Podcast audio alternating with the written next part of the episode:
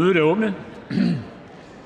I dag er der følgende anmeldelser: Udlænding og integrationsministeren lovforslag nummer 56 om indfødsretsmeddelelse, finansministeren lovforslag nummer 57 om lov om velfærd, Mette Thiesen Nye Borgerlige. Beslutningsforslag nummer 22 om flytning af paragraf 7-sager for familieretshuset til familieretten, Trine Torp og Jacob Mark (SF) beslutningsforslag nummer 23 om retten til hjælp til børn med som pårørende, Charlotte Broman Mølbæk og Jacob Mark (SF) beslutningsforslag nummer 24 om nedsættelse af en valgkommission vedrørende lokalvalg og Henning Hyllested (EL) beslutningsforslag nummer 25 om pause på Lynetteholm-projektet.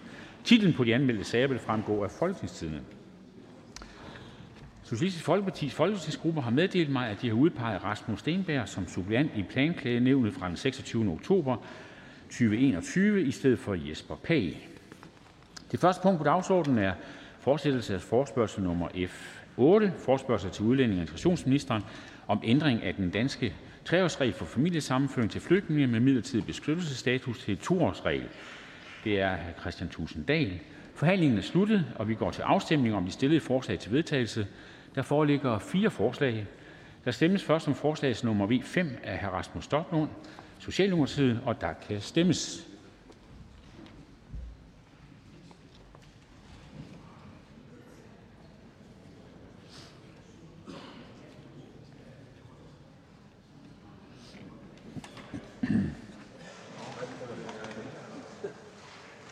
Afstemningen slutter. 34 for, 73 imod, ingen hverken for eller imod. Det er forkastet. Der stemmes herefter om forslag til vedtagelse nummer V 4 af Christian Thulesen Dansk Folkeparti og Pernille Vermund Nye Borgerlige, og der kan stemmes.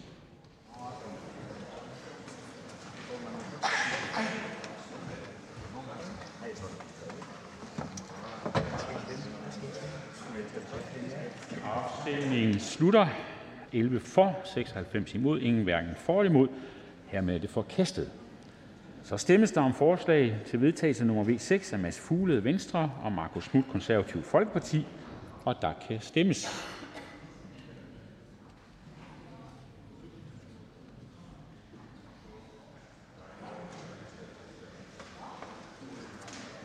Afstemningen slutter. 36 for, 71 imod, ingen hverken for eller imod. Det er forkastet.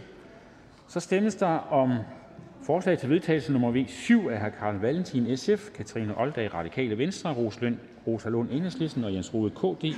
Der kan stemmes.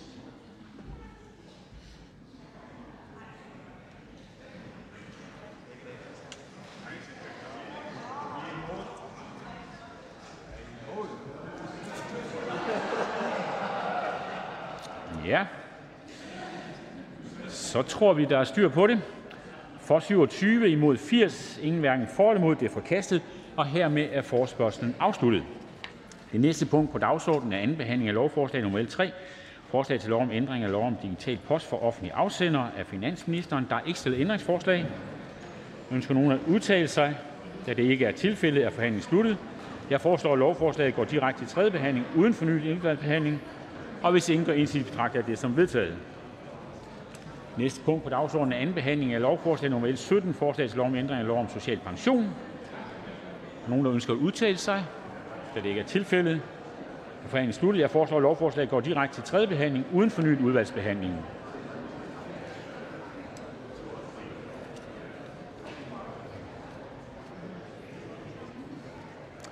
Jeg beder de, der ikke ønsker at deltage i forhandlingerne, om at forlade salen.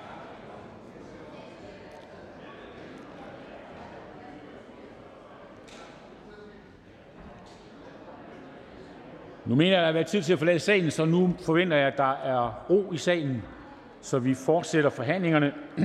Det næste punkt på dagsordenen er anden behandling af lovforslag nummer 35, forslag til lov om ændring af lov om folkeskolen, og der er ikke stillet ændringsforslag. Er nogen, der ønsker at udtale sig? Da det ikke er tilfældet, er forhandlingen sluttet. Jeg foreslår, at lovforslaget går direkte til tredje behandling uden fornyet udvalgsbehandling, og hvis ingen gør indsigelse, betragter jeg det som vedtaget.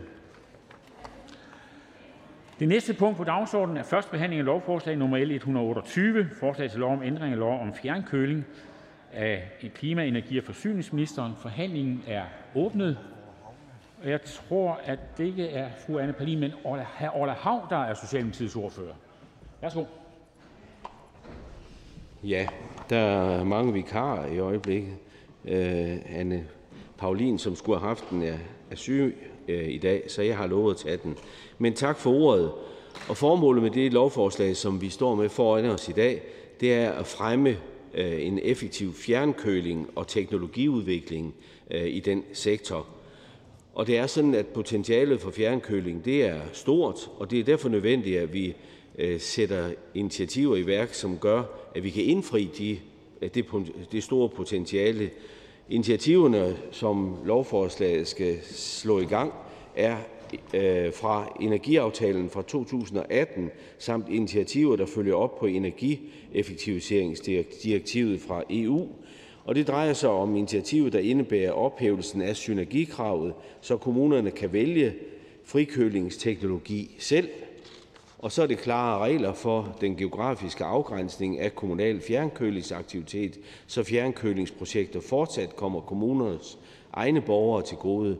Og så er det klare regler øh, for myndighedsgodkendelse ved at fastsætte en definition på effektiv fjernkøling. Og så er det krav om, en, om at øh, private og kommunale fjernkølingsvirksomheder skal indrette øh, oplysninger om produktions- og kapacitetsdata for at skabe en, et bedre datagrundlag. Og så er det en mulighed for at delegere opgaver øh, til andre myndigheder, herunder tilsynsopgaven med, øh, med sektoren for forsyningstilsynet. Med de her oplistede initiativer der vil vi gerne sikre, at det store potentiale inden for fjernkøling bliver udnyttet. Og jeg kan vist godt lige nå at lave en lille reklameblok. Øh, indimellem har Portland jo været på dagsordenen i anden sammenhæng. Det er sådan, der hvor Aalborg Portland de ligger, der er en kæmpe stor kridtgrav, der indeholder øh, milliarder af øh, kubikmeter vand. Det er koldt. Det har man lavet en fremsynet aftale mellem det nye supersygehus, som ligger ikke så langt derfra, øh, Aalborg Kommune og Portland, om at levere fjernkøling til det nye supersygehus øh, fra den øh, vandmasse, som befinder sig i Portland. Jeg synes, det er et praktisk og et øh, jordnært eksempel på, at vi ved en god godt samarbejde og god kreativitet, så kan vi få gode energier øh, i vores samfund, hvor vi belaster miljøet mindre, Øh, og det er jo faktisk det, vi rigtig gerne vil, og det bakker Socialdemokratiet op om med det her forslag. Og hermed tak for ordet. Den type reklameindslag er der bestemt øh, mulighed for at fortsætte på Folketingets talerstol. Der er ikke nogen korte bemærkninger, og det betyder, at vi går videre til hr. Carsten Kismeier, Venstre. Tak for ordet. Der hersker ikke tvivl om, at øh, klimaet det står højt på dagsordenen og vi skylder hinanden at sikre den grønne omstilling. Og derfor så er vi glade for at sige, at vi stod i spidsen for en bred aftale i 2018, da vi indgik energiaftalen, som blandt andet havde til formål at i gang sætte en række initiativer, der skulle fremme udviklingen af fjernkølingssektoren, såsom frit teknologivalg og bedre muligheder for drift af fjernkølingsprojekter på tværs af kommunegrænser. Netop det, vi behandler lige nu. Og den tidligere taler øh, fortalte jo netop om et eksempel på, hvordan man kan bruge forskellige teknologier til fjernkøling. Det nytter ikke, at vi har et uudnyttet potentiale for grøn omstilling inden for fjernkøling. Det nytter ikke at påføre kommunerne byråkratiske lag, som svækker den grønne øh, udvikling. Større frihed inden for teknologivalg og dermed bedre vilkår for at udøve en effektiv fjernkølingsvirksomhed vil derfor være et positivt skub i den rigtige retning. Det er vigtigt, at vi bruger kommunernes kompetencer og muligheder for at udvikle effektivt og grønt marked for fjernkøling i Danmark. Så er det også sådan, at øh, det her det er positivt, men kommunerne får også større frihed til at drive fjernkølingsvirksomhed, men det må ikke svække konkurrencen og gå ud over den private sektor. Det må aldrig være kommunernes opgave at drive erhvervsaktiviteter. Kommunernes primære opgave er at udføre opgaver, der kommer almenvældet og kommunens egne borgere til gode. Vi ser derfor positivt på den fortsatte geografiske afgrænsning af kommunal fjernkølingsvirksomhed, samt at nedskrive den i loven, så ingen er i tvivl om, under hvilke betingelser en kommune kan udøve fjernkølingsaktiviteter indenfor og uden for kommunegrænsen. Og nu er vi i hovedstadsområdet, der har vi jo et stort foretagende, som hedder HFOR, som virker på tværs af kommuner, og netop øh, det at sikre, hvordan det skal administreres, er jo vigtigt. Venstre kan støtte lovforslaget og støtte øh, den grønne omstilling, som er en udmyndning af den her aftale. Vi er glade for, at kommunerne kan arbejde under mere frihed, hvor vi samtidig passer på vores erhvervsliv. Venstre kan støtte forslaget. Tak for ordet. Tak til ordføreren. Ingen kort bemærkninger. Og det betyder, at vi går videre i ordførerrækken til hr. Morten Messerschmidt, Dansk Folkeparti. Tak, formand. Og tak til øh, ministeren for at have fremlagt det her udmærkede lovforslag, øh, som jo er en del af den samlede grønne øh, omstilling, øh, som vi i Dansk Folkeparti tilslutter os, og dermed jo er, har et bredt flertal i, i Folketinget forpligtet sig på. Det gælder både i forhold til fjernvarme, men også fjernkøling. Øh, og jeg kan i øvrigt øh, tilslutte mig de udmærkede betragtninger, som hr. Kissmeyer gjorde på talerstolen, om, øh, hvor væsentligt det er, at man sikrer, at tingene sker på en konkurrenceudsat måde, og at kommunerne derfor selvfølgelig ikke skal skal drive konkurrerende virksomhed med med private selskaber. Så Dansk Folkeparti kan støtte det her forslag. Tak for det. Der er ikke nogen korte bemærkninger. Og den næste ordfører, jeg ser i salen, er hr. Rasmus Helveg Petersen.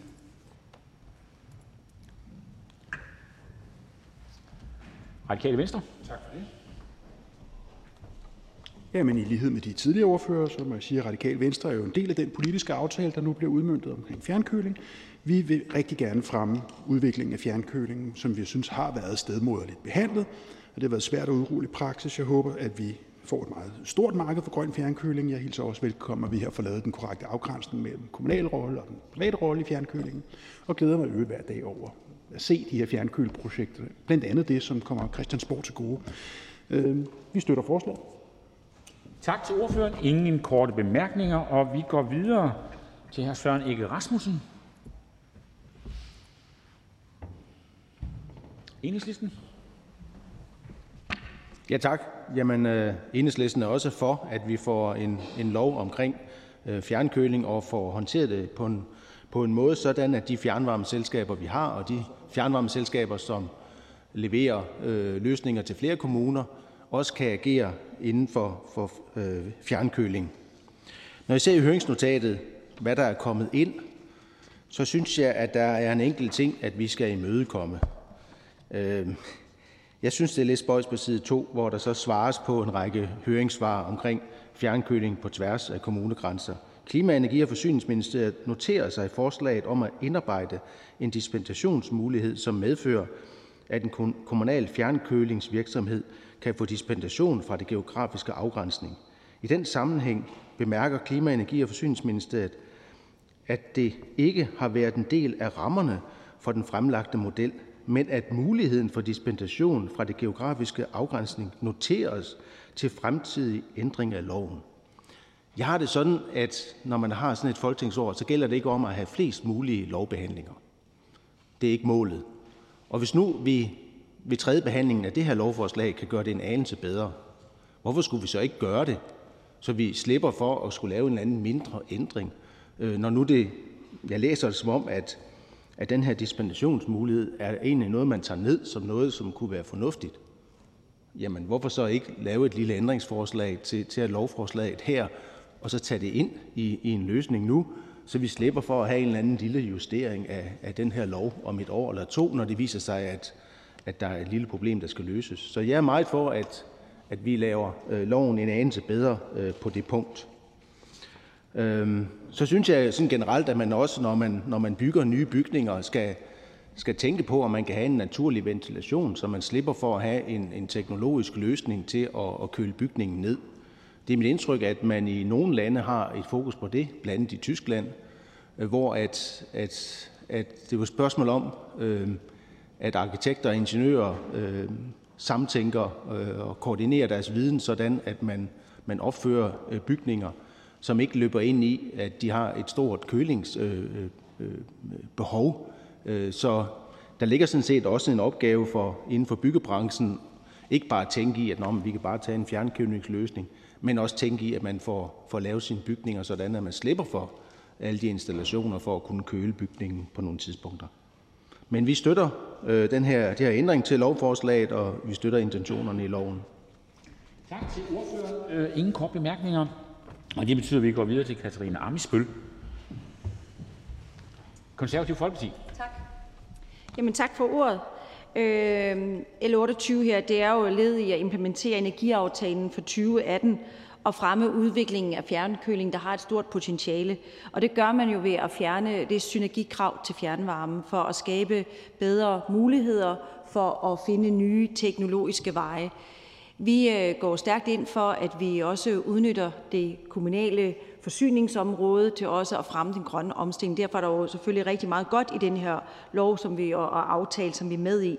Men jeg vil sige, at vi er faktisk enige her med enhedslisten i, at det med den øh, geografiske afgrænsning virker en lille smule kunstig øh, måde på at sige, at vi også skal holde fast i, også, at der er private virksomheder.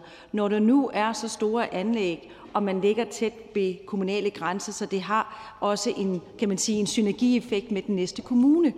Nu sagde den socialdemokratiske ordfører, brugte eksemplet her med, øh, med, øh, med Aalborg og øh, Aalborg Portland, og det køling, der er der, også med supersyge, supersygehuset, der er deroppe. Men hvis man kigger bare på den geografien ved Aalborg, så er der ikke langt til Rebil Kommune.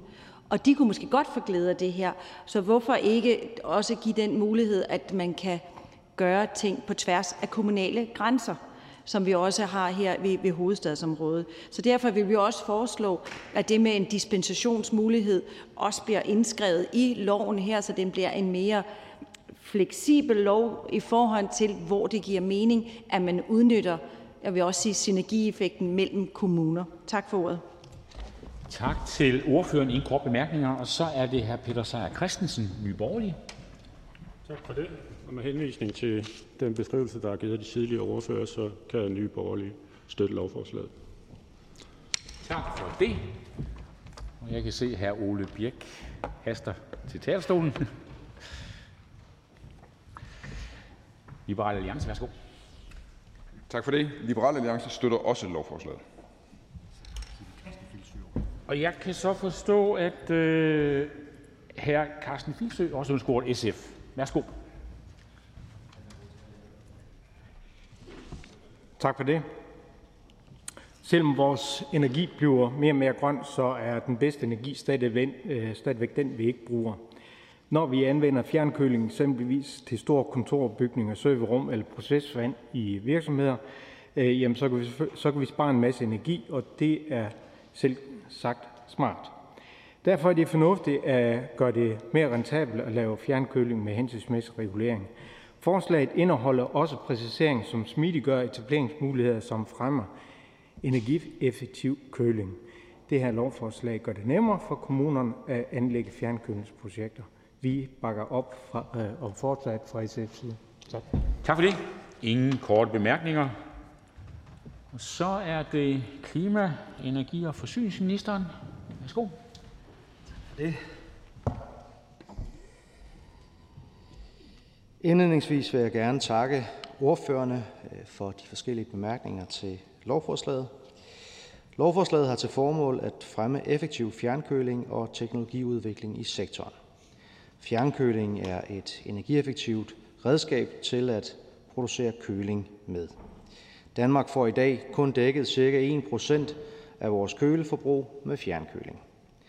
Det vurderes derfor, at der er et stort uudnyttet potentiale for fjernkøling, og der er en stigende efterspørgsel på fjernkøling fra industri og erhvervsvirksomheder. Lovforslaget, som er til behandling i dag, skal implementere initiativer fra energiaftalen 2018 samt initiativer, der følger op på EU's energieffektivitetsdirektiv. Med lovforslaget tager vi et vigtigt skridt i forhold til udviklingen af en effektiv fjernkølesektor. Først og fremmest ophæves det såkaldte synergikrav. Hermed fjernes en vigtig barriere for, at de kommunale fjernkølingsselskaber kan vælge den mest rentable teknologi. Med et frit teknologivalg forventes det, at branchen vil anvende teknologier, som producerer overskudsvarme. I den eksterne høring blev vi opmærksomme på, at der er behov for at give selskaberne mulighed for at udnytte denne overskudsvarme. Efter høringen er der derfor indarbejdet en hjemmel i lovforslaget til at lade kommunale fjernvarme eller undskyld, fjernkølingsselskaber levere overskudsvarme fra produktionen af fjernkøling. Denne hjemmel vil forbedre rentabiliteten af projekterne og sikre udnyttelse af en energikilde, der kan anvendes i den grønne omstilling.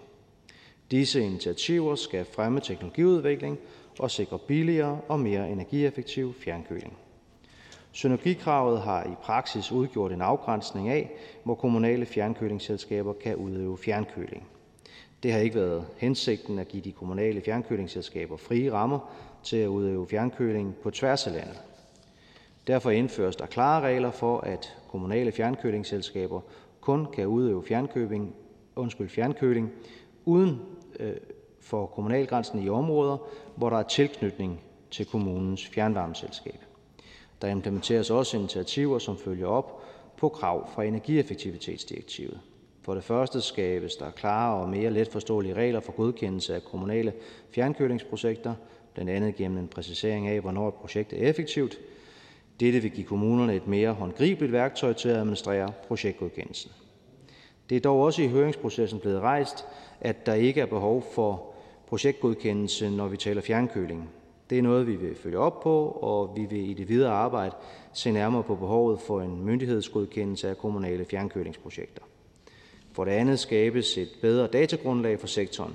Det sker ved, at der indføres krav om indberetning af produktions- og kapacitetsdata. Med et bedre datagrundlag vil myndighederne have bedre forudsætninger for at føre tilsyn med og regulere fjernkølingssektoren. Endelig indføres bemyndigelse til, at klima-, energi- og forsyningsministeren kan udflytte tilsynsopgaven, hvis det måtte ønskes på et tidspunkt. Dette vil ensrette bestemmelsen i forhold til tilsvarende bestemmelser på forsyningsområdet. Samtidig udgør bemyndigelsen en fremtidssikring i lyset af de stigende EU-krav, som forventes at følge den grønne omstilling af forsyningssektoren. Samlet set vil lovforslaget understøtte udviklingen af en effektiv fjernkølingssektor, hvilket vil bidrage til at sænke energiforbruget i kølesektoren til gavn for Danmarks ambitiøse grønne omstilling. Jeg vil afslutningsvis gerne takke for interessen for lovforslaget, og jeg ser frem til udvalgsbehandlingen af forslaget. Tak. Der er en kort bemærkning til hr. Søren Egge Rasmussen. Ja, øh, det er med hensyn til, om vi kan gøre det her lovforslag endnu bedre, om, der, om vi kan få ind, at der bliver en dispensationsmulighed. Altså når nu, at, at fjernkøling øh, via fjernvarmeselskaber er så lidt udbredt, og der er et øh, klimapotentiale. Ministeren nævner selv, at, at det kun er 1% dækning med fjernkøling i forhold til den køling, som der er behov for. Og vi har tradition for, at der er nogle fjernvarmeselskaber, der, øh, der agerer i, i flere kommuner, øh, sælger ydelser hen over kommunegrænsen. Og det kan jo sådan set være fornuftigt, hvis man har et ledningsnet, som lige kan tage nogle byer med øh, uden for, for kommunen, som, som ejer øh, fjernvarmeselskaber. Der kan være fælles kommunale selskaber. Så jeg synes ikke, at jeg i ministerens fremlæggelse hørte kommentering på, på det ønske, der er om at, at indføre en dispensationsmulighed øh, og høre ministeren, om, om det er noget, som vi kunne komme frem til at, at opnå en enighed om. Jeg hørte også, at de konservative havde spottet øh, det her lille problem. Altså, lovforslaget øh, søger øh, så lojalt som muligt at gengive det, vi mener er mandatet fra aftalen, sådan som vi tolker den. Når jeg kigger lidt over den her side af salen, så er det også fordi, jeg ved, at Venstre har haft nogle bekymringer i forhold til, at de friere rammer, der bliver givet til kommunerne nu, ikke skal forstås som fuldstændig frie rammer. Øhm, men altså, jeg er bestemt villig til at, øh, at se på det igen, og i udvalgsbehandlingen kan, kan I jo diskutere det med hinanden, og vi kan også godt tage selvfølgelig en diskussion øh, over ved mig i ministeriet, øh, og er der øh, bred opbakning til det, så, så vil jeg også gerne være med til at kigge på det. Hr. Søren Rasmussen. Jamen, øh, tak for den modtagelse. Det, det tolker jeg som, at øh, hvis vi øh, fra udvalget sender et ønske om at, at få hjælp til et ændringsforslag til loven, at så vil så vil ministeren være positiv over for det, og så skal han så bare overtale Venstre til at nedtone lidt deres liberaliseringsiver, og, og i stedet for basere sig på de fællesskabsbaserede løsninger, som jo er de bedste, og som jo ikke som gør det billigere for, for virksomhederne at få en, fjern, øh, en fjernkølingsløsning. Så der bliver en spændende opgave der. Tak for det. Minister? Ja, jeg kan se, at der er god øjenkontakt mellem hr. Carsten Kissmeyer og hr. Søren Egge, så jeg tænker, at den klarer de lige med, med hinanden, og så skal jeg gerne være behjælpelig derfra. Sådan kan politiske forhandlinger også være. Ja. tak til ministeren. Der er ikke flere, som har bedt om ordet. Forhandlingen er sluttet, og lovforslaget går henvises til Klima-, Energi- og Forsyningsudvalget. Og hvis ingen gør indsigelse, betragter jeg det som vedtaget. Det er vedtaget. Det næste punkt på dagsordenen er: første behandling af lovforslag nr. L 30: Forslag til lov om ændring af lov om anvendelse af Danmarks undergrund. af klima-, energi- og forsyningsministeren. Forhandlingen er åbnet. Hr. Orla Hav, Socialdemokratiet. Ja, tak, formand. Og igen er det en vikartjans, jeg varetager. Klimakrisen er en af vores absolut største udfordringer, som vi som globalt samfund står overfor, og det bør, efterhånden, det bør der ikke være tvivl om efterhånden, når forskere gang på gang slår fast, at det er akut. Senest med IPCC-rapporten fra august. Men imens rigtig mange af verdens lande og deres ledere forbereder sig på at tage til Glasgow for at deltage i FN's klimatopmøde COP26, så er der stadig tvivl om flere store landes deltagelse, deres prioritering af klimakrisen, og det halter med at melde reduktionsmål ud for 2030 ind i processen. I Danmark der udgør vores drivhusudledninger kun 0,1 procent af de globale udledninger. Vi kan ikke løse den krise selv eller alene, men vi kan gå foran og vise vejen i stedet for at klimaforhale. Så tager vi klimahandling, og det gør vi blandt andet med dette lovforslag. Vi sætter en slutdato for efterforskning og indvinding af olie og gas fra 2050. Vi aflyser alle fremtidige udbudsrunder for tilladelser til efterforskning og indvinding af olie og gas. Samtidig gøres det muligt at indgå en frivillig aftale om opgivelse af tilladelser for selskaber, som slutdatoen vil have en stor betydning for. Vi nedlægger den såkaldte åbne dørordning for olie- og gasindvinding, hvor det har været muligt for selskaber at søge om tilladelse til efterforskning og indvinding af fossile brændstoffer. Det bliver heller ikke muligt at etablere nye åbne dør-ordninger. Man kan godt sige, at det er en æra, der er slut for indvinding af olie og gas fra Nordsøen. Det har bidraget markant til finansiering af den velfærdsstat, som vi kender i dag. Men når vi sætter en slutdato, som vi gør med dette lovforslag, så forpligter vi os på, at fremtidens velfærd ikke skal finansieres på bekostning af vores klima. I fremtiden skal det ikke være boreplatforme øh, til olie og gas, som skal spottes i Nordsøen, men vindmøller og øh, en kommende energiø. Vores fremtid skal være grøn, og derfor bakker vi fra Socialdemokratiets side op om dette lovforslag. Tak for det. Der er en kort bemærkning til hr. Torsten Geil, Alternativet. Tak. Nu taler ordføreren om, at der er en æra, der er slut. Risikerer vi ikke med den her aftale, at vi i virkeligheden forlænger en æra? Altså, der var jo i den forrige Nordsjøaftale støtte til, at øh, virksomheder kunne bruge efter olie helt frem til 2050. Risikerer vi ikke i virkeligheden at forlænge den, det, det olieeventyr på et tidspunkt, hvor vi kunne have stoppet det noget før, fordi der er jo knap nok nogen, der vil byde på de her fremtidige runder? Jamen, øh, hvordan man øh, indretter sig efter det øh, lovforslag, som nu ligger her, det, det, det, er, jo, det er jo svært at vide, men det er jo et klart signal fra Folketingets side og fra regeringens side, at man går ud og siger, nu vil godt slutte den æra. Og så tror jeg da også på, at det har en effekt i forhold til de virksomheder, som kunne se en, en mulighed i alligevel at ville søge efter olie og gas. Hr. Torsten Gejl. Er ordføreren bekendt med, at den ære måske har sluttet helt af sig selv før 2050? Altså for eksempel, er ordføreren bekendt med, at der kun var én udbyder til den sidste runde her? Ordfører? Ja, øh, det er jeg godt bekendt med. Jeg er også godt bekendt med, at øh, de øh, lag, man har taget olien ud af, at de er mindre øh, omfangsrige øh, på nuværende tidspunkt, end de har været, så interessen har været kølen for det. Men der er jo ikke nogen, der siger, at man bliver behøver at blive ved indtil 2050, hvis det er et, øh, hvis også markedsdelen den peger i den retning, vi gerne vil, nemlig at erstatte olie og gas med nogle andre øh, og mere grønne øh, brændstoffer eller energikilder, jamen så er det jo et, et skub, at vi har begge dele trække i den rigtige retning. Ole Birk Olsen, Alternativ. Liberale Alliance. Når Danmark beslutter, at der skal hives øh, mindre olie op af den danske del af Nordsøen, øh, så vil det jo alt andet lige føre til, at priserne på olie på verdensmarkedet bliver en lille smule højere. Det vil så føre til, at de andre lande, som ikke er stoppet med at producere olie, de vil hive mere olie op af undergrunden, fordi de nu får flere penge, lidt flere penge for olien. Kan den socialdemokratiske ordfører fortælle, hvor lille er effekten på øh, verdensproduktionen af olie af, at Danmark beslutter, at Danmark ikke vil hive olie op? Ordfører?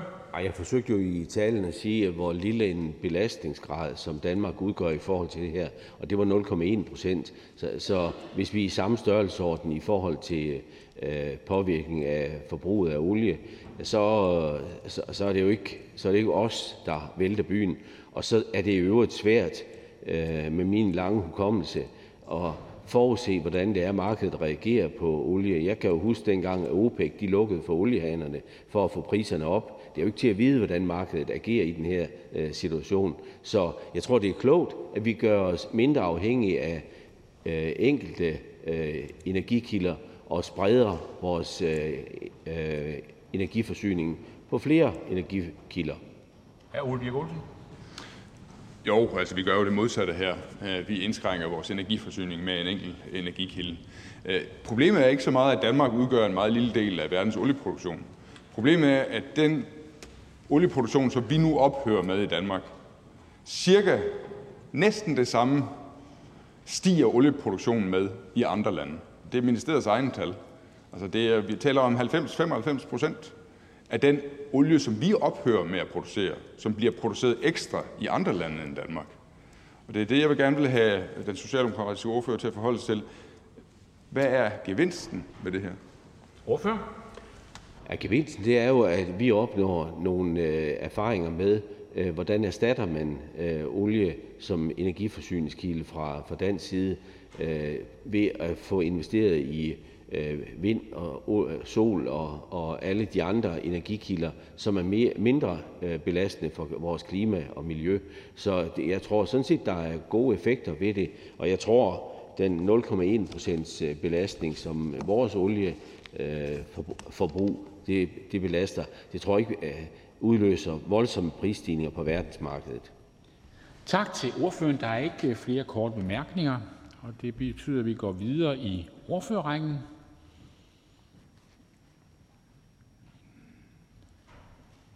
Til fru Marie Bjerre, Venstre. Tak for ordet. Med det her lovforslag der indfører vi en slutdato i 2050 for efterforskning og indvinding af olie og gas i Danmark. Det synes vi i Venstre er stort, og så synes vi også, det er det helt rigtige at gøre. Det er et vigtigt skridt for den grønne omstilling, og det er med til at sikre en tydelig retning både for Danmark som land og til de berørte brancher. Og helt ærligt, så er vi faktisk også lidt stolte af, øh, og så er vi lidt stolte over på Danmarks vegne, at vi nu bliver det første større olieproducerende land i verden, der beslutter os for at stoppe med at pumpe olie og gas op af vores undergrund. Det er en historisk beslutning, og den bliver ikke mindre af den aktuelle energikrise, som vi står i. Vi viser, at vi vil den grønne omstilling, og vi mener det, når vi siger, at vi vil være klimaneutrale i 2050. Nå, men det er ikke fordi, at jeg som oppositionspolitiker altid skal finde hår i suppen, men der er altså også hår i suppen her. Med lovforslaget implementerer vi, implementerer vi nemlig kun dele af aftalen om Nordsøen, som vi indgik med regeringen og et bredt flertal i Folketinget sidste år.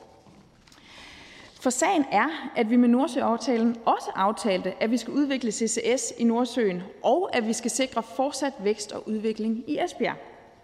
Det var helt centralt for Venstre i Nordsøaftalen, at vi sikrer, at de mere end 10.000 arbejdspladser i Sydvestjylland, særligt i Esbjerg, at de konverteres til grønne arbejdspladser, og derfor skal vi i gang med udviklingen af CCS, og der skal investeres i udvikling af Sydjyllands havindustri. Det er stærkt kritisabelt, at den del af Nordsøaftalen ikke er med i det her lovforslag. Esbjerg har tidligere udviklet sig fra fiskeri til olie- og gasproduktion, og nu tager vi skridt mod, at, og nu tager vi skridt mod, at de bliver en grøn energimetropol. Det er en tilpasningsevne, hele Danmark skal tage ved lære af, når vi skal tage springet mod at være klimaneutrale i 2050. Men det kræver altså, at vi kommer i gang nu. Derfor er det vigtigt for os at understrege, at udviklingen af CCS i Nordsøen og at konvertering af de nuværende arbejdspladser med olie- og gasproduktion til grønne arbejdspladser, at de ikke forsinkes yderligere. Men desværre så går det for langsomt fra regeringens side. Alt for langsomt. Branchen står klar, men de kan ikke komme i gang, fordi regeringens arbejde med at forberede rammerne er forsinket. Og derfor kan de 100 millioner kroner, som vi afsatte i aftalen til udviklings- og demonstrationsprojekter for CO2-læring, og som skulle udmyndes i år, heller ikke komme i spil, til stor frustration fra branchen. Vi står til med i en situation, hvor vi er et kapløb om den grønne omstilling med vores nabolande i forhold til at udvikle de teknologier, der skal, øh, der skal til for at fange og lære CO2 i stor skala. Og i modsætning til, da vi etablerede os som et forgangsland inden for vindenergi, så er der enorm konkurrence på markedet for læring af CO2. Det betyder desværre også, at hver sekund spildt stiller de brancher, der i dag lever af olie- og gasindvinding, dårligere. Det er på den lange bane dårligt for dansk økonomi, danske arbejdspladser og ikke mindst den grønne omstilling. Så herfra skal der lyde et meget kraftigt signal om, at udviklingen af CCS og konvertering til grønne arbejdspladser skal sættes i gang nu og ikke må forsinkes yderligere. I jagten på at nå vores nationale klimamål er det nemlig afgørende, at vi ikke giver afkald på danske arbejdspladser, dansk konkurrenceevne og vækst, eller at vi flytter udledninger til udlandet i stedet for reelt at nedbringe dem. Det kræver, at vi er et reelt forgangsland til efterfølgelse og inspiration i resten af verden. Så når vi stemmer for det her på mange måder skældsættende lovforslag, så er det med en forventning om, at vi følger op med rettidige investeringer i de grønne teknologier og arbejdspladser, som skal erstatte olie- og gasindvindingen. Og så kan jeg slutte af med at sige, at jeg skulle hilse fra Konservativ Folkeparti og sige, at de er helt på linje med Venstre i det her spørgsmål. Tak for ordet. Tak for det. Der er en kort bemærkning til Ole Birk Olsen. Ja, så sætter man sig det øh, noble mål, at der ikke skal produceres olie fra Danmark efter 2050. Kan Venstres ordfører, om man har det tilsvarende noble mål, at der ikke skal forbruges olie i Danmark i 2050? Øhm, fordi hvis man ikke har sat det mål, at vi stadigvæk skal forbruge olie i Danmark, så er det, vi nu skal stemme for, forventes at stemme for, det er blot, at den olie, vi producerer efter 2050, den skal produceres andre steder end i Danmark. Og hvad er meningen med det? Ordfører? Vi har et mål om, at vi i 2050 skal være klimaneutrale. Øhm, og jeg tror, på en, på en række områder ved vi ikke, hvordan vi bliver helt uafhængige af olie, men det er helt klart, at vi i 2050 vil have et langt, langt mindre forbrug øh, af olie, fordi vi jo gerne skulle overgå til vedvarende energiformer. Vi skulle gerne have udfaset øh, sorte biler øh, og køre på elbiler eller brintbiler, eller hvad man skulle. Øh, så, så vi har jo en forventning om, at efterspørgselen efter olie også falder drastisk. Og når nu vi siger, at vi har et stop for udvinding af olie, så betyder det jo også, at vi så kommer i gang med at skabe de andre grønne arbejdspladser, og vi dermed bliver et forgangsland. Olsen. Så Venstres politik, den er helt officielt, at efter 2050, så skal Danmark fortsat forbruge olie, men den olie må ikke produceres af Danmark selv. Den skal produceres af nogle andre lande.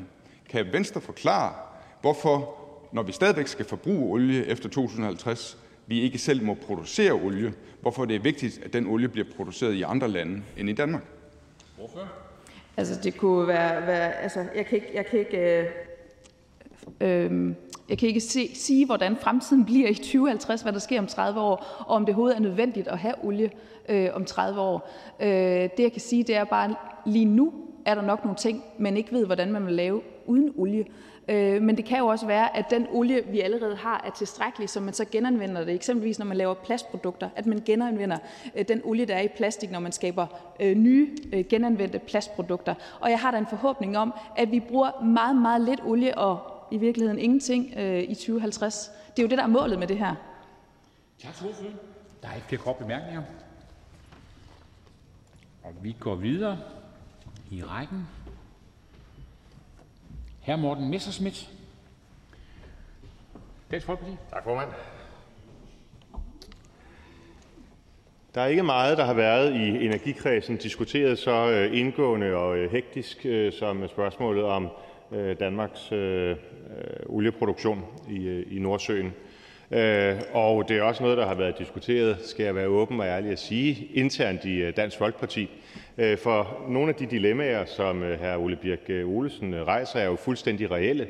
Det er meget svært at forudse, hvordan verden ser ud om 30 år. Og man kan jo bare tænke tilbage til 1991 og så sige, var der nogen dengang, der havde forudset bare en, øh, en brøkdel af, øh, hvordan samfundet det så, øh, så ville se ud i dag. Det er ikke mange, tror jeg, der har ramt øh, rigtigt. Og når vi har valgt at tilslutte os det her forslag, så skyldes det øh, en række forudsætninger. For det første er vi meget optaget af, som også andre ordfører har nævnt, øh, den kommende investering i CCS øh, og sådan set også CCU-teknologier, altså at vi i Danmark, som vi har gjort det på andre områder, bliver førende og forhåbentlig også førende inden for både udvikling og eksport af den nye øh, teknologi, øh, hvor man ikke bare lærer CO2 i undergrunden, men også bruger det til at skabe andre øh, brændselsformer. Derfor er det væsentligt for os, at det er med i det her forslag, i den her aftale. Så er der hele spørgsmålet om, hvordan vi kompenserer for de forskydninger, der jo sker i samfundet som følge af, at vi går, ikke bare i Danmark, men jo i hele Europa, i store dele af den vestlige verden, mere og mere over til alternative energiforsyninger. Og når jeg taler om forskydninger, så mener jeg jo selvfølgelig det problem, der er i, at man ikke har stabile forsyningskilder længere, eller i hvert fald gradvist vil afvikle dem, som vi kender dem, kulkraftværker, øh, atomkraftværker øh, og, andre, der jo har øh, brilleret ved at sikre lave og stabile energipriser. Det er klart, at når man går mere og mere over til at have energikilder, der er afhængige af naturens luner, om solen skinner, og om vinden blæser, jamen øh, så skaber det nogle helt nye problemer. Og øh, vi forventer, og det er derfor, jeg siger det, nu hvor jeg har ministerens uddelte opmærksomhed, at, øh, at øh, regeringen vil tage initiativer til at sikre øh, de ting, vi blev enige om, da vi lavede øh, klimaaftalen, blandt andet under hensyn til, at den grønne omstilling ikke må forøge den øh, sociale ubalance, den sociale ulighed. Det er enormt vigtigt, at vi tager de bekymringer, som jeg synes helt berettiget kommer i øjeblikket fra brede dele af det danske samfund over de stigende øh, energipriser, der jo er direkte afledt af, at man altså øh, har fået gang i den grønne omstilling, at vi tager det alvorligt. Det betyder ganske meget for rigtig mange familiers økonomi, at man har stigende elpriser, stigende varmeregninger osv. Og øh, hvis vi skal forfølge den grønne ambition – det vil vi gerne i Dansk Folkeparti, derfor støtter vi også det her øh, lovforslag – så kræver det selvfølgelig, at vi også forpligter hinanden på at komme med initiativer, der forhindrer den store ubalance. Og Derfor vil jeg bare sige, at når vi øh, inden for de næste par uger trykker på den grønne knap til det her forslag, så sker det altså med den betingelse, at regeringen også kommer med nogle forslag til, netop hvordan man afbøder de negative effekter af den grønne omstilling, som, øh, som øh, vi efterhånden alle sammen, tror jeg, kan se. Men øh, med de ord, så øh, kan vi støtte det her forslag. Der er en kort bemærkning til hr. Ole Birk Olesen, Liberal Alliance.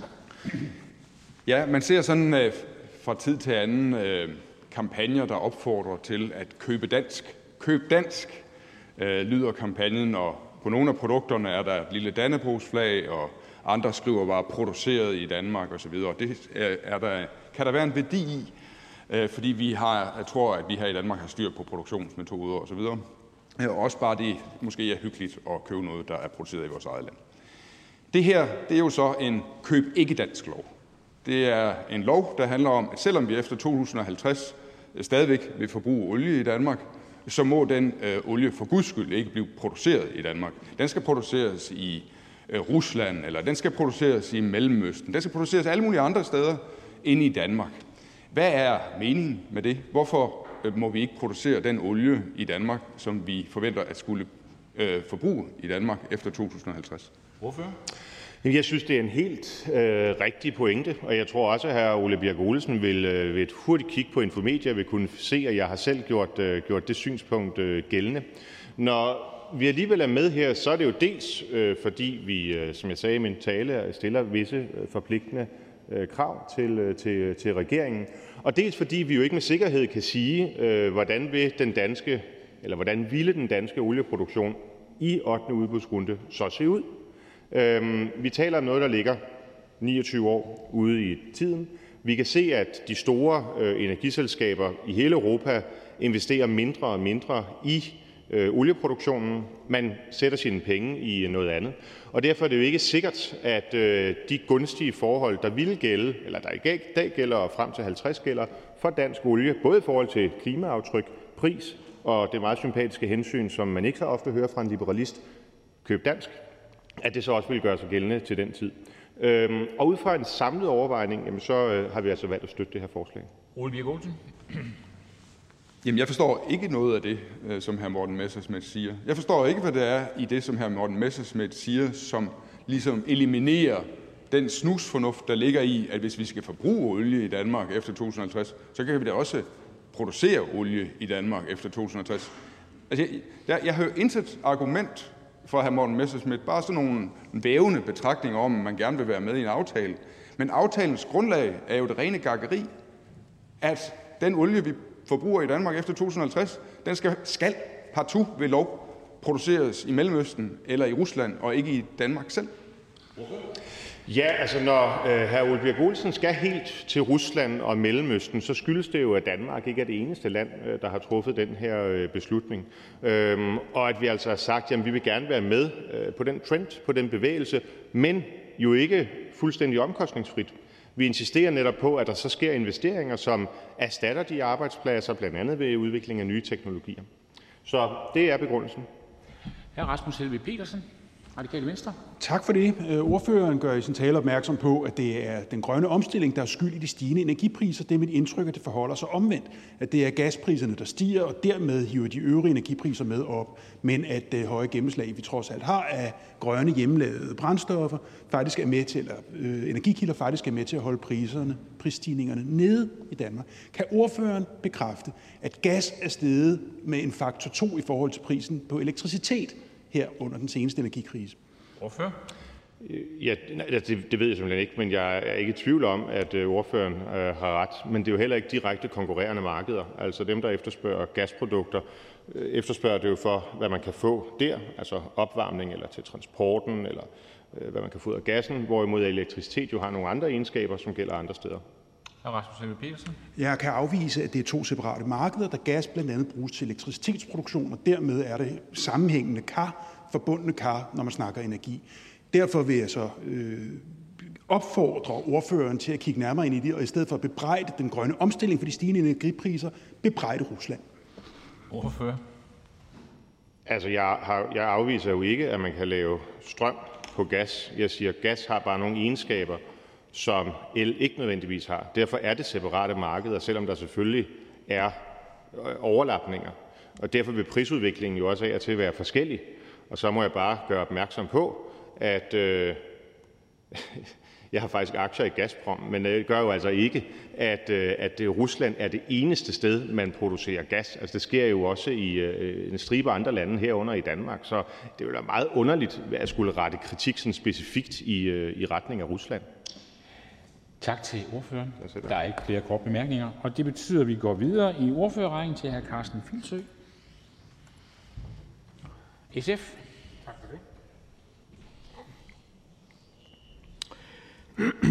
Dette lovforslag vidner om et øh, bredt flertal i Folketinget, der har truffet et aktivt valg øh, om at stoppe gas- og olieindvinding i Nordsøen. Det er en milepæl i vores øh, grønne omstilling. Med aftalen bliver Danmark den hidtil største producent af øh, olie og gas, der sætter en endegyldig slutdato. I SF er vi desuden glade for, at øh, nuværende åben dør-område øh, ud for den jyske vestkyst det lukkes ned. Det er altså en ambitiøs beslutning, som andre lande ikke har turde tage endnu. Jeg er enig med øh, andre ordfører, som har sagt, at det er vigtigt, at vi nu hurtigt bliver handleorienteret øh, her fremad. Men den her aftale sætter vi en ny afstand, øh, sætter vi en ny standard, som øh, er med til at presse andre lande til også at højne deres ambitioner om at nå øh, de fælles øh, klimamål. Aftalen er blevet beskrevet som et vendepunkt og en sejr for klimabevægelsen og et eksempel på, hvordan ægte klimalederskab ser ud. Jeg vil slutte af med at sige, at jeg er imponeret over hende, jeg afløser, nemlig øh, fru Signe Munk, som jeg ved øh, har en klar aktie i den her aftale. I SF er vi derfor meget stolte af resultatet, og vi støtter selv sagt op om lovforslaget. Der er kort bemærkninger. Først er det her Ole Birk Olsen, Ministeriets eget skøn er, at for hver 100 ton olie, vi henter mindre op i Danmark, så vil man i andre lande hente op til 95 ton olie mere på grund af det her. Altså, behovet for olie er der stadigvæk. Danmark vil sågar også selv forbruge olie. Så derfor, vores mindre produktion vil bare resultere i en mere produktion i andre lande, som nærmer sig øh, cirka det, som vi producerer mindre i Danmark. Hvorfor er det en rigtig god idé ifølge SF at flytte øh, olieudvindingen fra Danmark til andre lande? Ordfører? Tak. Jamen, jeg vil øh, måske prøve at, også at svare med Klimarådets øh, øh, ord. Altså, der, der vurderer man, at signalværdien vil være markant. Det handler om også at gå foran og lægge nogle spor ud, som andre kan følge. Og det synes jeg, at det her øh, forslag det, det er et øh, vidne om. Øh, jeg ved ikke, øh, hvordan øh, handel på tværs af grænser vil blive med det her. Det kan jeg lige så lidt forudse som Liberal Alliances ordfører. Men, men jeg mener, at vi gør det rigtigt her. Er Ole Birk Olsen? Ja, men jeg er da sikker på, at Putin og lederne i de mellemøstlige lande de tager imod signalet fra Danmark og siger, hey, Danmark er holdt op med at producere olie. Lad os også selv hold op eller neddrosle. Det var meget ironisk, det her. Jeg tror, der sker det modsatte. Jeg tror, de siger, uha, Danmark holder op med at producere olie. Lad os producere noget mere, fordi der er jo behov for det. Og nu producerer Danmark det ikke længere, så kan vi gøre det og tjene de penge. Hvad er der vundet ved det? Hvorfor? Der, øh, tingene effektueres ikke øh, fra i morgen. Øh, vi havde gerne øh, set, at øh, man meget hurtigt kom ud over stepperne. Det her det er noget, hvor vi ser et stop 2050. Det står vi fuldt ud på mål for. Hvad der sker derefter, det øh, synes jeg er meget svært at forudse. Øh, det er også sagt af andre ordfører, som øh, har svaret på, på lidt det samme. Så er det her Torsten Geil, Alternativet. Tak. Nu udtrykker ordføreren, at øh, valget om at stoppe for boring efter olie og gas i Nordsøen var et aktivt valg. Og det lyder nærmest som om, at, at energiforligskredsen sådan er de grønne frelser. Ved, kan ordføreren, ved, er ordføreren klar over, hvor mange virksomheder der overhovedet gad byde ind på den 8. udbudsrunde? Ordfører. Her tager vi i hvert fald et aktivt valg om at stoppe. Øh, og der er ingen tvivl om, og det er også øh, sagt af Socialdemokratiets øh, ordfører først her, at, at interessen efterhånden, som vi kommer frem, nok vil formindskes. Det, det er jo en analyse, som, som jeg fuldt ud deler. Der er ingen tvivl om, at interessen for olieindvinding i Nordsøen vil blive mindre øh, over tid. Er Torsten Geil? Jeg kan oplyse om, at der var kun én virksomhed, der gad byde ind på den 8. udbudsrunde. Boringen efter olie og gas er stort set ved at blive urentabel, og den forurening, den skaber, er stærkt stigende. Vil ordføreren ikke godt medgive, at det også kan være de forretningsmæssige ting, der gør, at vi nu stopper, i stedet for at vi bare lader, stå, lader, lader, lader som om, at vi er sådan nogle grønne frelser, som stopper øh, olieboringerne i Nordsøen? Ordfører? Jamen, jeg tror at det har en indflydelse på, på, på byderne øh, med den øh, diskussion, øh, som der er i det danske folketing, og, og den villighed, der er til at tage et aktivt valg. Det bliver selvfølgelig bemærket rundt omkring, øh, og hvor man laver øh, de forskellige øh, øh, omkostningsanalyser og cost-benefit-analyser i forhold til, hvad der, hvad der kan være rentabelt at investere i. Men det giver jo god mening, at der er synergier i det, der, det, der besluttes i, i den her sal, og så det, der sker ud i virkeligheden. Tak til ordføreren. Der er ikke flere korte bemærkninger. Og vi går videre i rækken til hr. Rasmus Helvig Petersen, Radikale Venstre. Mange tak.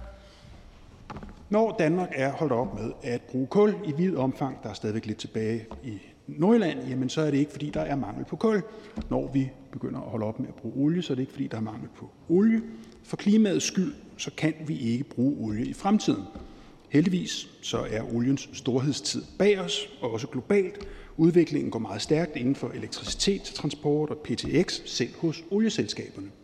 Det er vores ønske at bekæmpe klimaforandringerne ved at forhindre Danmarks forbrug af olieprodukter. Vi ønsker at forbyde for eksempel salget af fossilbiler så hurtigt som muligt. Vi ønsker, at der bliver en stadig større iblanding af grønne brændstoffer i flybrændstof. Vi ønsker at gå efter forbruget især af olieprodukter i Danmark. Og jeg håber, at vi i 2050 har et scenarie, hvor det olie, der bliver brugt, og benzin, der bliver brugt i Danmark, går til nogle klubber, der driver veteranbiler, der kører på benzin, og de skal for min skyld være hjertelig velkommen til at importere et par tønder olie eller tre fra et andet sted end Danmark, men det bliver ikke dansk produceret olie. Det vi gør i dag, det er jo selvfølgelig at sætte et punktum ud i fremtiden for udvindingen af olie. Vi respekterer indgåede aftaler. Vi kommer ikke til i utid at løbe fra de indgåede aftaler, der er lavet, men vi indgår ikke længere nye. Det er på høje tid. Personligt så glæder jeg mig til fremtidens enorme energiindustri, der kommer til at dreje sig om at producere brint og PTX. Så der kommer også en enorm industri i fremtiden i lagring af øh, CO2 i Nordsøen. Det vi får i 2050 er utrolig meget bedre end det, vi siger farvel til. Det her det er et vigtigt skridt på vejen. Tak. Tak det. Kort bemærkning. Først er det hr. Søren Ege Rasmussen, Enhedslisten. Ja tak. Nu har de radikale jo arbejdet med en, øh, en form for klimaplan øh, her på det seneste, og øh, hvor man blandt andet har, har forholdt sig til CO2-afgifter som, som en drivkraft til den grønne omstilling. Og det er vi i enhedslisten sådan set enige i. Vi lægger os så bare på et, en højere afgift, end radikale er kommet frem til. Og jeg kunne godt tænke mig at høre i den forbindelse, om de radikale har været inde og kigge på, hvilke muligheder der er for at lægge CO2-afgifter på olie- og gasindvindingen i, i Nordsøen. Om I har været inde og kigge aktivt på, øh, hvor meget at man kunne, hvad skal man sige, øh, gå efter et spor, der kunne være noget, der kunne udfase olie- og gasindvindingen hurtigere, hvis man lægger en, en CO2-afgift øh, på, på den produktion, eller finder på afgifter, som, som vedrører transport af den slags øh, fossile brændsler. Hvorfor? Tak for det. Som jeg sagde i min ordførertale, så vil vi respektere de indgåede aftaler, der ligger omkring rammevilkår for Nordsøen. Og det vil sige, at de virksomheder, vi har indgået aftaler med om den nuværende produktion, dem har vi stillet et givet skatteregimente i udsigt. Det kommer vi ikke til at ændre på. Vi kommer selvfølgelig til at anlægge CO2. Vi ønsker at indføre CO2-afgifter på forbruget. Det vil sige, at de, som udleder CO2 i Danmark, skal betale en CO2-afgift, vi ønsker at indføre meget hurtigt, og som skal være stigende fremover, sådan så den reelle omkostning for klimaet bliver afspejlet i prisen. Men vi ønsker ikke med tilbagevirkende kraft, om man så må sige, at pille ved de allerede indgåede aftaler i Nordsøen. Så er Rasmussen.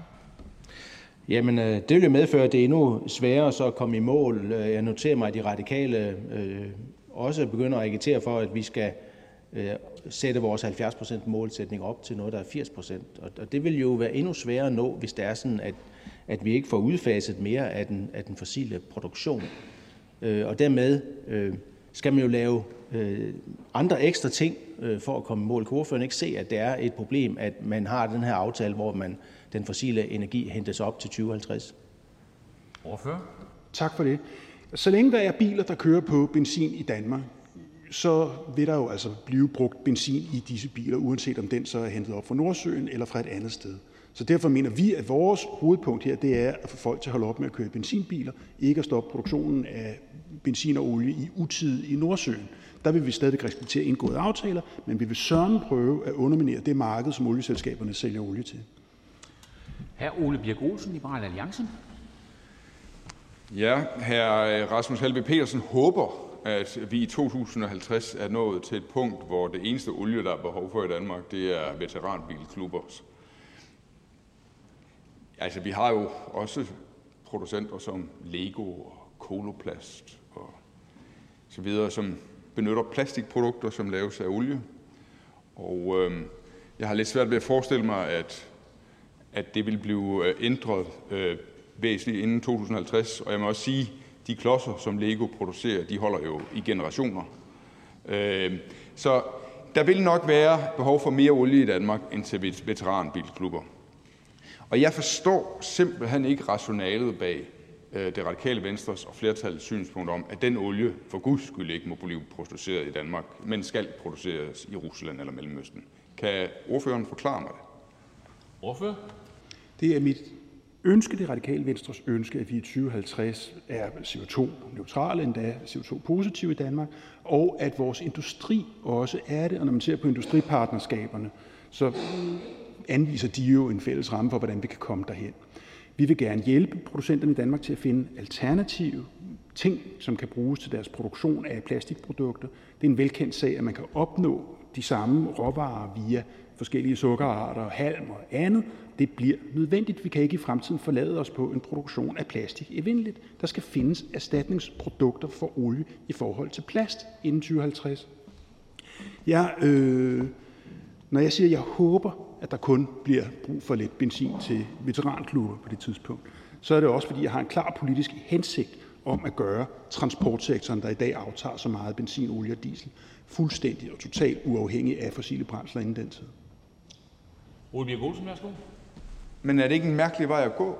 At sige, nu holder vi op med at producere olie i Danmark, og så håber vi bare på, at vi ikke har et stort behov for olie efter 2050. Burde man ikke gå den anden vej og sige, hvad, hvilke planer kan man lægge for at mindske behovet for olie i Danmark efter 2050, og så i takt med, at dette behov mindskes, så sige, om så kan der skrues ned for produktionen af olie fra Danmark. Ellers så kommer vi jo i den situation, at vi stadigvæk forbruger en større mængde olie i Danmark, og at den olieproduktion, der så skal levere den olie, den beslutter vi så politisk ved dette lovforslag, at den skal komme fra Rusland og Mellemøsten i stedet for fra Danmark selv. Ordfører? Jamen lad os for tankens skyld sige, at det lykkedes for mig og mit parti at gennemføre de planer, vi har. Og vi faktisk i 2050 er CO2-negativ, øh, altså opsuger mere CO2, end vi bruger, og at den danske industri er omstillet. Skulle vi så på det tidspunkt fortsat producere olie og så sælge dem til sælge produkterne til Belgien og England og andet, nu hvor vi så har afskaffet forbruget i Danmark? Det må jeg sige, det vil være den omvendte konsekvens af det her. Men jeg må forsikre hr. Ole Birk Olsen om, at vi ser ikke kun på udbud i forhold til at stoppe olieboringerne ude, vi ser sørme også på forbrug i Danmark, og det er det, vi især går efter. Der er ikke flere, der har bedt om kort bemærkninger, og derfor siger vi tak til ordføreren og kan gå videre til hr. Søren Ege Rasmussen.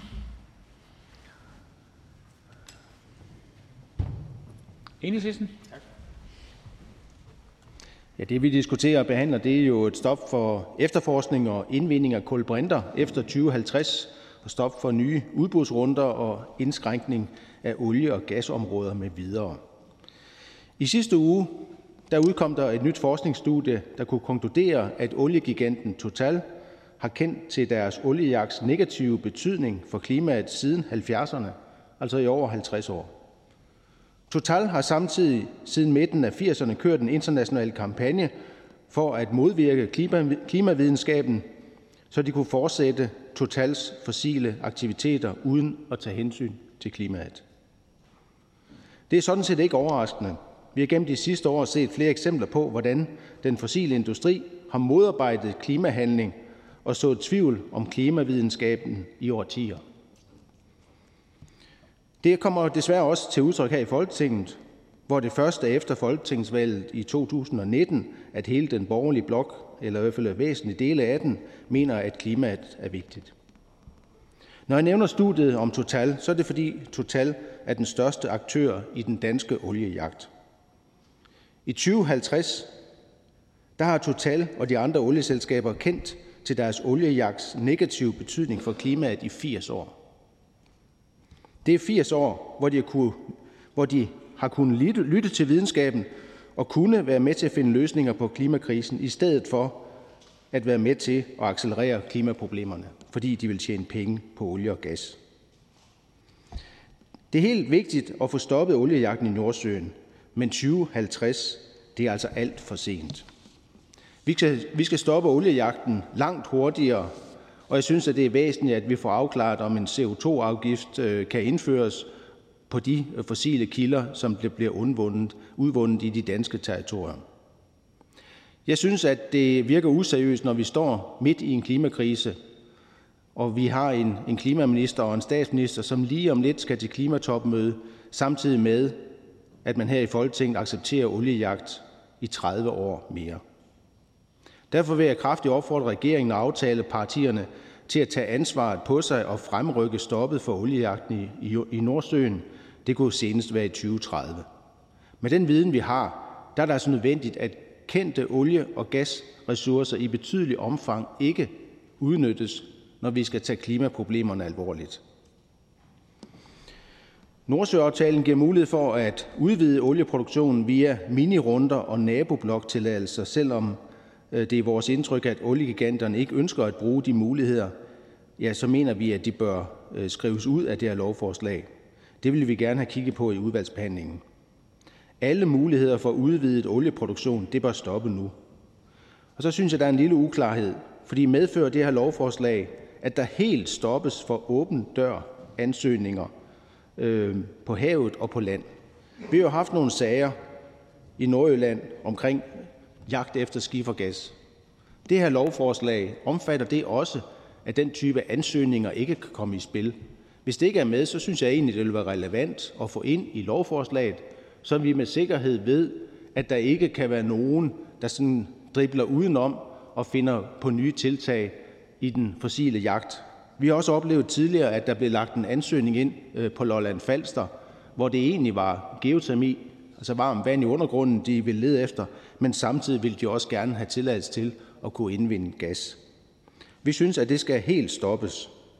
Og vi synes, at den her sag virkelig viser, at en høj CO2-afgift også på de fossile indvindinger er noget, som vi har brug for. Og jeg noterer mig også, at der er heldigvis startet en debat om, hvad det er, at danske pensionsselskaber investerer i. Jeg lyttede til det her i morges i Danmarks Radio, hvor nogle pensionskasser forsvarer, at de er med til at eje Total, fordi de så derigennem kan have en dialog med dem og måske påvirke dem til, hvad de vil investere i i 2050.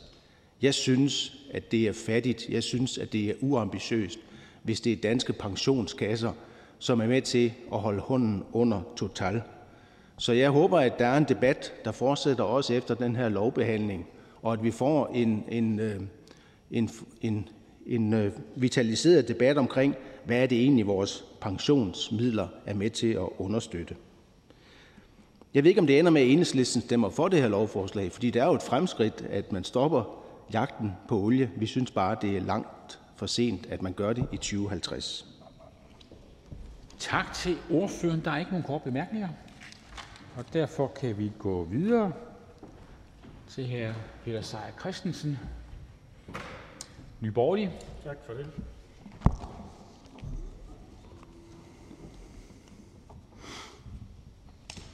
Den danske regering og aftalepartierne i både rød og blå blok ønsker med klimaloven og 70%-målet, at Danmark skal være forgangsland på klimaområdet. Det nærværende lovforslag handler også om, at vi skal være et forgangsland. Klimarådet formulerer det således: Jagten på nye olie- og gasfelter i Nordsøen kan skade Danmarks klimavæsige troværdighed på den internationale scene. Ved at fortsætte udbudsrunderne i Nordsøen risikerer vi at udvande den status som forgangsland, som Danmark opnår gennem ambitiøse reduktioner af drivhusudledninger inden for Danmarks grænser. Klimarådet siger dog også, at de internationale olie- og gasmarkeder betyder uundgåeligt, at hvis Danmark producerer mindre, vil andre lande producere mere. Klimaministeren har også sagt, at stoppet for olie- og gasudvinding fra dansk undergrund i 2050 får meget lille direkte effekt på klimaet og på verdens samlede olieproduktion. Men det er et vigtigt skridt i den grønne omstilling og har stor signalværdi til omverdenen. Han håber, de store olieproducenter vil følge i kølvandet på Danmark. Så det handler altså om at sende signaler om symbolpolitik. Men hvad betyder det i praksis? Klimarådet, som regeringen altid henviser til, er meget ærlige i deres vurdering af konsekvenserne af et stop for udbudsrunderne i Danmark. Klimarådet skriver på deres hjemmeside, at det i langt højere grad er den globale end den nationale dimension, der er afgørende for en reduktion af udledningen af CO2. Brancheorganisationen Olie Gas Danmark er enig med Klimarådet, at hvis et, at ved et udbudsstop vil andre lande blot øge indvindingen tilsvarende, hvis Danmark drosler ned. At dansk indvinding er mindre CO2-intensiv end andre lande, og at især gas kan hjælpe visse lande med at slippe af med det mere forurenende kul. Et tidligt stop et, et stop for tildeling af nye licensrunder vil derfor betyde, at den globale CO2-udledning vil stige.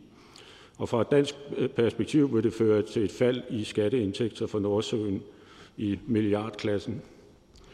Det vil også føre til mindre forsyningssikkerhed i Danmark i de kommende 10 år, hvor nettoimporten af olie og gas stiger. Danmark vil forblive en nettoimportør af olie i løbet af de kommende 10 år, og nettoimporten bliver forøget, hvis olieproduktionen neddrosles yderligere. Ydermere så har aktører som OPEC historisk set justeret produktionen for at stabilisere priserne og vil dermed kunne neutralisere et dansk udsving i produktionen med helt marginale tilpasninger i deres produktion. Hvis det alligevel forholder sig sådan, at reduceret udbud af dansk olieproduktion medfører højere pris og dermed faldende efterspørgsel, kræver det, at forbrugeren substituerer den nu dyre olie med et alternativt brændstof, som udleder mindre olie og ikke for eksempel kul. Med dette lovforslag vil verdens olie- og gasproducenter Øh, produktion bare blive gennemført i lande med et større CO2-aftryk i produktionen. Et studie fra Stanford University i 2018 viser, at dansk olieproduktion ligger i den absolute top med hensyn til at begrænse udledning af drivhusgasser ved produktion af olie. Det skyldes dels oliekvaliteten, det vil sige en højere energitæthed per tønde olie, samt det forhold, at indvindingen er associeret med gasproduktion, hvormed man minimerer flæring. De samlede udledninger stiger derfor, hvis den danske olieproduktion blot erstattes af en gennemsnitlig udenlandsproduktion. Danmark bliver fattigere med klimaloven og med L30. Det vil Nye Borgerlige naturligvis ikke støtte, og Nye Borgerlige kan derfor ikke støtte L30. Tak til ordføreren. Der er en kort bemærkning til hr. Torsten Geil, Alternativet. Tak. Øh, nu forsvarer ordføreren øh, virksomhedens ret til at blive ved med at byde på olien i Nordsøen. Har ordføreren lagt mærke til, at der kun var ét, én virksomhed, der bød i 8. udbudsrunde? Altså, det ser nærmest ud som om, at vi slipper op for virksomheder, der overhovedet vil byde, fordi forretningscasen er ved at blive så dårlig. Hvem skal byde på de her udbudsrunder, hvis der ikke er nogen, der gider? Vil ordføreren selv byde, eller hvad? Nå, så skal jeg nok øh, finde en anden måde at finansiere mit forbrug for, hvis jeg skal have råd til det. Er der kun er en, der byder? Det er jo svært at sige, hvordan øh, olieprisen vil udvikle sig, så derfor kan der jo sagtens komme flere, der byder på et senere tidspunkt. Og hvis det virkelig er sådan, at der ikke er nogen, der er interesseret i at hente olie op i den danske undergrund, så er der jo slet ikke behov for den her lov. Så vil det jo gå helt af sig selv. Ja, Torsten Geil. Nå, men den lov er jo også øh, utrolig mangelfuld i og med, at vi fortsætter med at støtte olieproduktion helt, helt, helt ind til 2050. Jeg hentede bare øh, ordførens opmærksomhed på, at det er ligesom om ordføreren prøver at holde gang i en forretning, som er ved at dø af sig selv. Det, det viser sig jo, at boring efter, efter olie og gas i Nordsøen er langt, langt mindre rentabel i dag og i fremtiden.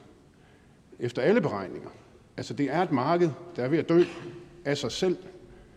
Hvorfor dog holde liv i det? Hvorfor? Ja, jeg har svært ved at se olie forsvinde fra markedet inden for en øh, meget lang overrække. Det tror jeg også, øh, at øh, ordføreren selv kan se, hvis han er ærlig over for sig selv. Så derfor giver det ikke nogen mening, at vi i Danmark ikke skal producere olie, når vi til og med gør det øh, relativt grønt i forhold til den globale olieproduktion. Så giver det ikke nogen, der er, det er der ikke nogen fornuft i. Ikke flere korte bemærkninger, så vi siger tak til ordføreren og går videre i rækken til hr. Ole Birk Olsen, Liberal Alliance. Tak for det. Liberal Alliance stemmer imod lovforslaget. Øhm, det har ingen øh, virkelig effekt, dette lovforslag. Det skal bare gøre, at der er nogle politikere i Folketingssalen, der kan pusse en glorie, en fiktiv glorie, for det er ikke en virkelig glorie. Man vil gerne sige, at man er god, men man er ikke god. Fordi øh, selvom vi stopper med produktion af olie i Danmark, øh, så vil det ikke føre til, at verdensmarkedet for olie bliver så meget mindre som den mængde olie, vi tager ud af verdensmarkedet. Ministeriets egne forventninger er, at op til 95 procent af den olie, som vi holder op med at producere efter 2050, så i stedet vil blive produceret ekstra i andre lande, som fortsat producerer olie. Op til 95 procent. Så det eneste, vi får ud af det her, er, at i Danmark, hvor vi efter 2050 forventeligt stadigvæk vil have et forbrug af olie, der vil vi ikke selv kunne producere den olie. Den skal vi i stedet købe af Putins Rusland. Det vil nok ikke være Putin til den tid, trods alt, men hans efterfølgers Rusland. Eller vi skal købe den af nogle despoter øh, nede i Mellemøsten, som stadigvæk vil producere olie. For der vil jo ske det, at når vi piller vores lille mængde olie ud af verdensmarkedet, så er der lidt mindre olie til rådighed i første omgang. Øh, eftersom forbruget stadigvæk er, som det nu engang er, så stiger priserne på verdensmarkedet lidt mere, hvilket tilskynder de lande, som fortsat producerer olie, til at øge produktionen, fordi de nu kan tjene lidt flere penge på det. Og det er det, der får ministeriet til at sige, at hvis vi øh, reducerer reducerer olieproduktionen i Danmark med 100 ton, så vil omverdenen øge olieproduktionen med 95 ton. Så det er øh, intet andet end øh, gloriepusseri, øh, som øh, det store brede flertal i Folketinget her begiver sig ind på. De røde partier øh, gør det af vanen, det der med at pusse glorie. Det øh, ser vi igen og igen og igen. Det betyder ikke så meget, om det gør en forskel ud i den virkelige verden. Det, der betyder noget, det er, at man kan hævde sig selv bedre end andre mennesker. Venstre og Konservative og Dansk Folkeparti er hoppet med øh, den her gang, fordi Øh, det skal jo ikke hedde sig, at man ikke er grøn, øh, lige så grøn som de røde er. Og tænk, hvis det nu lykkedes de røde at overbevise verden om, at de var mere grønne ved det her, ville Venstre og Konservative og Dansk Folkeparti så kunne ligesom fortælle sandheden om, at det bare er, er, er fiktivt gloriepusseri? Vil man kunne vinde den debat i offentligheden? Ah, vi er usikre på os selv. Vi er ikke så gode til at argumentere i fjernsynet, som de røde er, så vi går bare med. Det er det nemmeste, siger Venstre, Konservative og Dansk Folkeparti. Øh, og det er så årsagen til, at vi får det her øh, brede flertal, der, der gør det her, selvom det ingen som helst effekt har ude i den virkelige verden. Og det er Liberal Alliance selvfølgelig ikke med på. Det er vi ikke i andre sager, og det er vi heller ikke i den her sag. Tak for det. Det er meget passende fru Marie Bjerre, som nu har en kort... Undskyld, Ole Birk, der var en kort. Det fik du der fremprovokeret. fru Marie Bjerre, værsgo. Tak for det. Nu havde øh, ordføreren i øvrigt et meget rimeligt spørgsmål til mig øh, under min ordførertale omkring øh, vores forventninger til brug af olie i 2050. Og hvis øh, man følger ordførens forudsætning, at vi i 2050 stadigvæk skal bruge fossilt olie her i landet, så kan jeg sådan set godt forstå spørgsmålet, jeg kan godt forstå kritikken. Jeg er ikke kemiker, men nu er det jo bare sådan, at man også kan lave olie på andre måder. I, allerede i dag kan man lave kunstigt olie, der erstatter fossilt olie. Og er det så ikke rimeligt og til med også fornuftigt, at vi så sætter en, en, en målsætning om, at vi ikke skal bruge fossilt olie i 2050? Fordi dermed så får vi jo også øh, skabt et marked for, at vi kan få skabt den her kunstige olie, bæredygtige olie, som vi skal bruge i 2050. Hvorfor? Ja, det kan man da i teorien godt, Øh, men det er jo øh, dyrere øh, at producere den olie kunstigt, end det er at hive den op af undergrunden. Så det vil producenterne jo formentlig ikke gøre, medmindre at Folketinget vedtager, at det skal være forbudt at bruge naturolie. Og øhm, er det er det, er det, det vi hører nu, at Venstre vil forbyde brugen af olie, der hives op af undergrunden i Danmark fra 2050 og frem? Vil Venstre forbyde brugen af den olie? Men, men hvis vi skal være klimaneutrale i 2050, så må der jo blive en efterspørgsel efter kunstigt produceret olie, alternative olieformer. Og vi skulle jo gerne være et forgangsland, hvor, hvor man ikke bruger fossilt olie i resten af verden. Og så handler det jo om, at vi får skabt et marked herhjemme for at skabe den her øh, kunstige olie. Og det gør vi jo ikke, hvis vi bliver ved med at producere øh, fossilt olie. Øh, så, så det der med, at det er fiktiv gloriepusseri, det er det jo på ingen måde. Det her det er faktisk fornuftig politik. Det er også fornuftig erhvervspolitik, fordi det gør, at vi så får skabt et marked for den her kunstige olie. Øh, og hvis, hvis ellers ordføreren kan følge min forudsætning om, at vi i 2050 ikke skal bruge fossil olie, men kunstig olie, er det så ikke fornuftigt at stemme for det her lovforslag? Tak for det. Så får vi et svar. Værsgo. Vi har jo øh, et bredt flertal i Folketinget en ambition om, at vi skal bruge mange, mange penge, milliarder, på at forske og udvikle det, at man hiver CO2 ud af røg og sågar ud af luften. Og det vil sige, at i 2050 så må man håbe, at vi har fundet nogle af de her systemer. Og så hvis man brænder olie af i en eller anden produktion, så kan man jo så bare hive CO2'en ud og lagre den i undergrunden. Så er der jo ikke noget problem forbundet med at bruge øh, naturolie, sådan at man bliver nødt til at betale ekstra for kunstig olie. Så den eneste grund til, at man skulle gøre det, det var, hvis der var et forbud, og det hører jeg ikke, at Venstre vil komme med. Hr. Torsten Gej, Alternativet. Tak. Når ordføreren gør sig til overdommer over rød blok og blå bloks motivation for at stemme omkring det her, så er jeg glad for, at Alternativet er den lille grønne blok. Vi vil gerne lave, lave lovgivning, der begrænser øh, CO2-udledning. Men jeg vil lige høre i forbindelse med, at ordføreren forsvarer den fortsatte optagning af olie og gas i, i Nordsøen. Hvad tænker ordføreren om det signal, det er, at der kun var én virksomhed, der bød ind på den 8. udbudsrunde? Ordfører? Ja, jeg køber ikke den der med, at øh, Alternativet skulle have udgøre sin egen blok. Altså, Alternativet stemmer lige så ofte øh, sammen med enhedslisten, som SF stemmer sammen med regeringen. Øh, og eftersom alle ved, at SF er lovernes skødehund for regeringen, så ved vi nu også, at Alternativet er lovernes skødehund for enhedslisten. Så kan man ikke sige, når man altid stemmer sammen med det rødeste parti i Folketinget, at man ikke er rød. Det er man selvfølgelig. Øh, olieproduktionen vil øh, utvivlsomt have mindre relevans i fremtiden, heldigvis, især fordi vi jo er i gang med en grøn omstilling af personbiltransporten og senere også den tunge transport.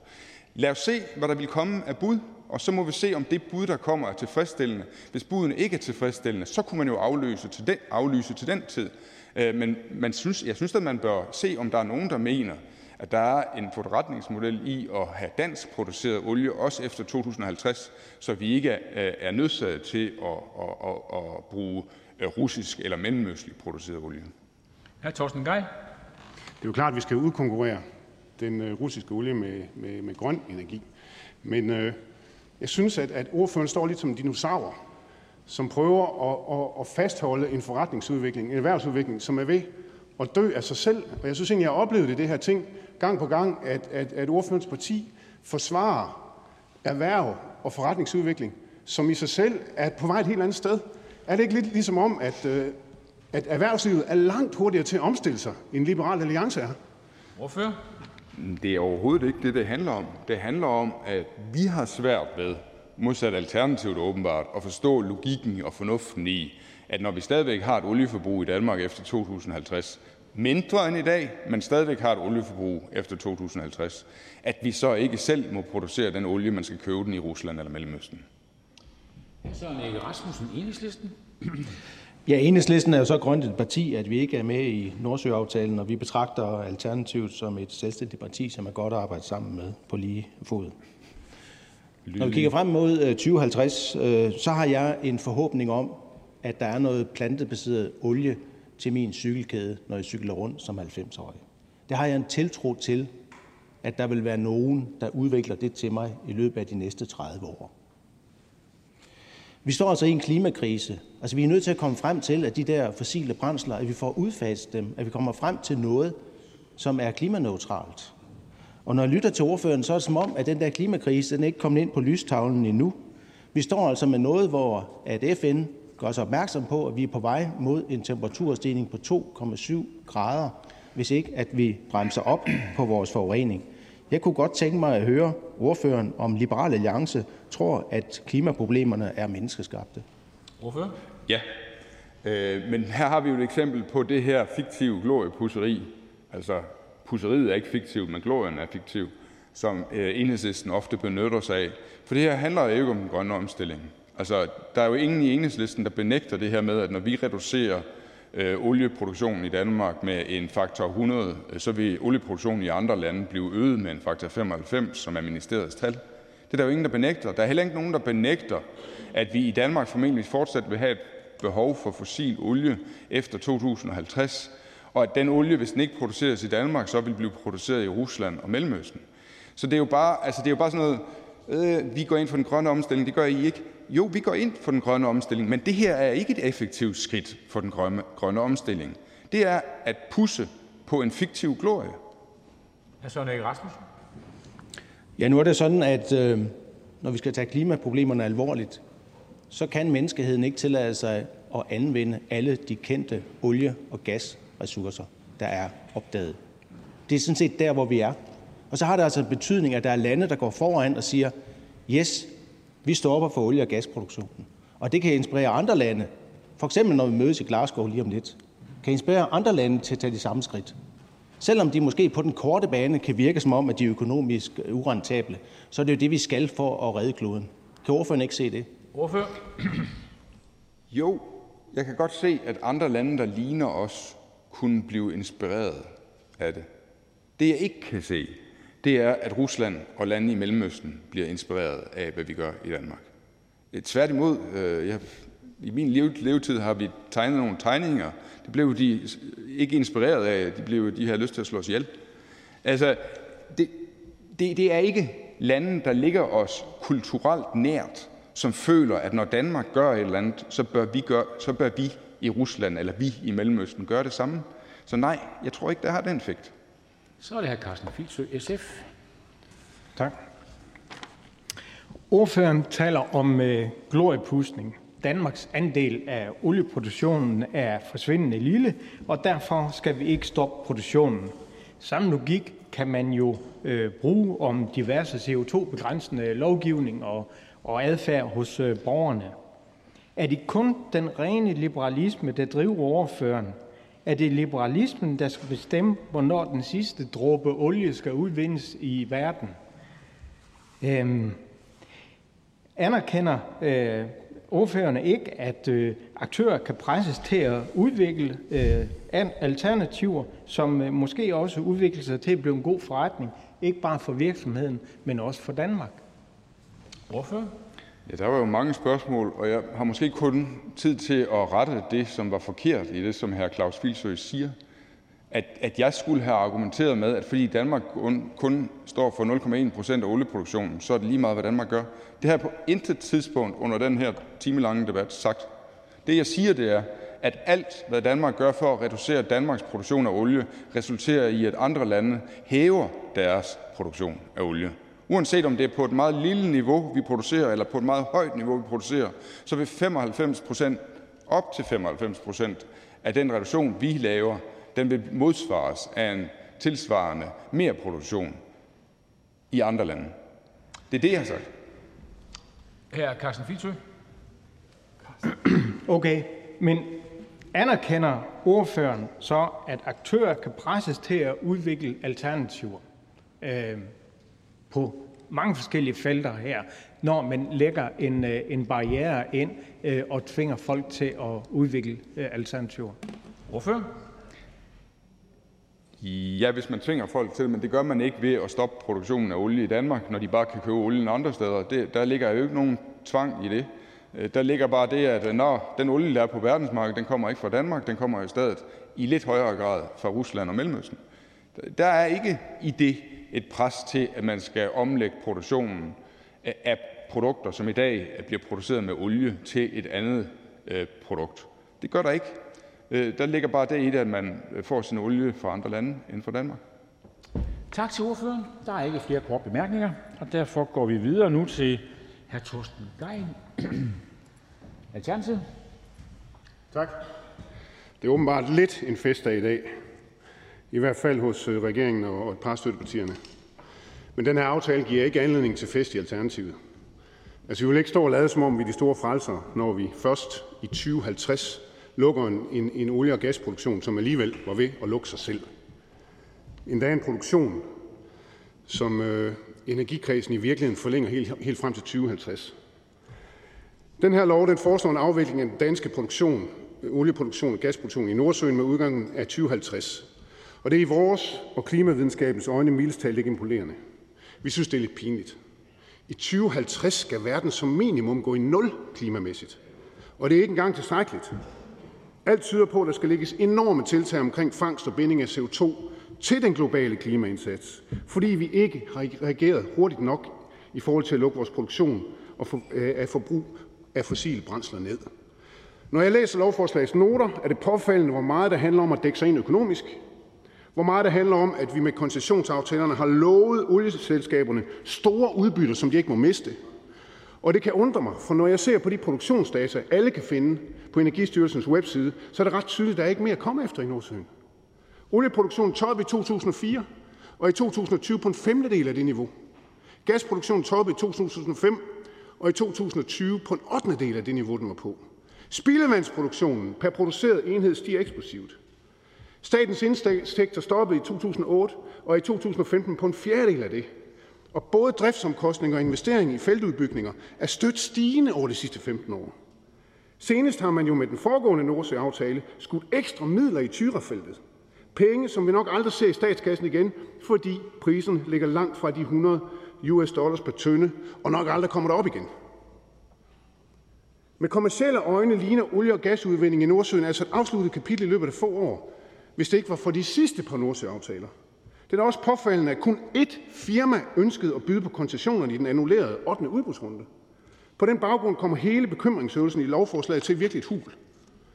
Om 10-20 år, i 2030-2040, vil det nok være tydeligt for alle, at der ikke er mere forretning tilbage i fossile reserver i Nordsøen. Og godt det samme, for klimakrisen byder os at lade olien blive liggende dernede.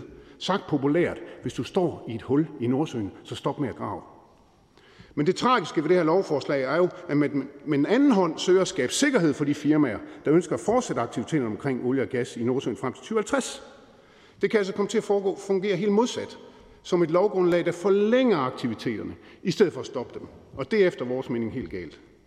Lavede man i stedet for en afviklingsordning, som Alternativet foreslog i 2017, der baserede sig på videnskabens vurderinger af, at 80 procent af de kendte reserver dengang af kul, olie og gas bør blive i jorden, så vil vi højst sandsynligt se en afvikling over 10-20 år.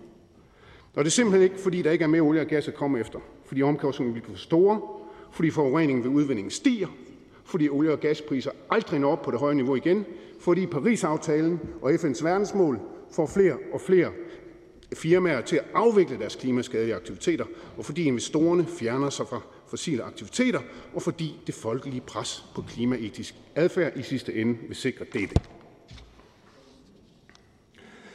Til gengæld er der en ting, jeg vil rose regeringen for, når det kommer til øh, resten af verden.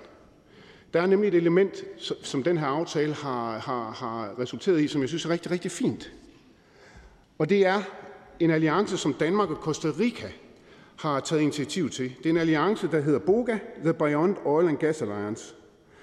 Og det handler om at få hele verden til at accelerere fossile, fossile udfasningsplaner globalt. Til den aftale siger Greenpeace, citerer, vi er enige i, at Nordsjøaftalen nu er tilstrækkelig, men BOGA er et eksempel på, at vores pointe med at rose og tale den her beslutning op, skal ses i et større globalt perspektiv.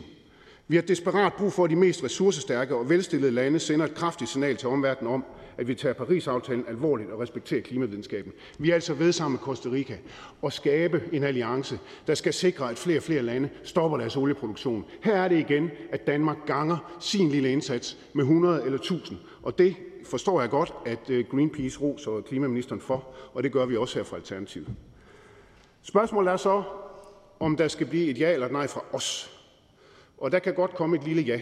Altså, vi, for, vi beklager, at forligskredsen har støttet produktionen øh, i Nordsøen, f.eks. i Tyrefeltet frem til 2050. Det var ikke nødvendigt. Men vi vil gerne være med til at starte nedlukningen af gas- og olieproduktion. Vi håber, at den her aftale kommer til at være med til et stop for øh, olie- og gasudviklingen i Nordsøen allerede i 2030. Og vores mål er, at øh, Danmark skal være helt fossilfrit i 2035. Tak, formand. Tak for det. Der er ikke nogen korte bemærkninger, så tak til Alternativets ordfører. Og nu er vi igennem ordførerrækken, i hvert fald dem, der gerne vil have ordet, og er nået til klima-, energi- og forsyningsministeren. Værsgo. Tak for det. Det er jo ikke så sjældent igen, trods alt, øh, at man hører politikere, der har lavet en aftale, kalde den historisk. det er næsten mere historisk, hvis der er nogen, der ikke kalder det historisk. Men den spøg til side, så er der jo faktisk nogle gange grund til at bruge de store ord. I de senere to år på klimaområdet, der har vi faktisk haft brug for det en del gange. Men jeg tror næsten, jeg vil sige, at den gang, hvor det har givet mest mening, hvor det har været mest til sin ret, det er, da vi havde lavet aftalen øh, omkring stop for olie og gas i Nordsøen, og at aflyse den 8. udbudsrunde og alle fremtidige potentielle udbudsrunder. Det er en kæmpe beslutning for Danmark. Det har givet genlyd ude i verden. Det er blevet rost af, af grønne organisationer globalt og fremhævet som et positivt eksempel. Og det kommer nu forhåbentlig til at danne skole og inspirere andre lande til at følge samme vej. Danmark har været et olieproducerende land siden 70'erne. Jeg tror oven i købet, det første felt hed Dan. Øh, det ved jeg ikke, hvor man skal ligge i af symbolik, men det er i hvert fald Det er i hvert fald et faktum, at vi siden 70'erne i Danmark jo har tjent øh, mange, mange, mange milliarder kroner på olie- og gasproduktion. Øh, det har været med til at finansiere vores velfærdsstat, og vi har været et olieland. Det er klart, at de positive effekter, det har haft, øh, fortjener en plads i vores historie, men det er lige så klart, at det selvfølgelig så også giver os et ansvar. Fordi afbrændingen af den olie, vi selv har forbrugt, solgt til andre, har ført til forurening af vores atmosfære og har ført til, at vi er i allerhøjeste grad medansvarlige for verdens øh, klimaproblemer. Derfor er det så fantastisk, at vi nu er blevet enige om at gå forrest. Og til dem, der måtte antyde, at det bare var en lille selvfølgelig beslutning, det her, må jeg bare sige, så har I en ret dårlig hukommelse. Diskussionen var benhård. Mange af dem, der i dag kritiserer aftalen for ikke at være ambitiøs nok, de øh, var ude og demonstrere for, at vi skulle aflyse den 8. udbudsrunde. Når vi så aflyser den 8. udbudsrunde, så lyder det lige pludselig, at det betyder ikke rigtig noget. Faktum er, at det bestemt betyder noget. Det var en, en dyr og nødvendig øh, beslutning. Dyr på den måde forstået, at når man træffer den her øh, former for øh, beslutning, den her form for, for beslutning, så øh, er det sådan, man skal regne på, hvad det kommer til at betyde mindre indtægter for statskassen. Og når vi sætter en slutdato, og vi øh, lader være med at, at lave nye udbudsrunder, ja, så kommer det til at betyde et mindre proveny i statskassen, og, og det er omkring 13 milliarder kroner. Det er altså 13 milliarder kroner, vi ville have fået ind i proveny, hvis produktionen var fortsat, eller hvis vi havde lavet en ny udbudsrunde.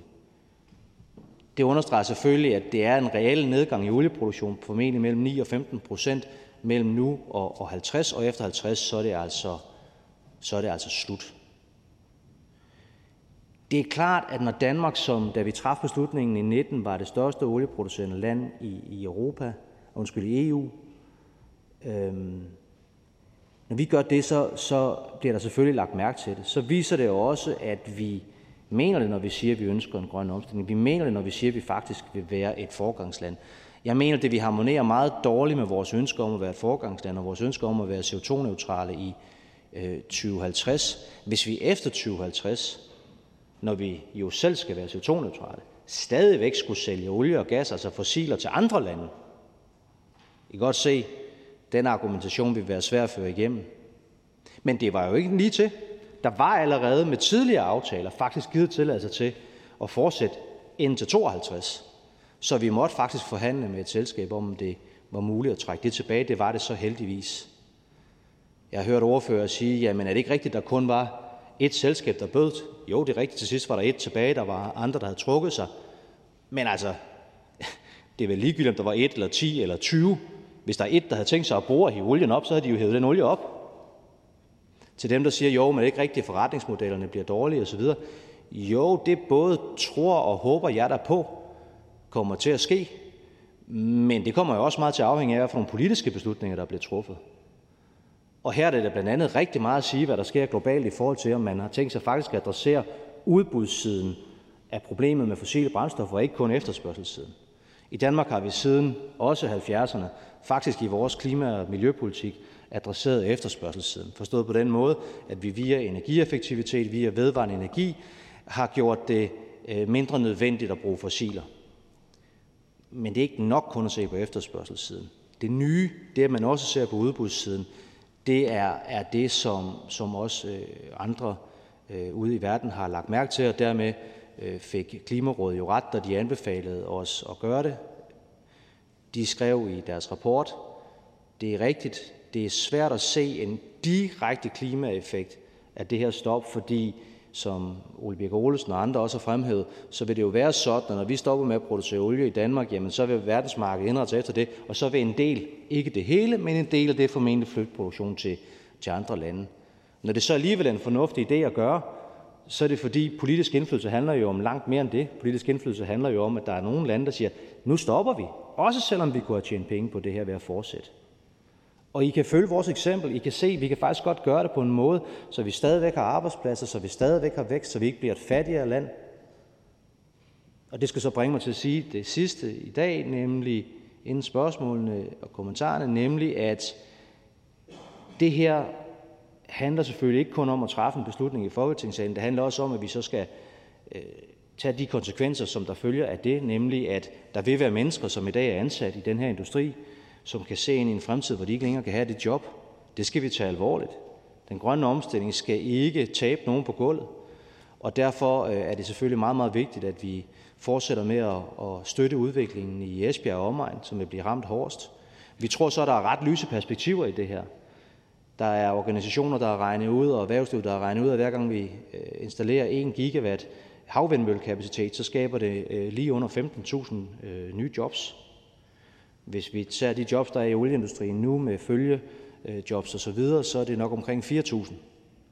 Så der vil være rigtig mange af de mennesker, der i dag arbejder i den her industri, som kan få øh, nye, øh, lige så gode eller måske endda bedre jobs i forbindelse med den grønne omstilling. Et andet eksempel på det er selvfølgelig CCS.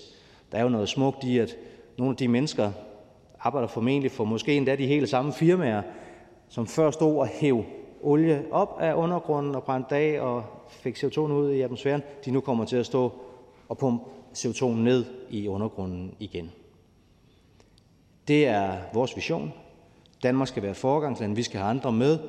Vi kommer til øh, at fremme den sag via en organisation, vi har lavet sammen med Costa Rica, Beyond Oil and Gas, øh, på topmødet i Glasgow øh, om, om kort tid vil vi præsentere den her alliance og også præsentere en række af, af lande, det lykkedes at, at få med allerede nu. På sigt er det selvfølgelig meningen og forhåbningen, at det skal få en, en ganske stor øh, betydning og en ganske stor udbredelse. Tak for ordet. Tak for det. Der er nogle korte bemærkninger. Først her Søren Ege Rasmussen. Ja, tak.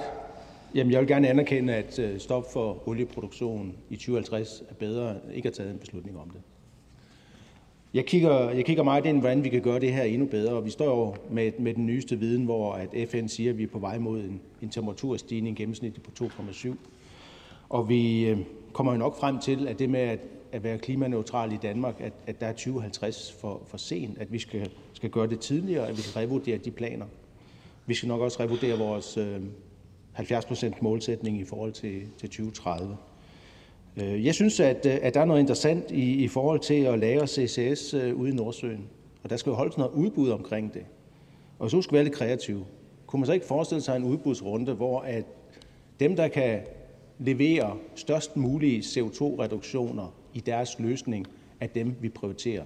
Det vil sige, at hvis en olieplatform stopper med at producere olie eller gas, og i stedet anvender den platform til at lære CCS, så er den nemmere ved at vinde udbuddet. Kan ministeren se noget musik i det? Minister. Det er første gang, jeg har hørt det, det forslag. Det, det vil jeg gerne tykke lidt på. Men, men lad, lad os tage det med. Nu sidder vi jo øh, og forhandler i, i et andet lokale meget tæt øh, herpå. Blandt andet øh, Søren Ikke og, og jeg og andre ordfører lige præcis om fremtiden for, for CCS. Så øh, det vil jeg meget gerne høre mere om, det forslag. Hr. Søren Ege Rasmussen. Jamen, det lyder godt. Jeg synes også, indtil nu har, har de der CCS-drøftelser øh, været gode, fordi det var jo som om, at, at der bare var skitseret, at vi skulle holde et udbud, og nu er vi sådan set der, hvor at et udbud godt kan være noget, der kan give staten en indtægt. Øh, og jeg synes jo, det er jo interessant, hvis man også så får foldet ud, i hvilket omfang, eller på hvilken måde får man størst CO2-reduktioner. Så nævner ministeren, at, at, at det her med stop for olie og gas, det giver et mindre provenu på 13 milliarder. Men, men helt ærligt, altså det er jo mindre end en, øh, end en minksag. Er, det så stort et beløb, når vi skal redde fremtiden? Nej, jeg synes, det er pengene værd, men det er da øh, ganske mange penge. Det er klart, det er jo et, et mindre beløb, end det for eksempel ville koste, hvis man skulle leve op til Søren Ægges eget forslag om at stoppe i 2030.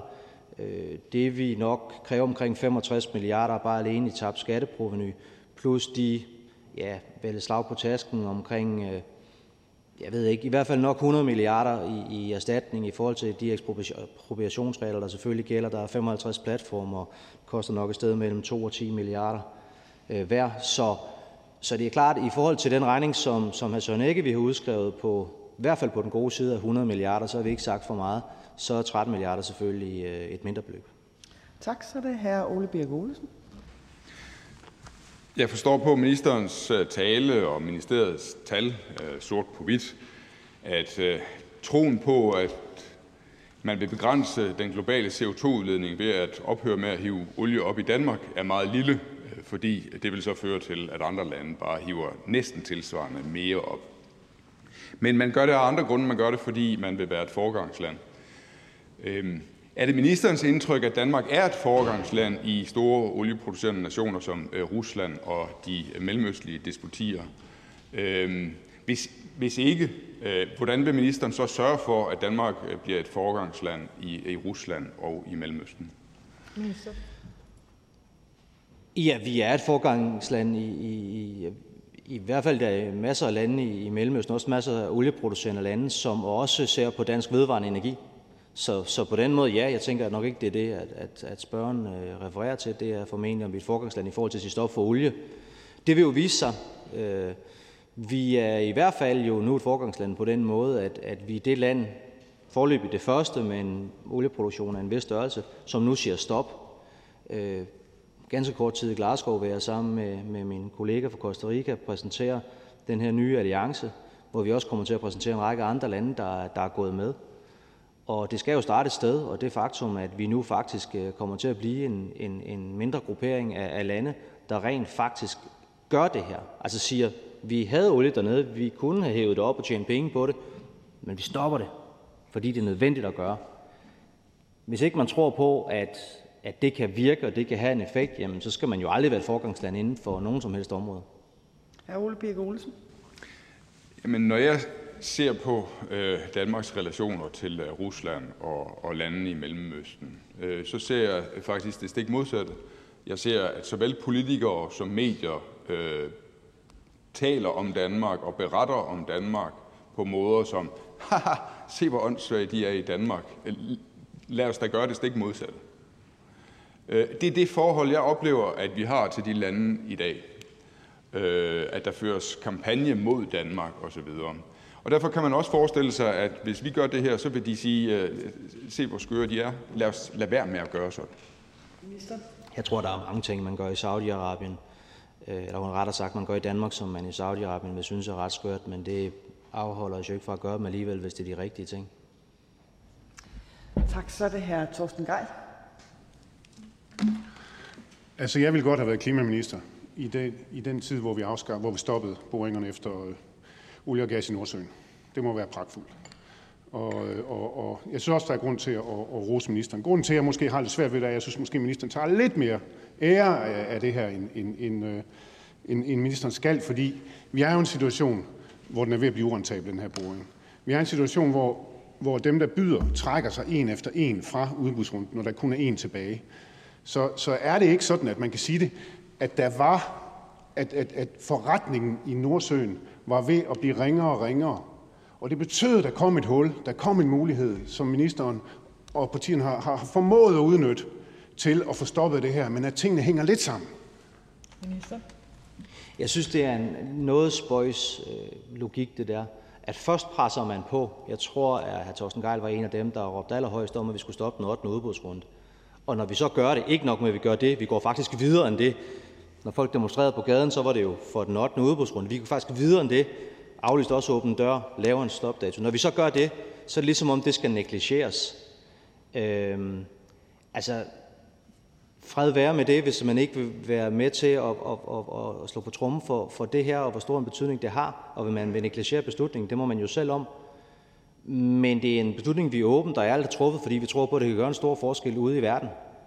Og vi er ikke en regering, der bruger øh, 13 milliarder kroner på noget som helst, hvis ikke vi tror, det virker.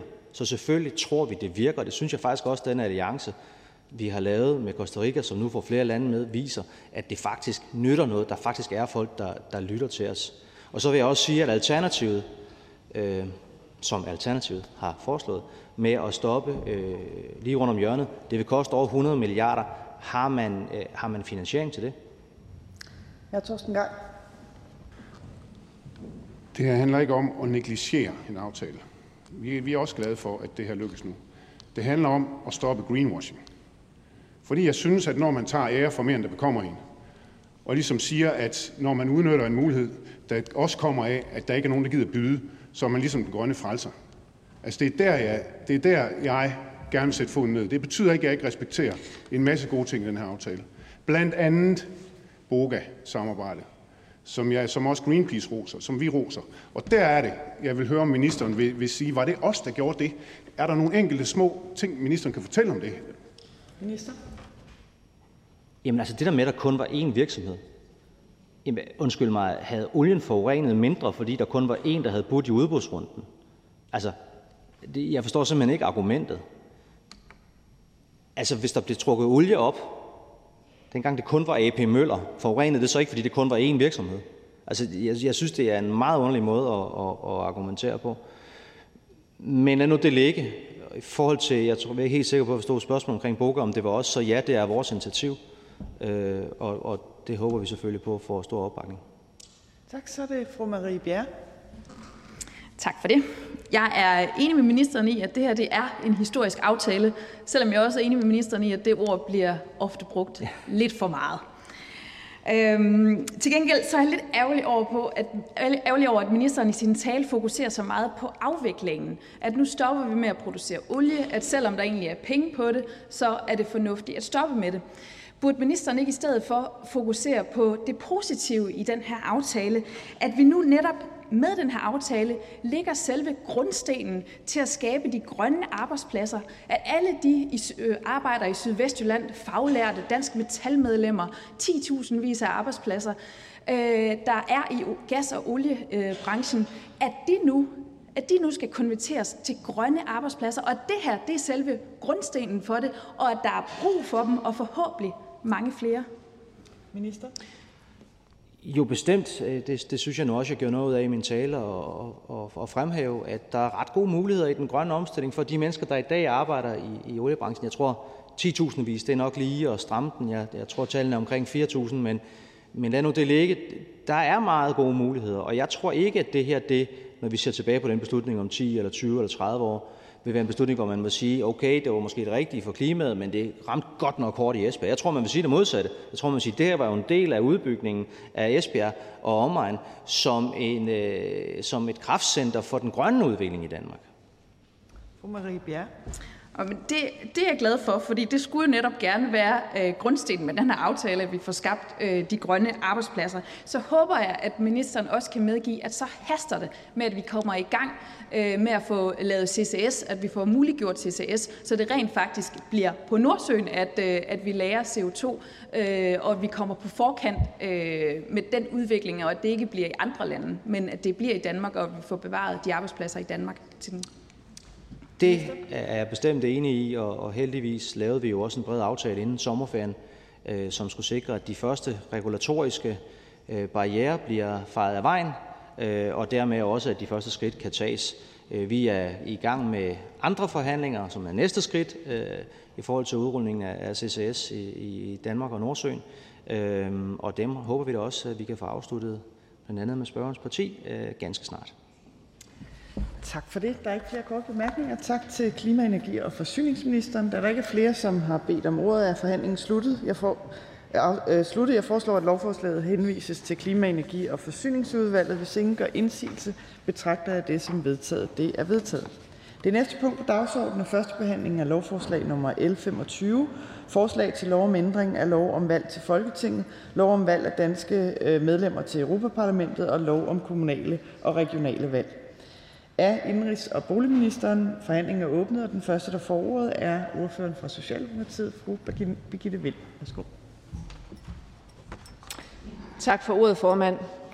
Vores øh, demokrati bygger på frie og oplyste valg, og enhver kan med opbakning starte sit eget parti.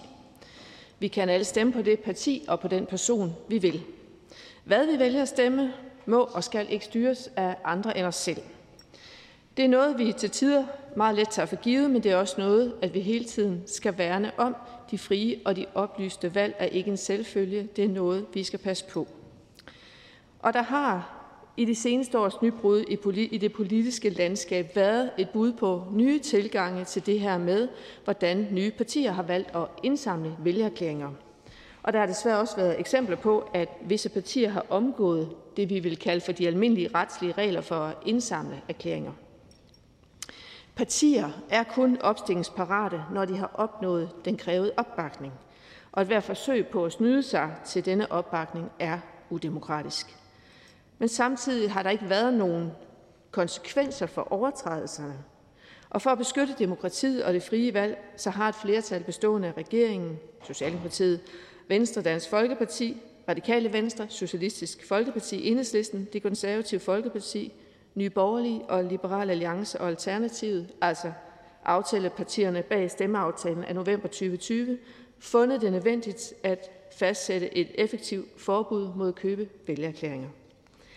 Med vedtagelse af det lovforslag, vi skal behandle i dag, der indføres der et forbud i lov om valg til Folketinget og lov om valg af danske medlemmer til Europaparlamentet mod at yde, love eller tilbyde betaling eller anden formuefordel for at påvirke nogen til for eksempel at øh, afgive eller igangsætte vælgererklæringer, eller undlade at igangsætte eller afgive en vælgererklæring, eller påvirke nogen til at tilbagetrække en vælgererklæring, eller at undlade at tilbagetrække en vælgererklæring. Hvis det skulle ske, at der er personer, som prøver at omgås loven, ja, så får det konsekvenser. Med det her lovforslag kan fysiske og juridiske personers overtrædelser straffes med bøde eller fængsel. Derudover kan partier, der søger opstillingsberettigelse, desuden kunne udelukkes for at fortsætte at indsamle vælgerklæringer. Da lovforslaget første gang så dagens lys, var der flere, der gjorde opmærksom på uretfærdigheden i, at det kun er for ikke opstillerberettigede partier, at loven skulle gælde. Og tak for den debat, for der skal selvfølgelig være konsekvenser for alle. Derfor er det også glædeligt, at det nuværende lovforslag L25 er sådan, at de opstillingsberettigede partier også kan modtage bøder, hvis man overtræder, overtræder de demokratiske spilleregler. Endelig vil vi med dette lovforslag også sikre, at partier kun kan skifte partinavne via godkendelse i valgnævnet. Fremover kan valgnævnet ikke godkende et ændret partinavn, der er identisk eller kan forveksles med navnet på et parti, som valgnævnet har truffet afgørelse overfor. Det her det er endnu en sikkerhed for, at vælgerne ikke vildledes, når de går ind i stemmeboksen.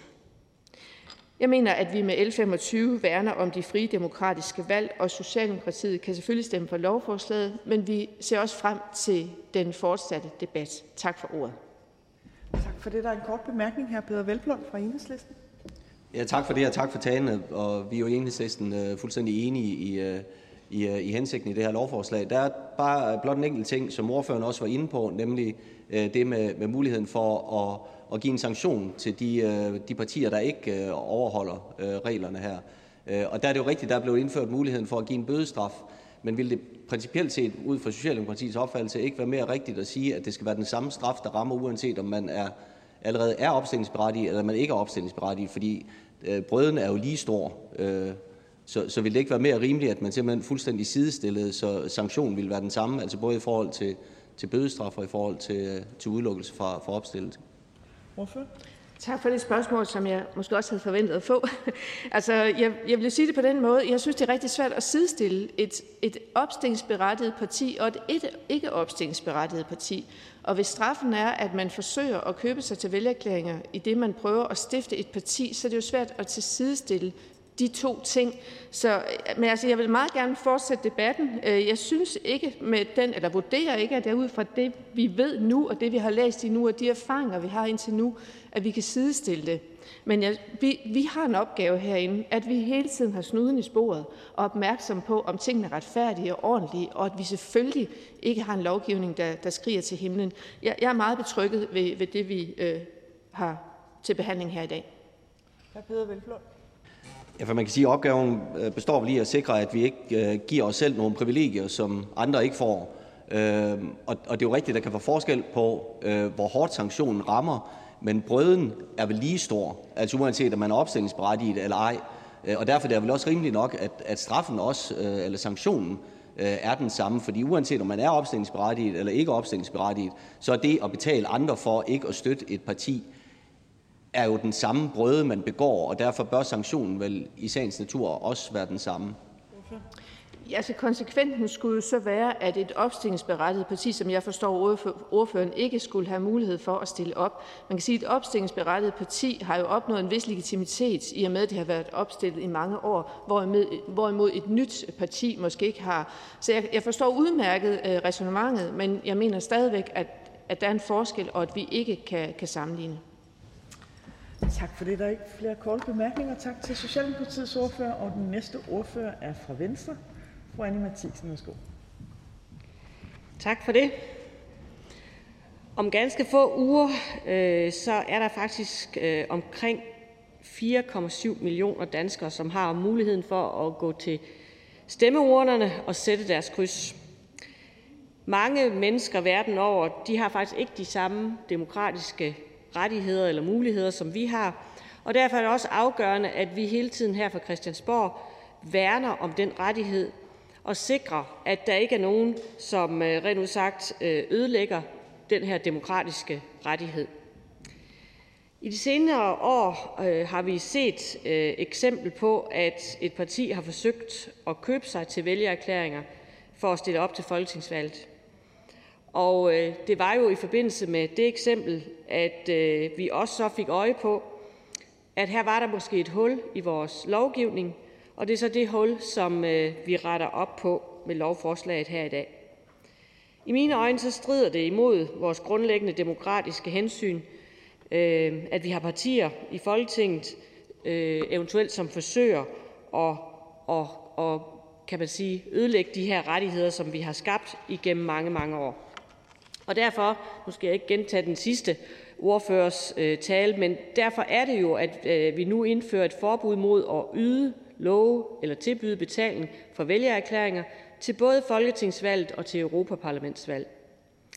Ligesom at det også skal gælde øh, stillerunderskrifter til kommunale og regioner, øh, eller regionale valg.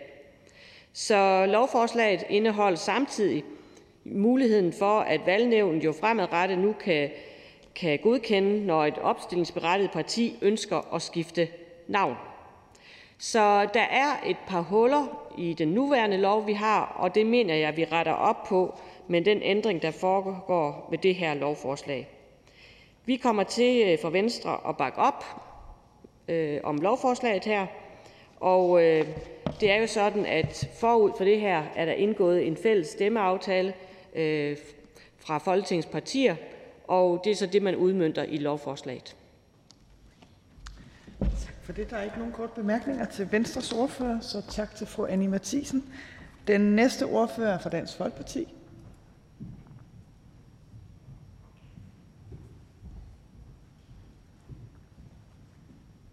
Hr. Jens Henrik Tulsendal, værsgo. Tak for det. Baggrunden for det her lovforslag, det er, at stifterne af Stram Kurs vil betale for vælgererklæringer til partiet. Det er naturligvis uacceptabelt og vil købe sig til en opstilling, og det bliver derfor med det her lovforslag sikret, at der er en sanktion for at gøre det, som også vil medføre, at partiets indsamling af vælgererklæringer stoppes, og partiet ikke vil kunne opstille. Det bliver diskuteret, om den endelige model for lovforslaget er rimelig og logisk, når ikke opstillingsberettigede partier vil blive hindret i at opstille, hvis de snyder ved at købe vælgererklæringer eller betaler for vælgererklæringer bliver trukket tilbage, og allerede opstillingsberettigede partier ikke hindres i at opstille. For allerede opstillingsberettigede partier er det naturligvis ikke et spørgsmål om at købe vælgererklæringer. Det skal de her partier jo ikke. Men i teorien kan det jo godt tænkes en situation, hvor et opstillingsberettiget parti betaler nogen for at trække deres vælgererklæringer tilbage. Det er i aftalen også strafbart, men ikke med en sanktion om, at partiet ikke kan opstille. Og jeg og Dansk Folkeparti kan godt se, at det ser skævt ud i lovgivningen. Helt grundlæggende så skal der naturligvis være lighed for loven. Og derfor vil vi i Dansk Folkeparti opfordre til, at vi drøfter en stramning på det her punkt i udvalgsbehandlingen. Samtidig står vi selvfølgelig i Dansk Folkeparti ved den stemmeaftale, vi har indgået, så vi stemmer for det fremlagte lovforslag, men vil gerne opfordre til, at vi bliver enige om yderligere stramninger, så alle stilles lige. Tak for Tak for det. Der er ikke nogen kort bemærkninger til Dansk Folkepartis ordfører, og derfor er den næste ordfører fra Socialistisk Folkeparti.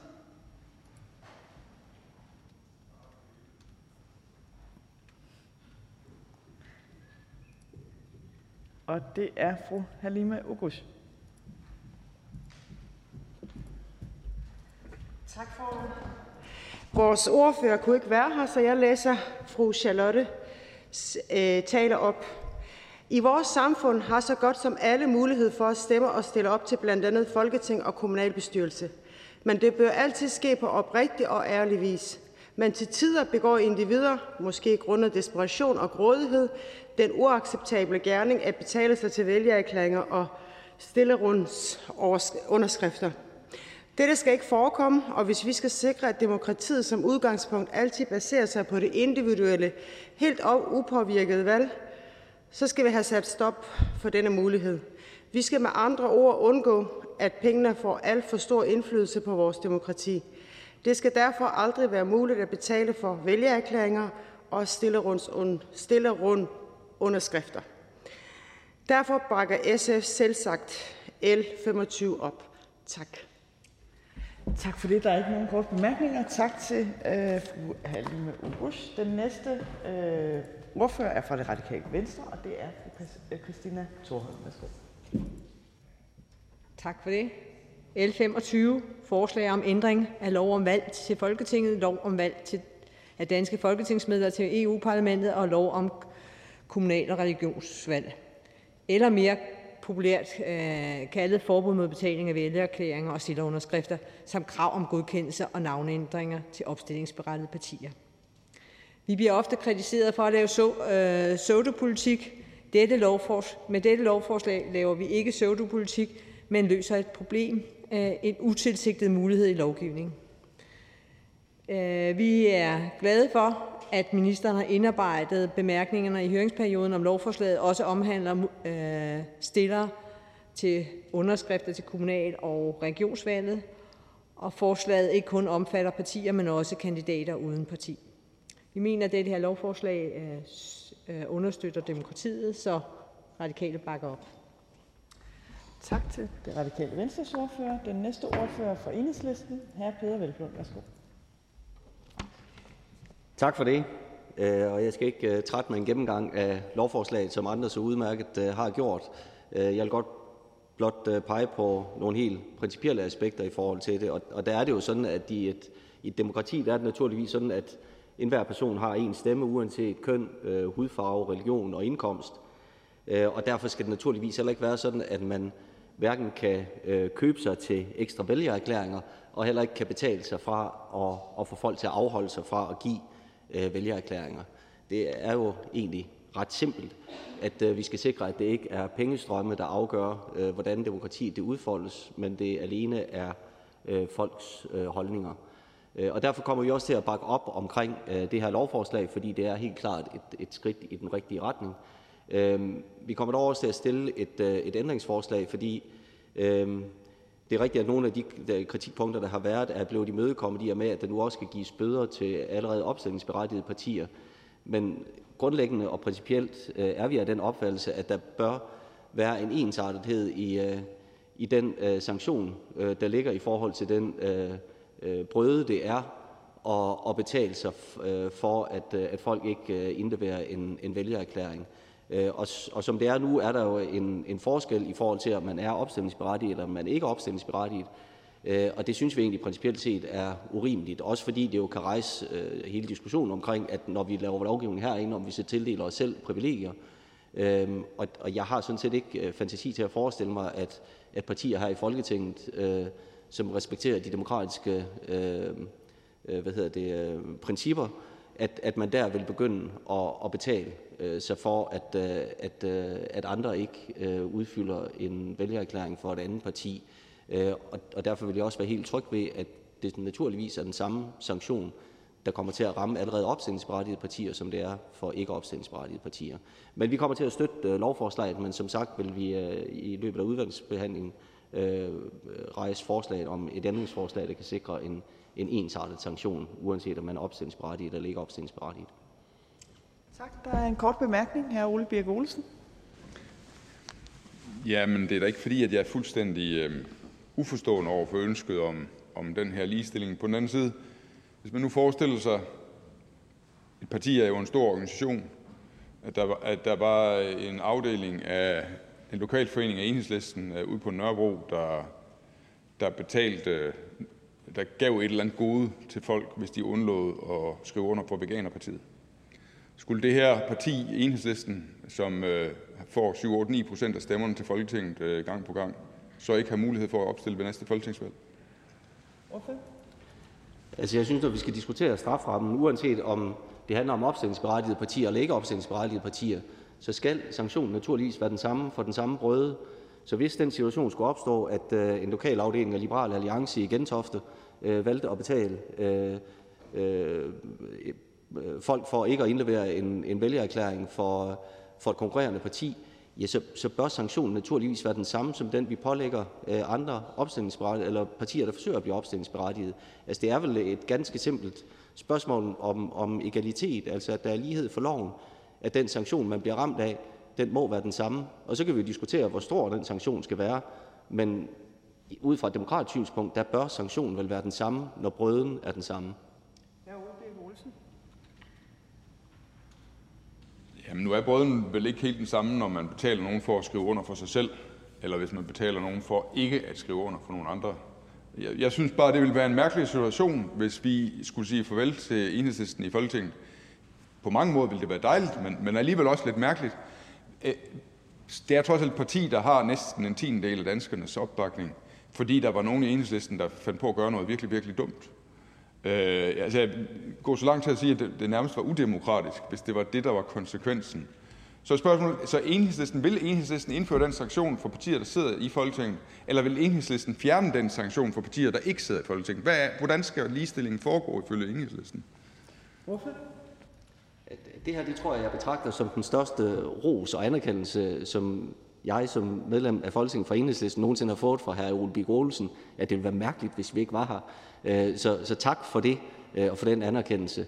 Jamen, altså som vi har, med den aftale, vi har lavet her, som jo handler om, at øh, hvis et parti skulle beslutte sig for at betale øh, en person for ikke at indlevere en, en vælgererklæring, øh, ja, der har vi jo sagt, at der er sanktioner, så er man ikke opstillingsberettiget. Og der er det klart, at i sagens natur vil det være sådan, at øh, når det er den sanktion, vi har vedtaget, ja, så vil den også gælde for partier, der allerede er opstillingsberettiget. Tak, så er det fru Anne Mathisen. Ja, tak. Jeg kan godt starte med at sige, at jeg synes, det her det er vanskeligt, og det er en vanskelig debat, fordi jeg synes ligesom, der er to, to sider i den her sag. Øh, fordi jeg er jo egentlig helt enig med, med enhedslistens ordfører i forhold til, at vi skal sikre lighed for loven. Men jeg synes jo egentlig, når jeg forstår det, som, som ordføreren siger, at vi risikerer faktisk, at der ikke bliver ligestilling for loven, hvis vi indfører det, som ordføreren gerne vil.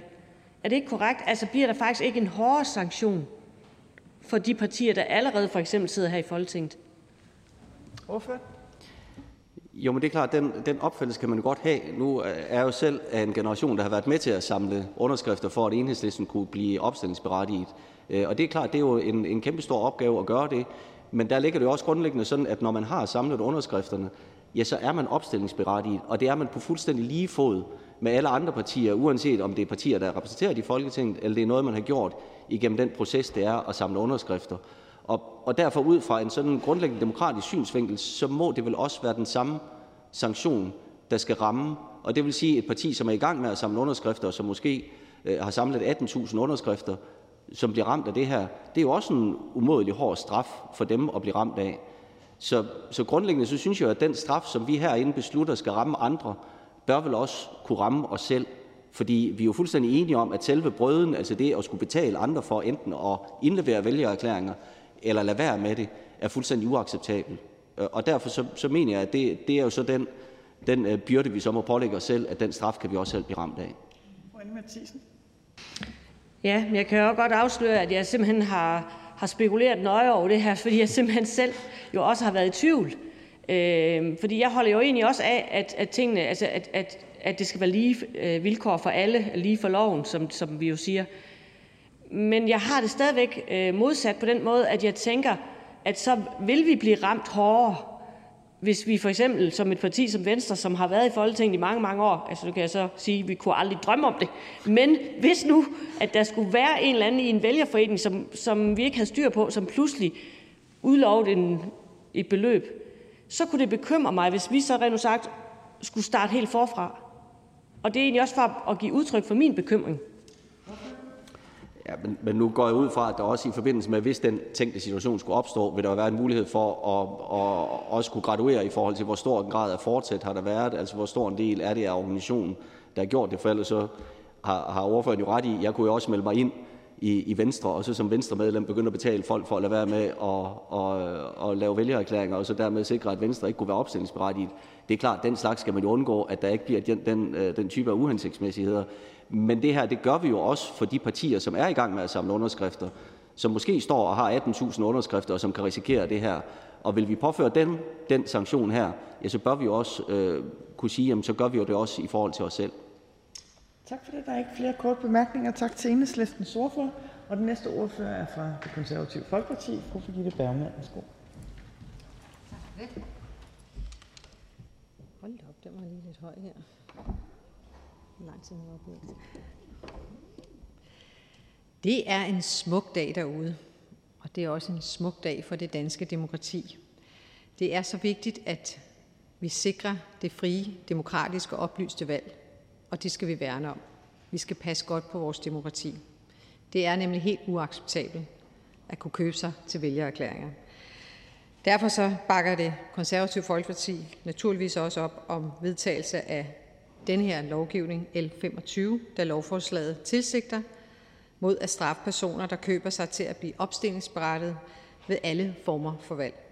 Dernæst sikrer L 25, at der indføres strafansvar for juridiske personers overtrædelser af valglovgivningens gældende forbud mod at føre systematisk kontrol med vælgers afgivelse af stemmer.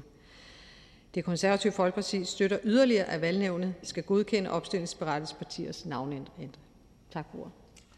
Tak for det. Der er ikke nogen korte bemærkninger. Tak til fru Gitte Bergmann. Den næste ordfører, jeg kan se i salen, er fra Liberal Alliance.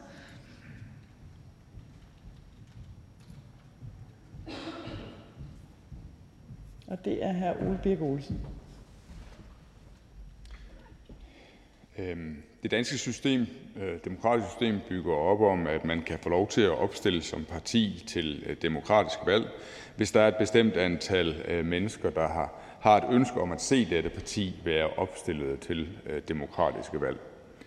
Øhm, I det ligger den intention, at man skal have altså disse mennesker, som ønsker det parti, at de skal gøre det, fordi de synes, at politikken i det parti er et godt bidrag til det danske folkestyre. Det, skal, det er det, der skal være motivationen for at ønske partiet opstillet ved valg. Motivationen skal ikke være, at man giver sin underskrift øh, til, at partiet kan opstille, fordi man kan tjene nogle penge på det.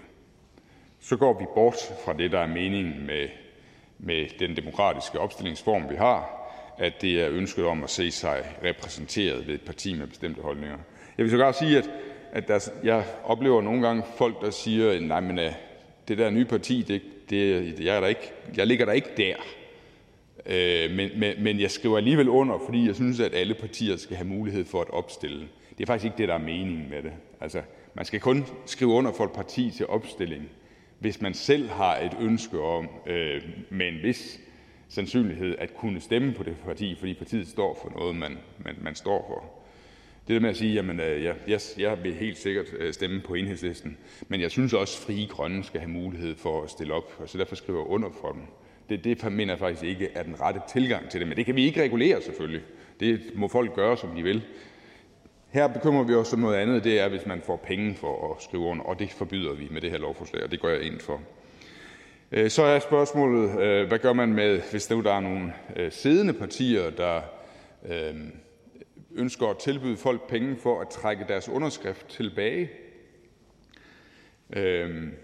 Skal de så have den samme straf om, at de ikke kan få lov til at opstille ved det kommende valg, som vi med det her lovforslag giver til partier, der endnu ikke har, opstillet, endnu ikke er, er, har sæde i Folketinget eller andre steder? Øh, jeg synes, at det er en for drastisk øh, straf. Øh, jeg forestiller mig den her situation, at der er folk ude lokalt i partierne, som, som, som man ikke nødvendigvis har styr på fra landsorganisationens side eller fra folketingsgruppen, at, at de kan finde på at gøre ting og sager derude. Øh, de findes jo. Altså, sådan lidt skøre mennesker findes, og nogle af dem er medlemmer af partier. Og øhm, det, jeg vil, det vil være en meget et demokratisk problematisk øh, sag, hvis et parti, der havde opbakning fra øh, så mange vælgere, at det sidder i Folketinget, og også fortsat har så stor opbakning, øh, så de kunne komme ind ved næste valg, hvis det ikke fik mulighed for at opstille, fordi der er en person i partiet, der har overtrådt de her regler. Så jeg er, er enig med øh, Venstres ordfører, der sagde, at, at det i et spørgsmål, at det virker som en, en, en uforholdsmæssig stor straf for et, et siddende parti. Øhm, og, og, derfor kan vi ikke gå den vej. Vi stemmer for lovforslaget. Tak for det, og der er ikke nogen korte bemærkninger. Og øh, den næste ordfører i den øh, ikke den først kommer hr. Jens Rode fra øh, Kristendemokraterne, og så er der muligheden for, at de ordfører, som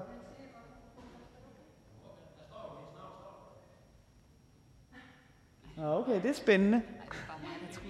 Ja, okay, godt. Ja. Okay, normalt så er praksis den, at hvis man kommer for sent i rækken til øh, ordfører, så kommer man øh, nederst i ordførerrækken, men, men øh, I har været så venlige, øh, ordførende, og værsgo, nu er det fru Mette Thiesen fra Nye Borgerlige. Tusind tak for det. Øh, Folketings-TV er lidt forsinket, og jeg havde en, øh, har en høring samtidig, så, så det var lidt svært at være to steder på én gang, selvom jeg løb hele vejen.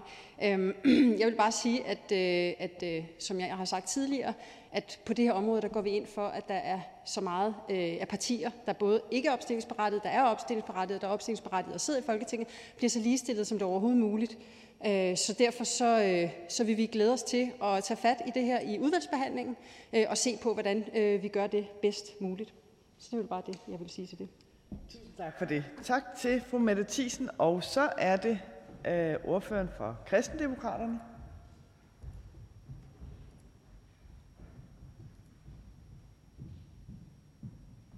Ja, Jens Rode, værsgo. Jamen, som jeg plejer at sige, og dermed gentager jeg jo så alligevel mig selv, der er ingenting, der bliver mere rigtigt af at blive gentaget. Og det var jo så en selvmodsigelse. Øh, der har sagt mange rigtige ting om det her lovforslag, og vi øh, støtter naturligvis. Tak for det til hr. Jens Rode, og så er vi igennem ordførerrækken og nået til indrigs- og boligministeren.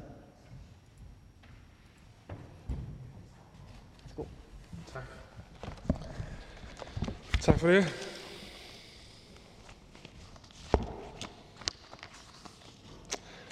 Og tak for modtagelsen og den debat, der har været her i salen.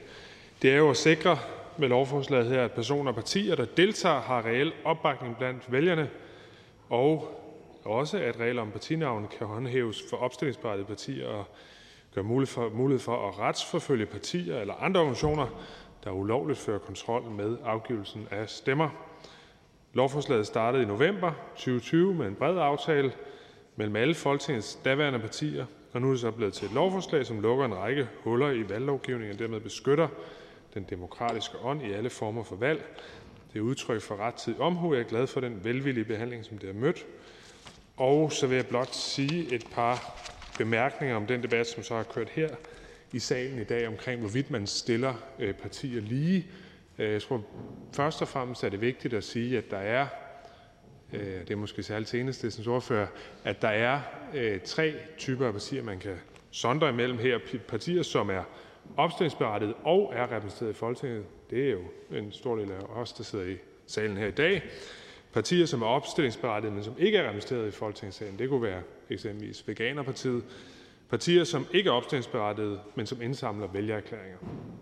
Når man så begår en forbrydelse, som har at gøre med indsamling af vælgererklæringer, enten ved at man køber øh, en vælgererklæring hos en borger, eller at man forsøger at undgå, altså at købe sig til at undgå, at en borger øh, afgiver en vælgererklæring, så har det at gøre med processen omkring at indsamle vælgererklæringer. Straffen er ens for alle de tre partier. Straffen er, at man ikke længere må indsamle vælgererklæringer. Men i og med, at både den gruppe af partier, som vi repræsenterer, hvor man øh, jo har øh, opstillet og blevet valgt til Folketinget, og den gruppe af partier, som ikke er valgt til Folketinget, men som er opstillet, jamen de ikke indsamler vælgererklæringer, så er det jo ikke nogen særlig hård straf for dem. Men straffen er i princippet ens. Og der er vi tilbage ved Anatole France, som siger, at alle kan sove. Øh, det loven forbyder alle at sove under scenens broer. Den lov er vi uenige i. Vi er uenige enige i, at det er et problem. Det er jo ikke, både de fattige og de rige må ikke sove under broerne ved scenen. Men altså, de rige har et sted at bo, de fattige har ikke. Øh, I hvert fald ikke alle sammen. Øh, og derfor så rammer loven jo forkert, fordi vi er klar over, at den lov, der rammer ligeligt, den straffer ligeligt ved, at alle ikke længere må indsamle vælgererklæringer, men at der selvfølgelig er forskel på, om man har behov for at indsamle vælgererklæringer, alt efter om man er opstillingsberettiget eller ikke opstillingsberettiget, så har vi sagt, okay, jamen så skal der være en bødestraf eller øh, fængsel op til fire måneder Øh, i det tilfælde, at man som opstillingsberettiget eller valgt parti alligevel forbryder sig mod den her lovgivning. Nu er vi, bare for at sige det, et stykke ude på det teoretiske overdrev. Altså vi forestiller os her, at der er et af de partier, som er repræsenteret i Folketinget, eller partier, som er opstillingsberettiget til Folketinget, men ikke repræsenteret øh, i Folketinget, som går ind og forhindrer ved at betale folk penge, at der bliver afgivet en vælgererklæring. Øhm, det kan sagtens være, at det er sket. Jeg, jeg har aldrig hørt om det. Øh, det kan sagtens være, at det er sket. Nu tager vi hensyn til, at det kan ske, at et medlem af mit eget parti, eller et af de partier, der er repræsenteret her, eller et af de partier, som ikke sidder i Folketinget, men som er opstillingsberettet, skulle finde på øh, at gå ind og så øh, betale nogle mennesker for at lade være med at støtte et af de partier, som er i gang med at samle vælgerklæringer ind. Nu har vi sørget for, at der også er en straf til dem. Men at påstå, at, der, at det er ulige, Øh, det er ikke rigtigt. Altså, der er den samme straf, uanset øh, om man er opstillingsberettiget og sidder i Folketinget, om man er opstillingsberettiget, eller om man ikke er opstillingsberettiget. Den straf er, at man må ikke indsamle vælgererklæringer. Men selvfølgelig er der forskel. Der er også forskel på, hvis man kører øh, 110 km i timen ind i en by, er der forskel på, hvad for en straf man får, om man har et kørekort, eller man ikke har et kørekort. Øh, det, det giver jo sig selv. Man kan ikke få et klip i kørekort, hvis man ikke har et. Og på samme måde så er der også her forskel på det, men vi mener, at den løsning, vi har fundet, er proportionel. Altså, at man som parti får et bøde, som selvfølgelig har en økonomisk konsekvens, men derudover det, som flere af ordførerne også har bemærket i den debat, der har været her omkring det her lovforslag i pressen, netop at hvis man forestiller sig, at mit parti eller et andet parti skulle finde på at øh, i, i øh, stor volumen øh, øh, sætte arbejde ind på at forhindre, at et andet parti bliver opstillet, så vil det jo selvfølgelig betyde, at der vil være en meget voldsom reaktion, fordi det er ikke de metoder, vi bruger i Danmark. Det har vi aldrig nogensinde gjort. Det kommer vi aldrig nogensinde til, forhåbentlig. Øh, så, så jeg mener, der ligger både en økonomisk sanktion, i sidste ende en, en fængselsstraf, men der ligger også selvfølgelig øh, den demokratiske sanktion der, der, og det ramaskrig, som jeg vil forvente, der vil være, hvis man oplevede, at Socialdemokratiet øh, i stor skala forsøgte at forhindre, at øh, Frie Grønne eller nogle andre kunne blive opstillet til Folketinget. Det, det vil være helt uden for øh, den demokratiske tradition, vi har, og det tror jeg egentlig, øh, de fleste af os, der er her i debatten, også øh, vil være enige i. Så blot et par bemærkninger her. Tak for det, og der er en kort bemærkning fra øh, hr. Peder Velblom. Ja, tak, tak for det, og tak til ministeren. Og det er jo rigtigt, det her, altså det er jo, det er jo hypoteser, vi står og diskuterer, diskuterer, og derfor er substansen i den her diskussion er jo ikke så meget praktik, fordi øh, for mig at se vil det også være fuldstændig usandsynligt, at et, et parti, der sidder i Folketinget, øh, systematisk, systematisk skulle begynde at betale folk for at, at, at undlade at afgive vælgererklæringer. Men det gør jo netop også, at det så bliver en principiel diskussion om, hvordan vi, vi håndterer det her. Og, og der ligger der, der en udfordring i, at fordi selvom ministeren siger, at det er en ens øh, straf, så er det jo ikke helt en ens straf, fordi det er ikke den samme sanktion, man bliver ramt af. Øh, altså et parti, der sidder i Folketinget, øh, vil få en bøde eller en, fængselsstraf. Så er det rigtigt, så vil vælgernes dom forhåbentlig være hård. Men, men det vil jo ikke være den samme øh, sanktion, som det vil være for et parti, der ikke er opstillingsberettiget nu, fordi de så ikke har muligheden for at deltage i næste folketingsvalg. Så derfor er der jo forskel i det. Så, så rent principielt i forhold til det aspekt, at der også er et spørgsmål om, om vi selv giver os selv privilegier, altså at de regler, vi vedtager herinde, at de ikke har den samme effekt for os selv, som de har for andre. Altså er ministeren ikke enig i, at der er et dilemma i forhold til det? Minister? Jo, jeg mener, det er vigtigt, at vi hele tiden sørger for ikke at give os selv øh, privilegier, men et privilegie fungerer jo kun på den måde, at det giver en fordel. Altså et privilegie, som ikke giver nogen særstillinger, er jo et tomt privilegie. Og et privilegie, som handler om at forhindre noget, der, så vidt jeg ved, aldrig nogensinde er sket, som vi har meget svært ved at forestille os kommer til at ske, det mener jeg ikke. Altså, jeg mener, jeg mener, at et privilegie skal for at man kan kalde det et privilegie, skal man, skal man kunne anvise nogle situationer, hvor i det privilegie har givet brugeren en fordel. Hvis ikke det har givet det, så, altså, så eksisterer det jo ikke. Og det er der, jeg mener, at her er vi ude på det teoretiske.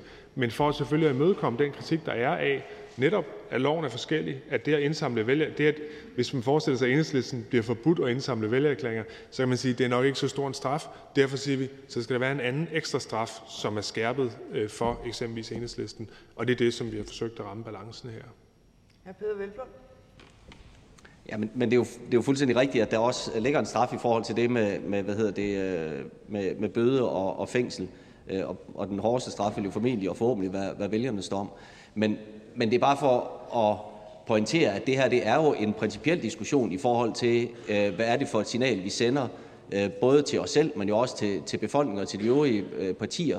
Og der har der jo været en, en tendens til, at, øh, at, at vi har gjort det sværere og sværere at blive opstillingsberettiget Øh, og derfor synes jeg bare, det er afgørende, at når vi så laver den her slags regler, som jeg synes er helt rimelige, og derfor vi også stemmer for, at vi så også sikrer, at den hårde sanktion, vi lægger ind, den også har muligheden for at ramme os selv. Minister? Jamen det er jeg helt enig i. Øh, det mener jeg, vi gør med bødestraffen. Og jeg vil give hr. Peder Velblund og Enhedslisten den fuldstændig klokkeklare garanti, at hvis vi oplever, at der begynder at blive stanget bøder ud på det her forhold i den demokratiske proces, så skal jeg være den første til at sige, at så er jeg klar til at skærpe konsekvensen. Jeg tror ikke, det kommer til at ske. Men hvis det er det, der kommer til at ske, jeg lover, jeg er den første, der sørger for, at så, tager vi, øh, så skruer vi, så skærper vi straffene, som, som øh, jo eneste normalt ikke er fortæller for, men lige i det tilfælde her, så alligevel. Øh, det vil jeg gerne give den garanti. Tak for det. Der er ikke flere korte bemærkninger. Tak til indrigs- og boligministeren. Og da der ikke er flere, som har bedt om ordet, er forhandlingen sluttet. Jeg foreslår, at lovforslaget henvises til indrigs- og boligudvalget. Hvis ingen gør indsigelse, betragter jeg det som vedtaget. Det er vedtaget. Det næste punkt på dagsordenen er første behandling af lovforslag nummer L 47, forslag til lov om leje af indrigs- og boligministeren. Sammen med denne sag foretages første behandling af lovforslag nummer L 48, forslag til lov om boligforhold, også af indrigs- og boligministeren, og første behandling af lovforslag nummer L 49, forslag til lov om ændring af lov om leje af almene boliger, lov om almene boliger med videre, lov om boliger for ældre og personer med handicap og forskellige andre love. Af indrigs- og boligministeren. Forhandlingen er åbnet, og den første, der får ordet, er hr. Henrik Møller fra Socialdemokratiet. Ja, tak for det. Øh, der er jo nogen, der siger, at tålmodighed er en dyd. Og hvis det passer, så må man sige, at øh, vi er her gået ned af dydens ikke smalle sti, men meget brede sti. Øh, fordi det er jo sådan med de lovforslag, der er her, der er det i og for sig, at vi udmyndter anden fase af lejelovsforliget fra 2014, øh, og det drejer sig om teknisk sammenskrivning af lejelovgivningen. Formålet det er at skabe et, et, et bedre overblik og selvfølgelig forenkle den lovgivning, som har været. I Socialdemokratiet der er vi glade for, at vi så nu endelig kan få udmyndtet den sidste del af forliget fra 2014. For vi er overbevist om, at det vil være til gavn for de organisationer, virksomheder og andre, der hver eneste dag beskæftiger sig med lejelovgivning. Forliget det blev dengang indgået med det, den daværende regering, Socialdemokratiet og Radikale, samt Venstre, Dansk Folkeparti, SF og Enhedslisten. Og formålet det var at sikre en forenkling og en modernisering af lejelovgivningen. Og forliget det omfatter et forløb bestående af to faser, hvor den første fase blev udmyndtet i 15, altså for 6, snart 7 år siden, mens det altså nu foreslås at udmynde den anden fase, og det er som nævnt øh, drejer det sig om en teknisk sammenskrivning af lejelovgivningen. Der er dog et element om, at der foreslås at styrke fremlejetagernes rettigheder, og her der snakker vi typisk om unge mennesker på SU, der leger et værelse i en begrænset periode. Øh, og det er jo fordi, vi har set nogle, nogle eksempler på, at de her unge mennesker snydes for rigtig store summer øh, af penge, som de ikke får tilbagebetalt af deres depositum, på trods af, at de naturligvis har været berettiget til at få det tilbagebetalt. Der er altså tale om nogen, som fremlejer, som spekulerer i at udnytte de her unge menneskers skrøbelige boligsituation, øh, og det vil vi selvfølgelig ikke se imellem fingrene øh, imellem, øh, se igennem fingrene med. Socialdemokratiet, vi støtter de tre lovforslag, der er lagt frem. Tak for det. Der er ikke nogen kort bemærkninger til Socialdemokratiets ordfører. Den næste ordfører er fra Venstre.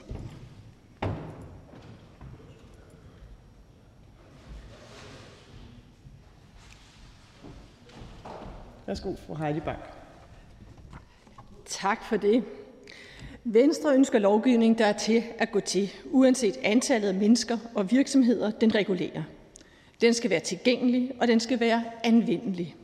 I 2014 indgik vi et forlig om lejelovgivning med Socialdemokratiet, Radikale Venstre, Dansk Folkeparti, Socialistisk Folkeparti og Enhedslisten.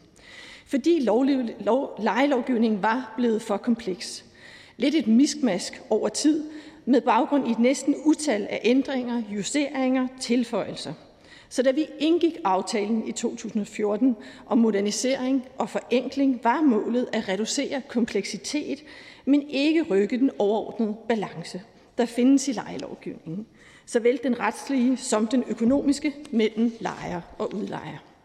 Branchen efterspurgte det selv, og forliget indebar to faser. Fase 1 var en modernisering, der blandt andet havde til formål at sikre lejerne mod urimelige økonomiske udgifter ved fraflytning at sikre udlejerne administrative lettelser.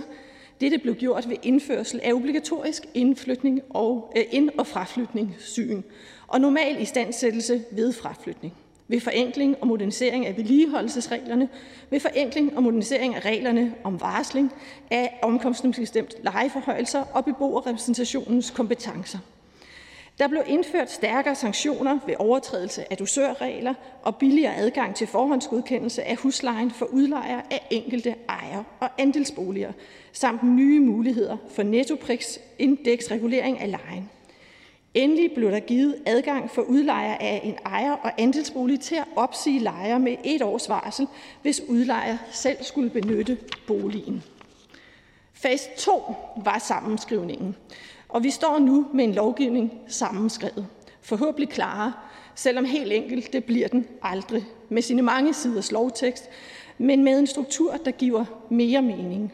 Og samtidig fik vi adresseret fremlejetagerne, hvis rettigheder ses sikret, blandt andet ved at indføre en opsigelsesadgang for udlejer over for lejere, som gentagende gange misholder deres forpligtelser over for en fremlejetager og ved at indføre sanktioner over for lejere, som ikke tilbagebetaler eventuelt overskydende depositum og forudbetalt leje til en fremlejetager ved fremlejens ophør.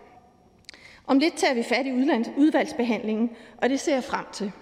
For jeg har en forventning om, at implementeringen optimeres, så den ikke kræver unødige omkostninger hos brugerne af lovgivningen. Og hvad skal der så til, for at brugerne af lovgivningen, udlejer og lejer, ikke lades i stikken her. For det første skal implementeringen tilrettelægges. Hvordan må ministeren have tænkt sig det? Med en ikrafttræden 1. januar, som det foreslås, det er meget kort tid, hvilket påpeges af flere interessenter. Implementeringen kræver med andre ord forberedelse. Der er for eksempel brug for en oversættelsesnøgle af eksisterende regulering til den nye, som påpeget af husen advokater. Der kan være brug for tilretning af koncepter og formularer som påpeget af Huslejenævnsforeningen. Der er vigtig økonomien for brugerne i veltilrettelagt implementering. I forhold til økonomien bør vi se ind i huslejenævnenes økonomi.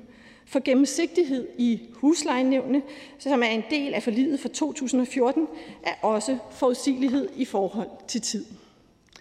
Og tid er penge. Det er vist de færreste, der kan være uenige i det.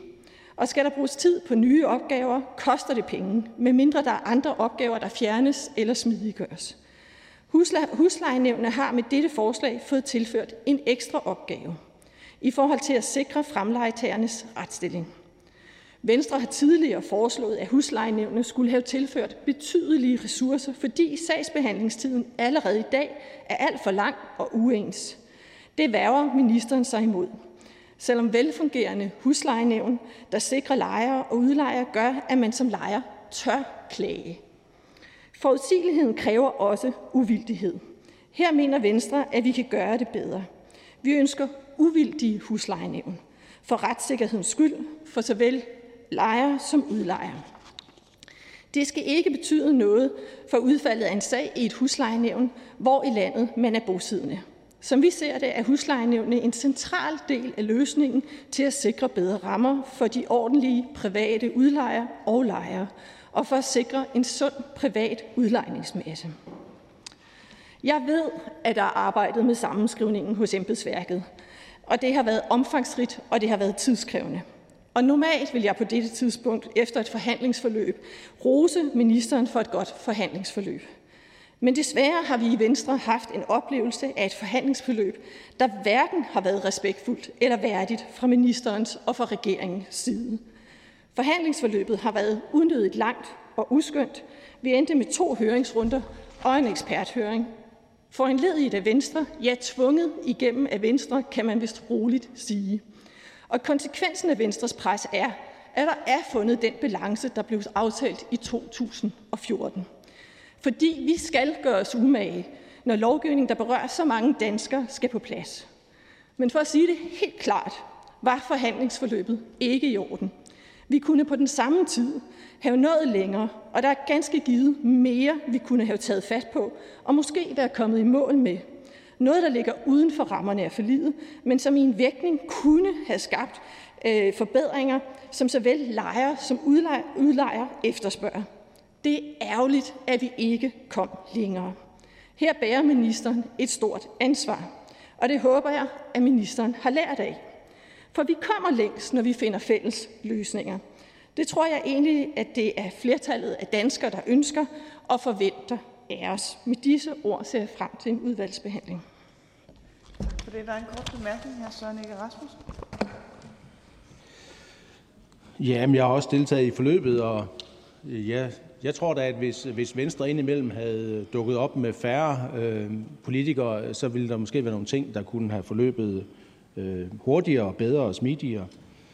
Øh, nu skal vi jo lande noget, som gerne der skal være en afbalancerethed i, i forhold til lejere øh, og udlejere.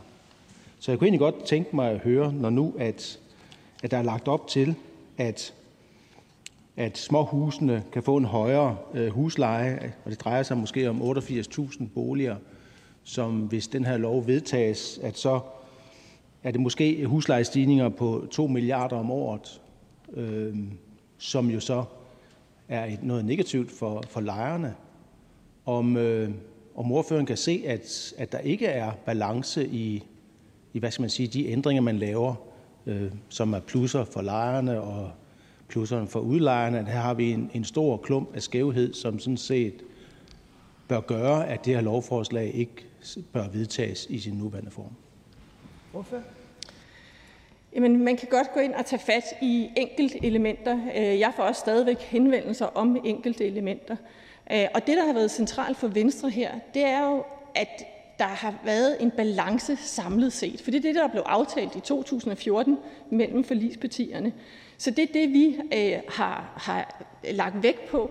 Og så kan der sagtens være områder, hvor man kan sige, jamen der, der forrykkes balancen øh, den ene eller den anden vej. Men samlet set skal balancen være der. Og det er det, som vi også ved den eksperthøring, der var, fik nogle ret klare udmeldinger på fra de her forskellige interesseorganisationer, der både repræsenterede lejere og udlejere og huslejenævn, øh, at de kom med. Så jeg mener, at ud fra de tilbagemeldinger, vi har fået, så, er det, så tror jeg ikke, at nogen af os skal bilde os ind, at vi er landet noget, der er perfekt. Men der er fundet den balance, der gør, at den her sammenskrivning øh, kan komme videre, og at, øh, at, at vi skal det. Hr. Søren Ege Rasmussen.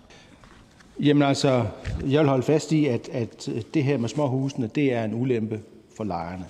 Og så kunne jeg egentlig godt tænke mig at høre, hvad er det for nogle elementer i, i lovforslaget, som er, er ulemper for, for udlejere, som ligesom kan ophæve det her, så vi, så vi har den der balance, der er i talsat lige fra, fra aftalens start. For det er jo korrekt, og det er også korrekt, at, at et enkelt element kan ikke hvad skal man sige, afgøre det hele, men der skal være en samlet balance. Hvad er det for nogle ulemper, at udlejere har fået øh, via øh, det lovforslag her? Men altså, det er jo simpelthen et drildt spørgsmål der for enhedslisten, og det handler jo om, at man ligesom vil gå ind, og man vil pensle ned i en ting, og det kan jeg lige så godt bare sige, det kan man ikke. Man er nødt til at se det her samlet set. Det her det er jo et kæmpestort lovkompleks, og når man så vælger den tilgang, som enhedslisten gør, jamen så er det jo der, man ikke kan komme i mål med noget som helst, når man sidder og skal drøfte de her ting og gå i forhandlinger på det. Fordi det er jo der, og der må jeg jo så også, der må jeg jo også anerkende, at ministeren var udfordret, fordi at der virkede som om, at der var partier, blandt andet enhedslisten, som overhovedet ikke var klar til at rykke sig på centrale punkter øh, i de forhandlinger, øh, vi havde, som netop kunne have gjort, at vi kunne have fundet øh, måske nogle steder, hvor man kunne have hjulpet øh, lejerne og udlejerne til nogle samlet set bedre løsninger. Tak for det. Der er ikke flere korte bemærkninger. Tak til fru Heidi Bank øh, som Venstres ordfører. Og den næste ordfører er fra Dansk Folkeparti, hr. Alex Ahrendtsen. Værsgo. Tak, formand. Dansk Folkeparti kan øh, som øvrige partier øh, tiltræde ved øh, tredje behandling. Det lægger vi slet ikke skjult på. Vi er glade for at være med i aftalen. Og jeg vil også godt takke de tidligere ordfører for deres glimrende og detaljerede redegørelse af det her omfattende lovkompleks. Jeg vil ikke gå nærmere ind i detaljen på de tre lovforslag, men måske lige vende et par ord om selve processen, Øh, som Venstres ordfører, øh, fru Heidi Bank, jo også var inde på. Altså, vi kan jo alle sammen have øh, forskellige oplevelser af selve processen. Jeg synes egentlig, at det er en fordel, at man er uenig, fordi under uenighed så bliver synspunkter og aftaletekster ofte skærpet. Og jeg synes faktisk, det var en god proces, det endte med. Øh, og jeg vil gerne takke fru Heidi Bank for at have presset på, øh, for at vi fik øh, en, en høring og en ekspertudtalelse. Det støttede vi i Dansk Folkeparti, fordi vi havde også brug for lige at se på, om balancen virkelig var opretholdt i sammenskrivningen af de fire love til to love. Og høringen viste jo med al tydelighed, at øh, høringsparterne jo øh, langt fra var enige, men de var heller ikke så uenige. Så min konklusion på høringen var, at øh, embedsapparatet jo egentlig havde ramt øh, temmelig godt i selve sammenskrivningen. Øh, og selvfølgelig var der enkelte punkter, som øh, lejernes parter og udlejernes parter var uenige om, og de ikke var, var helt tilfredse. Men samlet set tror jeg faktisk, at sammenskrivningen har været god. Og så øh, fik vi også en øh, særskilt vurdering af en øh, professor, øh, som er ekspert i, i lejeloven. Øh, og jeg var meget imponeret over hans detaljerede kendskab til det her omfattende lejekompleks. Og han konkluderede jo egentlig, at øh, man havde ramt skiven ganske godt. Og det synes vi egentlig også selv i Dansk Folkeparti, uden at jeg skal gøre mig ekspert i de her øh, næsten 500 eller mere end 500 øh, sider, fordi det er omfattende, det er kompliceret, og det er svært at lave ting om når det drejer sig om øh, lejeboliger, fordi det er så følsomt for mange mennesker. Det skal det også være. Det, det drejer sig om noget af det vigtigste, man kan have i sit liv, nemlig en bolig. Og jeg ved ikke, om man skal skælde ministeren ud, eller om man skal skælde øh, aftalepartierne ud for øh, dette forløb. Øh, jeg er egentlig glad for, at vi fik et langstrakt forløb. Der var lidt øh, slagsmål i aftalekredsen. Det synes jeg egentlig er fint. Jeg kan godt lide de her åbne slagsmål, hvor man, øh, hvor man kæmper for sine øh, øh synspunkter. Øh, min erfaring er, at det i sidste ende fører til gode aftaler. Øh, og så kan man så øh, synes, at det måske var ministeren, der var lidt øh, fodslæbende, eller man kan synes, at Venstre var lidt for aggressiv. Jeg synes egentlig, at det var godt, at både ministeren var fodslæbende og, og, og, og Venstres ordfører var aggressiv fordi det endte jo med en god høring og en inddragelse af en professor, der var ekspert, og i sidste ende en god aftale, ikke bare for os, men for lejerne og for alle de mennesker, som skal bruge loven i fremtiden. Den er moderniseret, og den er nu også forenklet, så der er to store lovkomplekser, som man skal forholde sig til. Dermed ikke sagt, at vi, at vi så ikke i fremtiden kan gøre det enklere. Jeg ved ikke, om ministeren tør at kaste sig ud i det, fordi det er godt nok nu en opgave at kaste sig ud i. Men det kan man jo så overveje. Øhm, jeg ved, at ministeren har travlt med mange andre ting i disse tider. Derudover er der jo selvfølgelig de der øh, små øh, ændringer ud over øh, forenklingen og sammenskrivningen, nemlig øh, det, som andre ordfører også har nævnt, øh, fremlejereglerne. Og igen her er det jo både udlejerne og lejerne, der er blevet tilgodeset. Øh, fordi det, man nogle gange glemmer, det er jo, at der er jo både mennesker som lejer og mennesker som udlejer, der misbruger loven. Det må vi aldrig glemme. Og det er derfor, at loven er til for begge parter. Og det er derfor, der skal være den der balance, så den ene part ikke kan udnytte den anden. Altså i Dansk Folkeparti er vi jo glade for, at der er udlejere, som vil investere deres private penge i at stille boliger øh, til rådighed. Og de allerfleste udlejere, det er ordentlige mennesker. Så er der nogle få rådne kar, der udnytter situationen og udnytter loven. De allerfleste lejere er gode og ordentlige mennesker. Så er der nogle få, der udnytter øh, loven og ikke opfylder deres forpligtelser. Og der må vi jo bare sørge for, at der er nogle redskaber til rådighed, så både lejer og udlejer er sikret. Hvilket fører mig frem til øh, fru Heidi Banks øh, ord om huslejenævnet, som er en vigtig sag. Altså, jeg er fuldstændig enig i øh, Venstres synspunkt om, at der skal være en nogenlunde ensartet øh, sagsbehandling i huslejenævnene landet over. Og det ved jeg jo, at ministeriet og ministeren også er i gang med, og vi ser jo frem til, at vi får, øh, eller bliver indkaldt til et møde, så vi kan øh, diskutere det. Men øh, tak for, for Venstre for at have hånden på kogepladen, på, også på dette punkt. Dansk Folkeparti stemmer for loven. Tak til hr. Alex Hansen. Der er ikke nogen korte bemærkninger, så vi går videre til øh, ordføreren for Socialistisk Folkeparti, fru Halime Oguz. Tak, formand. Da vi i 2014 gik med i forliget om at samskrive lejeloven og boligreguleringsloven, var det fordi, vi ønskede en mere enkel lovgivning. Lejelovgivningen var blevet kompliceret og trængte til en revidering, og det vil vi i SF gerne være med til.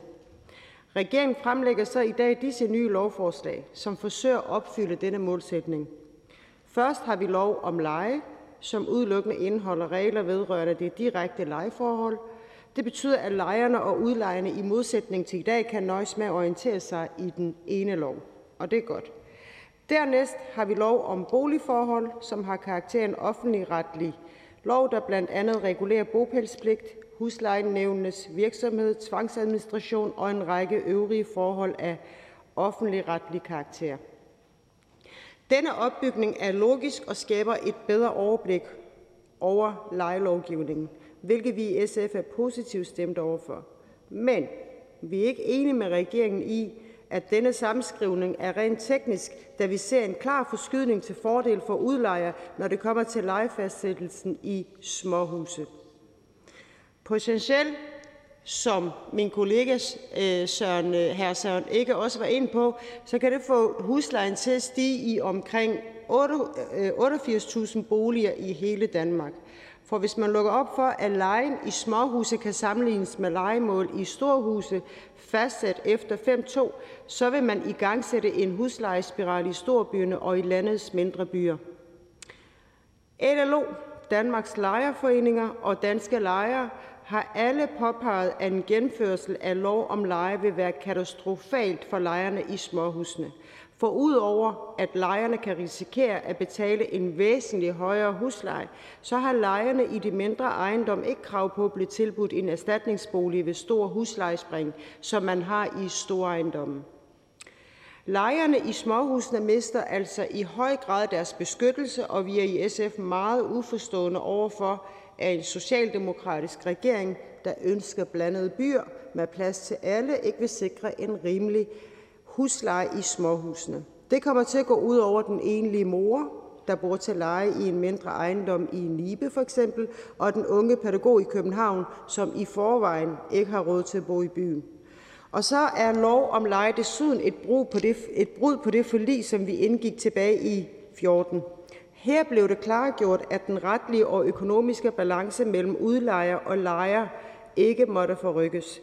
Derfor har SF sammen med Enhedslisten nedskrevet nogle konkrete ændringsforslag, som skal sikre, at bemærkningerne i tilstrækkelig grad afspejler gældende ret. I den forbindelse er det vigtigt at nævne, at vi med ændringsforslagene ikke lægger op til, at lovbemærkningerne skal falde ud til fordel for hverken udlejerne eller lejerne. Dette spørgsmål vi vil lade domstolen afgøre. Og udover spørgsmålet om småhusene, så mangler lov om leje også at præcisere, at nyistandsættelsesbegrebet begrebet rent faktisk er blevet afskaffet. Vi var som forligspartier enige om at afskaffe nyistandsættelse i 15, og det bør fremgå klart af loven. Derfor stiller vi også ændringsforslag til denne del. På den baggrund kan jeg meddele, at SF kan kun kan støtte dette lovforslag, hvis lovbemærkninger bliver præciseret, så de ikke lukker op for, at alle småhuse i Danmark nu kan sættes efter det lejedes værdi. De konkrete ændringsforslag vil blive sendt til forligskredsen og regeringen efter denne første behandling. Tak for ordet.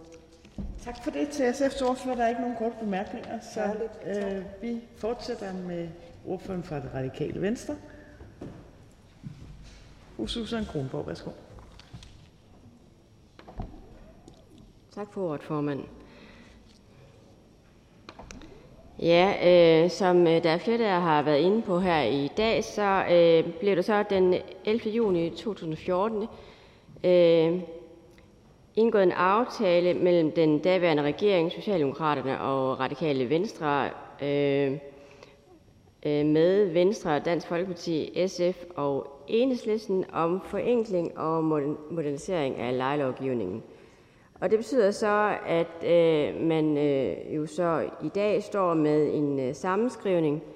Øh, det vil sige, at man har lejeloven, hvor man øh, har efterladt øh, de regler, som regulerer forholdet mellem lejer og udlejer, øh, at øh, de interpartes regler, de øh, er så øh, placeret i lejeloven, og man har så øh, lavet en ny lov, der hedder Lov om boligforhold, som omfatter andre områder, som ikke direkte vedrører det interpartes forhold.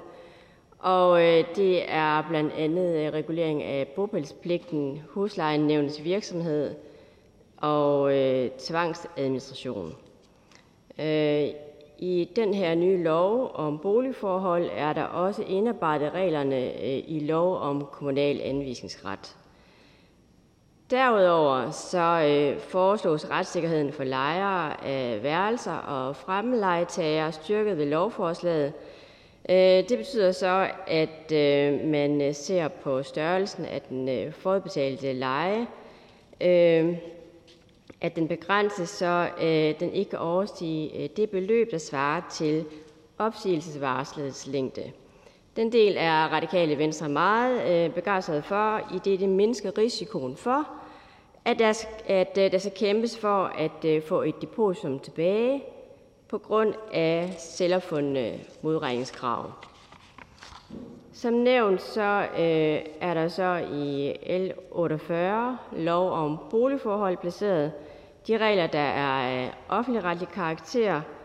Øh, I L 49 er der tale om en øh, konsekvensrettelse af øh, L 47 og 48, øh, som øh, lige er nævnt. Øh, og øh, i L 49 gør man også det, at man indfører øh, en opsigelsesadgang for udlejere over for almindelige lejere, som gentagende gange misligholder deres forpligtelser som fremlejere over for en fremlejetager.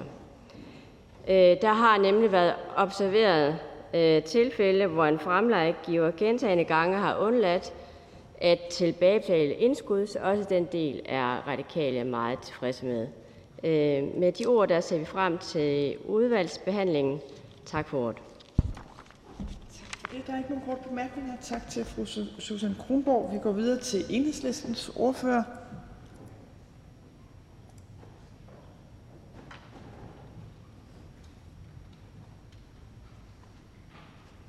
Værsgo, Søren Ege, hr. Søren Ege Rasmussen. Yes.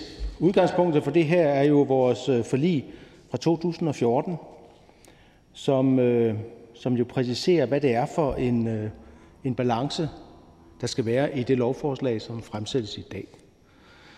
Og der står meget præcis, forligspartierne er på den baggrund enige om, at gennemføre en samlet forenkling og modernisering af lejelovgivningen. Det er, den sam, det er i denne sammenhæng et vigtigt hensyn, at den retslige og økonomiske balance mellem udlejer og lejere ikke forrykkes. Og det er jo det, at den her sammenskrivning så skal måles op i forhold til. Så står der yderligere præciseret, parterne er ligeledes enige om, at der ikke kan gennemføres væsentlige forenklinger, hvis der på forhånd ses bort fra enkeltforslag, der er størst interesse for enten lejere eller udlejere. Parterne er derfor enige om, at balancen mellem lejere og udlejere ikke skal opretholdes i det enkelte delforslag, men derimod i det samlede lovforslag.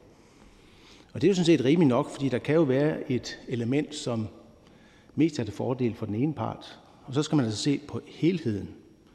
Og det er jo den helhed, som vi så har forholdt os til i det her forhandlingsforløb. Og jeg synes jo, at det kunne godt være endt bedre. Altså vi, vi burde have, have kommet frem til at løse flere problemer. Jeg synes, at det er en ulempe, at vi ikke er kommet frem til at sikre flere energirenoveringer i den private udlejningsmasse. Det er vi ikke, det er vi ikke nået i mål med. Og det øh, synes jeg er rigtig ærgerligt, når vi står i en klimakrise, og hvor at øh, vi har et øh, udlejningssystem, som, øh, som er på en måde, at, at det, er, det er svært for en udlejer at lave fornuftige øh, energirenoveringer, fordi det er svært at få pengene hjem. Så vi er endt i et system, hvor at, at vi ikke har de bedste regler for at sikre energirenoveringer. Og det er jo der, hvor man kan sige, at forhandlingerne ikke lykkedes. Og det er jo altid en skam, når noget ikke lykkedes. Og øh, vi var jo også i den situation, at, at på et tidspunkt konkluderede ministeren, at så vil han sende et lovforslag i salen. Og det er så det, vi står med i dag. Og når jeg skal se på den her balance, der både skal være retslig og økonomisk balance mellem udlejere og lejere, så er det et meget væsentligt og stort problem, at der nu er udsigt til, at huslejen potentielt kan stige i 88.000 boliger. Og det har lejeorganisationer så gjort op til, at det kan være en huslejestigning på 2 milliarder årligt. Og så kan man sige, ja, men det kunne man jo godt acceptere, hvis det var så sådan, at, at man så samtidig andre steder i lovpakken fik nogle klare forbedringer. Og det er jo så det, som jeg ikke kan, kan se listet op. Så jeg står med ligesom en samlet pakke, hvor jeg kan se, at det her det rammer skævt. Det rammer lejerne. Og som enhedslistet repræsentant, der tager jeg større hensyn til, til lejerne end udlejerne. Så kan der være andre partier, der måske har en anden prioritet, men jeg er jo sådan set her i, i Folketingssalen for mere at repræsentere lejere end udlejere. Og når jeg skal forholde mig til, om, om enhedslisten kan gå ind for den her sammenskrivning, jamen så skal der være den balance, der er bestilt. Og den synes jeg ikke er der på nuværende tidspunkt. Og det er jo derfor, at det er nødvendigt at få fundet flertal for nogle ændringsforslag i udvalgsbehandlingen, før at enhedslisten kan stemme for denne sammenskrivning.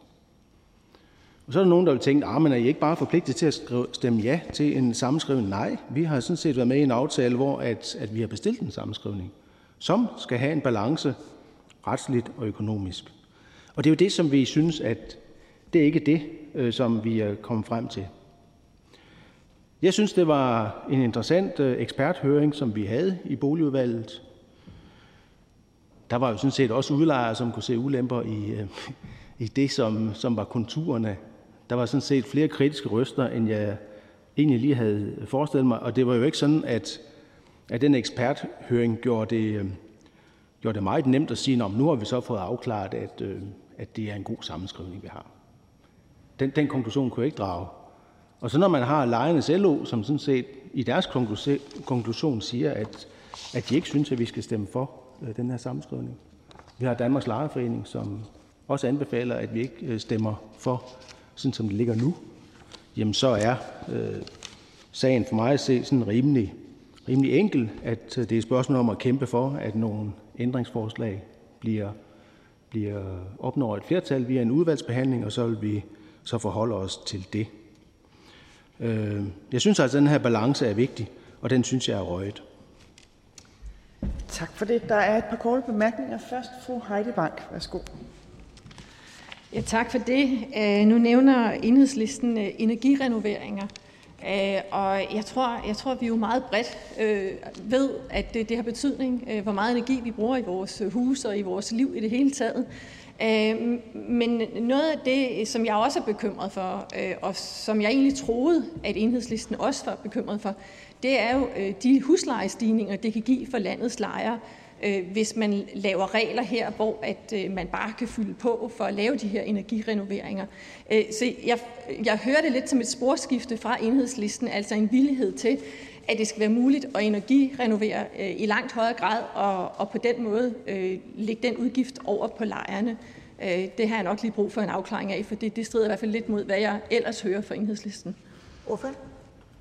Nej, jeg tror ikke, der er så meget nyt i det. Altså, jeg kan sagtens se, at vi kan lave nogle fornuftige energirenoveringer, som medfører, at man får en lidt højere husleje, og til gengæld har lavere udgifter til energi eller vand, øh, elektricitet. Altså den balance, jeg synes, det er ærgerligt, at vi ikke kommer frem til at kunne skitsere, hvordan det kan gennemføres, uden at det bliver for øh, stor en byrde for, for de nuværende lejere. Det synes jeg er ærgerligt. Altså det kan godt være, at man kan komme i mål med noget anden finansiering eller det lige, men, men vi er, jeg synes ikke, vi er nået i mål til at have regler, som gør, at de private udlejere finder det attraktivt nok at energirenovere deres boliger. Så jeg, jeg konstaterer bare, at jeg ikke synes, at reglerne er gode nok, og det kunne godt være, at vi i det rum med, med en øh, stor del af Folketingets partier kunne have fundet frem til en løsning der. Men det lykkedes øh, så ikke, og det er jo så bare det, jeg hvad skal man sige, konstaterer, at det var en skam, at vi ikke nåede mål med det. Fru Heidi Bank. problematiseret. Jeg mener, der er en lang række punkter, hvor vi kunne være kommet længere, hvis, hvis forløbet havde været øh, anderledes. Øh, men jeg er nødt til lige at spørge igen. Skal det forstås sådan, at enhedslisten synes, det er i orden, at der sker en huslejeforhøjelse hos lejerne, Øh, og nu hører det som om, at det er kun, hvis øh, de får tilsvarende lettelser på deres mm-hmm. varmeregninger. Det, det er jo ikke nødvendigvis en til en. Så jeg har bare brug for lige at vide, hvor, hvor, hvor, hvor snitfladen er hos enhedslisten. Ja, øh, jamen en fornuftig energirenovering medfører selvfølgelig, at energiomkostningerne, omkostningerne til elektricitet, og det kan også være vand, sådan set bliver reduceret. Og hvis det er en fornuftig energirenovering, så skal det jo gerne være sådan, at den, at den ikke bare øh, gør bygningen mere værd, men sådan set øh, medfører en, en drift, hvor det investeringen øh, hvad skal man sige, svarer til den øh, besparelse, at, at lejerne opnår. Så det, det, er ikke så, det er ikke så besværligt, synes jeg ikke. Den næste korte bemærkning er til hr. Alex Hansen, Dansk Folkeparti. Værsgo. Det er jo højst usædvanligt, at man indgår en aftale, får øh, lovforslaget tilsendt forud for, at det kommer i Folketingssalen, og når, vi, når lovforslaget så kommer ned i salen, så uh, meddeler man, og det er både Enhedslisten og SF, at man har nogle ændringsforslag, og at man ikke kan stemme for lovforslaget, medmindre disse ændringsforslag de kommer øh, igennem, sådan som SF blandt andet sagde det. Skal jeg forstå det sådan, at hvis forligskredsen ikke accepterer de ændringsforslag, som Enhedslisten og SF har bragt på bordet i dag, så vil man træde ud af forliget. Altså det, som, det, som for, øh, hvad skal man sige, den gamle aftale den, den, øh, den gør, det er, at den bestiller en sammenskrivning. Den er så blevet lavet, og den har været i høring, og der har været forhandlinger, og de kunne være endt anderledes. Og på et tidspunkt vælger ministeren så at sende det lovforslag ned i salen, og så er det sådan set ikke forligskredsen, der beslutter. Det er sådan set Folketingssalen, som skal forholde sig til tre lovforslag. Også de partier, der ikke er med i forliget, har jo stemmeret her i Folketingssalen. Så den er sådan set overladt øh, til Folketingssalen. Og det er jo en sammenskrivning, at der er bestilt. Jeg erkender, at der er en sammenskrivning. Balancen i sammenskrivningen synes vi ikke er rimeligt når man ser på det retslige og økonomiske balance mellem lejer og udlejer. Vi synes, den er skæv, sådan at det er en ulempe for lejerne. Og det er derfor, at vi siger meget markant, som SF gør, der skal ændringer til, for at vi kan stemme for det her. Så jeg synes ikke, det er så kompliceret. Hr. Alexander. Det er jo klart tale. Enhedslisten vil have ændringer for at stemme for. Hvis enhedslisten ikke får disse ændringer, vil man så træde ud af forliget og dermed forlade aftalekredsen, hvilket vil være den logiske øh, følge af Enhedslistens øh, synspunkt? Jamen, vi træder ikke ud af, af, af forligskredsen, men man kan sige, hvornår er, er dette, øh, hvad skal man sige, dette forlig sådan set ophørt, fordi at det, der er blevet bestilt, det er gennemført. Altså, øh, aftaler er jo ikke uendelige. Man kommer jo til et tidspunkt, hvor at at man er færdig med at håndtere det. Det sker også på energiområdet. Den energiaftale fra 2012, altså den, den er vi sådan set, øh, tror jeg, helt færdig med nu. Så er der så indgået andre aftaler bagefter. Og der ser vi da meget frem til, at vi kunne få nogle forhandlinger om nogle år for at forbedre lejernes vilkår. Den næste korte bemærkning er til hr. Jens Rode, Kristendemokraterne. Værsgo. Hr. Søren Egge Rasmussen, undskyld udtrykket, men det er jo en lille smule syret, det her. Det er det virkelig. Sådan ud fra en almindelig parlamentarisk praksis, og den almindelige praksis, vi har i Folketinget. Det ved hr. Søren Egge Rasmussen alt om. Det er jo ikke en måde at være forlispart på, at være en del af forhandlingsforløbet på. Det, det, det, altså, det, det, det giver jo ikke nogen mening. Altså, vi taler jo om et forlig her, der er indgået for lang tid siden, og det er jo ikke ophørt nu. Det er jo netop, altså man laver resultatet af det forlig fra 2014, som jeg tror det var. Og det har der været langstrakte forhandlinger om. Jeg var selv, da jeg sad i Radikal Venstre, var jeg jo selv boligordfører og forhandlingspart for Radikale Venstre øh, i det. Og det var jo langstrakte drøftelser, og også meget hæftige drøftelser, men vi nåede dog sådan krabbet os i mål. Og jeg har aldrig oplevet at lave en aftale, som jeg har været 100% tilfreds med. Aldrig. Det ville da heller ikke være godt. Fordi det har ikke noget med demokrati at gøre. Det er jo et spørgsmål om, at alle får lidt, så alle kan se sig selv et eller andet sted. Har enhedslisten været så ringe i forhandlingsforløbet, at man slet ikke kan se sig selv i noget af det her? Jo, det kan vi da sagtens, men jeg, jeg synes, det er noget slud af, at, øh, at Jens Rode her øh, nævner, fordi hvis, hvis, hvis det ligesom var tilgangen, så kunne vi lige så godt lade være med at have haft de forhandlinger, så kunne ministeren jo bare have fremsendt det der øh, sammenskrivning uden en, en drøftelse. Jeg synes det faktisk, det var væsentligt, at der blev lavet en drøftelse, og så havde vi en forhandling. Og på et tidspunkt, så kan vi ikke nå i mål, og så vælger ministeren at sige, jamen så vil jeg sende det i salen. Er forliget ophørt? Nej, det er det ikke helt, fordi der står en passus i, i forliget, hvor der står, at parterne er enige om at genforhandle lejelovgivningen senest tre år efter den sammenskrevne lovs ikrafttrædelse. Hvis parterne ikke her kan nå til enighed, betragtes forliget som ophørt. Det vil sige, at forliget er ikke helt færdigt. Og hvis det er sådan, at man så kommer frem til om tre år, at alle i forliget ikke var enige, så var vi frit stillet til, at det parlamentariske flertal, der måtte være på det tidspunkt, kunne gå ind og kæmpe for, for lejernes interesser. Og der ville jeg jo synes, det var yderst interessant, hvis det er samme flertal i Folketinget som nu. Hr. Jens Rode. Men nu er det vel ikke hr. Søren Egge Rasmussen, der alene kan definere, om et forlig er ophørt eller ej. Og derfor øh, synes jeg, at vi faktisk skylder et svar, eller hr. Søren Egge Rasmussen skylder et svar på det meget relevante spørgsmål fra hr. Alex Arensen. Vil man træde ud af det forlig, som forligsdeltagerne mener stadig eksisterer? Det må være den logiske konsekvens, hvis man ender ved tredje behandling ved at stemme nej. Det er ikke en korrekt konklusion, fordi øh, det, som øh, aftalen fra 2014 definerer, det er, at man bestiller en sammenskrivning. Der står ikke, at alle de partier, der er med i aftalen, er forpligtet til at stemme for den sammenskrivning, der må, man måtte komme frem til. Der står nogle principper for denne, denne sammenskrivning, og et af principperne er, at den retslige og økonomiske balance mellem udlejer og lejer ikke forrykkes. Og det er så der, hvor vores konklusion er, den forrykkes. Jeg forsøgte at udfride Venstres ordfører tidligere, om jeg kunne få at vide, hvor det var, at øh, udlejerne sådan set fik nogle ulemper.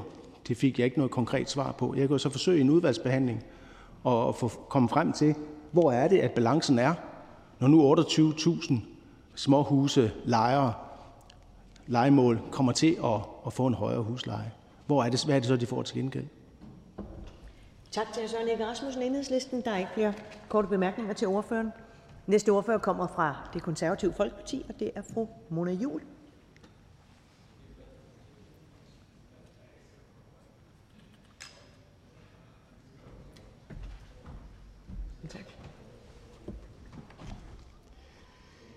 Tak for ordet.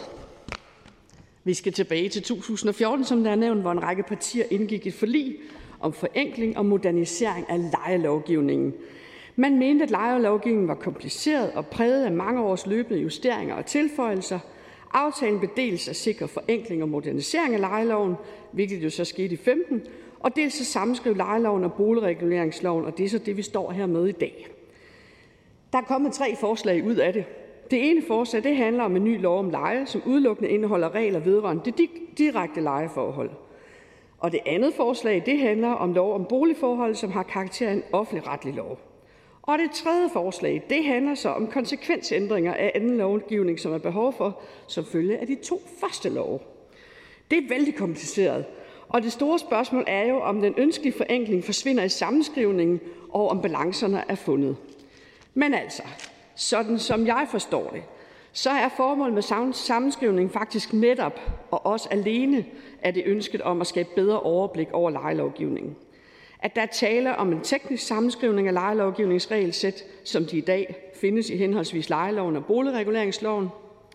Jeg forstår det også sådan, at L 47 og L 48 som udgangspunkt indeholder en videreførelse af de hidtil gældende regler, og med L 47 foreslås dog indført nye regler med det formål at styrke fremlejetagers rettigheder i fremlejeforhold, simpelthen fordi der har været eksempler på, at fremlejegiver har spekuleret i ikke at tilbagebetale for eksempel depositum.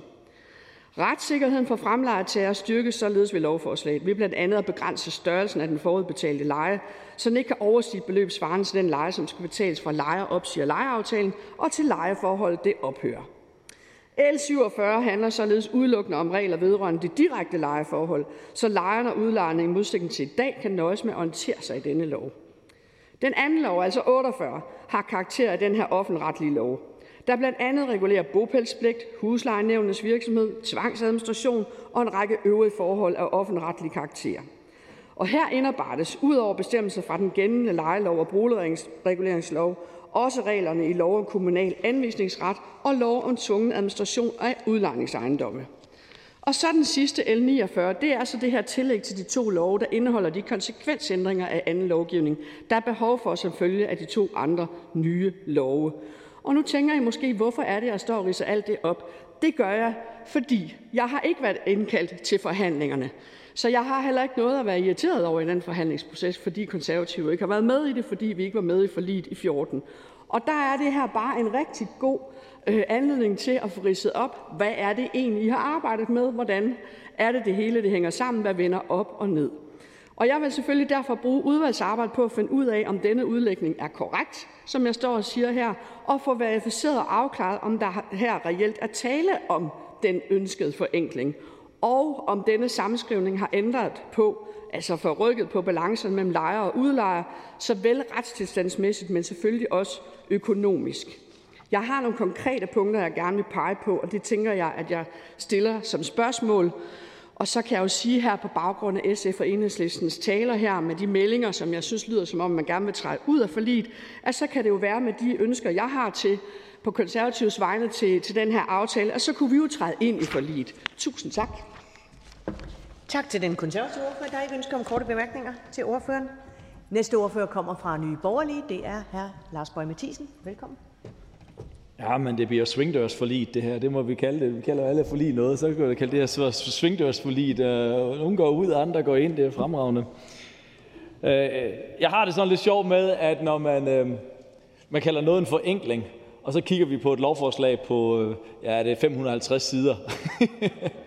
altså, nå, vi laver lige en forenkling. Værsgo, 550 sider. Sæt jer lige ind i det. Nu skal vi lave ny lovgivning til danskerne ude bagved. Og, og det er måske sådan, jeg også har det lidt med, med lejeloven. Øh, og, og, og, så kan det jo fint være en teknisk sammenskrivning, de her ting, og, og, og nogle små ændringer osv. Ja, og, og arbejdet har været lang tid. Det er sådan for som vi ikke, øh, som lavede lang tid før Nye Borgerlige var i Folketingssalen og så videre. Jeg tror nok, hvis jeg skulle have lavet lejeloven, så ville jeg nok have lavet den noget anderledes, end hvad det var. Men sådan er det jo. Øh, og, og, og sådan har vi forskellige. Jeg kunne godt tænke mig, at det blev langt mere simpelt, hvis man nu kunne lave den på 20 sider. Så var vi jo øh, et godt stykke vej. Og så må ikke så, det var en god til, til forenkling. Ikke? Men vi skal sætte ambitionsniveauet højt. Nu kan jeg se, og, og det må man gerne har jeg hørt fra formanden af, at, at selvom man ikke er adresseret direkte, at nu er der en masse unge mennesker, som, som er her i dag, og, og hvis de følger diskussionen, hvad, hvad handler det her så egentlig tæt om? Øh, og det kan jeg ikke lade være med som, som, som gammel lærer at sige, det handler grundlæggende om, har I et sted at bo? Leger I det? Hvad må I betale for at rent faktisk bo der? Skal der være nogle regler for det, eller skal I bare helt selv bestemme det sammen med nogle andre? Altså lejerne og udlejerne, kan de blive enige om det, eller er der nogle politikere, som skal blande sig lidt ind i det? Og det er sådan set det, som, som, som, som det her det handler om. Øh, og øh, i udvalgsarbejdet har vi også nogle, nogle spørgsmål, faktisk lidt ligesom konservative, fordi det er, er det bare en sammenskrivning?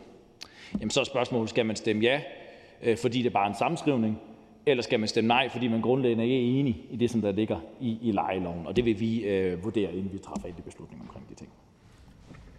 Tak til hr. Lars Boje Mathiesen og Nye Borgerliges synspunkt. Eller ikke, men på denne sag. Tak for det. Liberal Alliance kan jeg ikke se en repræsentant fra lige nu. Til gengæld kan jeg se en repræsentant fra Kristendemokraterne, og det er hr. Jens Rode. Velkommen til. Tak for det. Ja, kristendemokraterne er jo af naturlige årsager slet ikke en del af forliget fra 2014. Det er jo ikke rigtig en fysisk mulighed, at øh, vi kunne være det. Så er jeg i den mærkelige situation, at jeg har siddet i fru Susanne Kronborgs øh, rolle som radikal og forhandlet en del af det her øh, tidligere, og så øh, kom der jo det her skifte. Og der vil jeg jo så i den sammenhæng gerne have lov til at rose ministeren og takke ministeren for, at øh, jeg øh, trods alt øh, løbende er blevet orienteret, og vi har haft mulighed for at drøfte øh, nogle af tingene. Og det er jo igen det her med, det er jo ikke nogen given sag, når man sidder med et enkelt mandat, at der er nogen, der overhovedet gider at høre på, hvad man siger. Øh, det synes jeg, ministeren har gjort. Så tak for det. Det er altid udtryk for respekt, at man lytter til argumenterne og ikke kun tæller ind i mandatlogikken. Det, det synes jeg klæder øh, regeringen, når den gør det. Øhm, ministeren må jo egentlig føle sig lidt som sådan en brudgom, der står ved alderet. Og så kommer bruden op, og så siger hun, før jeg siger ja, så vil jeg have noget mere. Så skal du altså lige betale hele brylluppet. når man hører her Søren Ikke Rasmussen. Altså, det, er jo, det, er, det, må, det er jo en fuldstændig bizarre situation at stå i. Men, øh, men, men det overlader jeg til regeringen og enhedslisten at, øh, at håndtere denne, dette lille øh, ægteskabelige øh, skærmyssel. Øhm, og så må vi andre jo så øh, prøve at øh, tage ansvar for det, der ligger her, og det er det, jeg vil sige, det gør vi gerne i Kristendemokraterne. Det er jo en kompliceret sag at skulle sammenskrive det her. Det kan jo ikke være anderledes. Det er jo derfor, det har taget sig ufattelig lang tid. Øhm, og nu er det gjort, og nu er det gjort et forsøg. Bliver det perfekt? Nej, det kan aldrig nogensinde blive perfekt, hverken for Alex Arnsen, eller for ministeren, eller for hr. Søren Egge Rasmussen, eller for mig. Fordi det er jo et spørgsmål om, at vi kommer med hver vores rationaler. Og alle de her rationaler skal op i luften, og nogle af dem falder ned på gulvet, og noget af det lander på bordet, og så må man hugge en hæl og klippe en tog, og så er man nået i mål med et eller andet, øh, som der trods alt er, som jeg hørte, en bred opbakning til. Og det er jo alene i sig selv et udtryk for en god balance. Og derfor vil jeg bare som slutpunkt gøre, tillade mig at gøre hr. Alex Arnsens tale og ord her fra talerstolen til min egne, fordi jeg synes, herr hr. Alex Arnsen holdt en fremragende tale øh, heroppe fra. Det er ikke så tit, at jeg får mulighed for at sige det i forbindelse med Dansk Folkeparti, fordi vi ikke er så hokkers enige om så mange ting. Men, øh, men, øh, men, men jeg synes netop, at den tale var et flot sindbillede på den balance, der er søgt øh, på, at, øh, på den her sammenskrivning. Og derfor øh, byder vi selvfølgelig også ind med at tage ansvar. Og med de så, tak for det. Der er en kort bemærkning til hr. Jens Rode, så det bliver lidt længere tid. Det er til hr. Søren Egge Rasmussen, enhedslisten. Værsgo. Jamen, enhedslisten er ikke gift med regeringen, og, og, og vi står med et uh, forlig fra 2014, hvor man bestiller en sammenskrivning. Man siger ikke på forhånd alt magt til ministeren, hvis ikke man kan blive enig. Det er sådan set et forlig, hvor at vi bestiller en opgave, og hvor der er nogle forudsætninger for, at opgaven er løst. Hvor den retslige og økonomiske balance mellem udlejer og lejer ikke forrykkes. Hvad mener ordføreren så, når vi har et, et element i denne sammenskrivning, hvor at der er 88.000 boliger små, i småhusene, som står overfor at kunne få en væsentlig huslejeforøgelse. Og det er der nogle lejeorganisationer, der har gjort op til, at være 2 milliarder om året.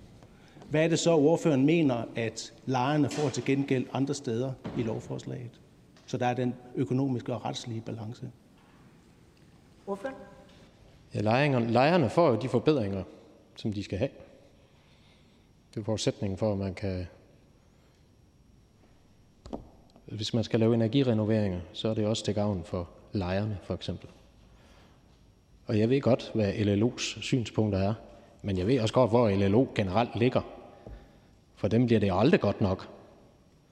Og der skal være den balance. Det skal være sådan, som hr. Alexandersen også siger, det skal være sådan, at der er private mennesker, der ønsker at udleje deres boliger, altså private ejere, der ønsker at udleje deres boliger, fordi alternativet, det er en ret stor boligmangel, hr. Søren Egge Rasmussen. Det er jo konsekvensen af den der alt eller intet politik, som enhedslisten fører. Hr. Søren Egge Rasmussen? Jamen det var jo en gang uden om snak. Det er jo klart, at hvis man renoverer en bolig, så er der en forbedring i det. Men her der er det lagt op til, at den bolig kan stige mere end hidtil i, sin, i den øh, leje, som, som lejeren skal betale.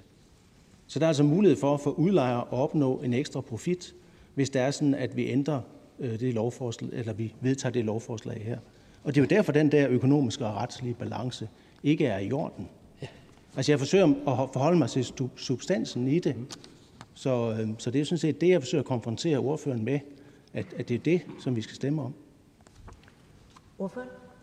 Ja, og det skal være sådan, at det kan betale sig for private udlejere at renovere boligmassen.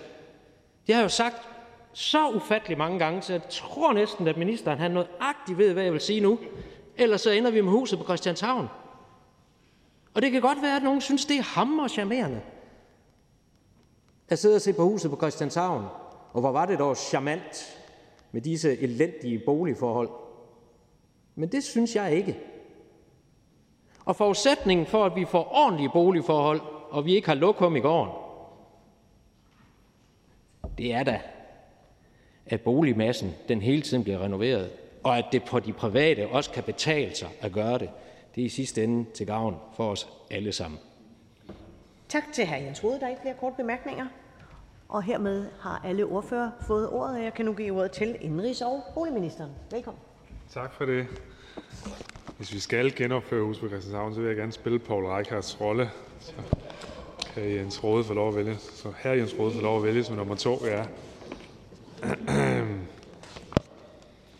tak for diskussionen og bemærkningerne. Vi udmyndter lejelovsforledet fra 14, teknisk sammenskrivning af lejelovgivningen.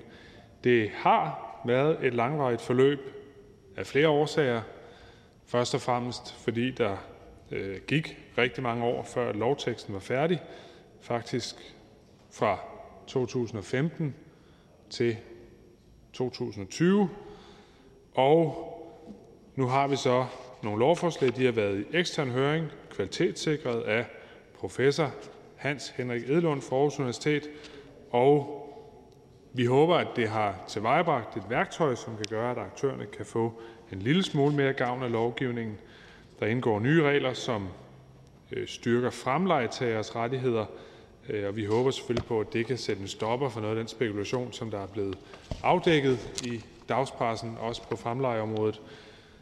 Øhm, men ellers øh, så er det en sammenskrivning, og så bliver der rejst flere spørgsmål. Er balancen forrykket mellem leje og udlejer? Det er der to svar på.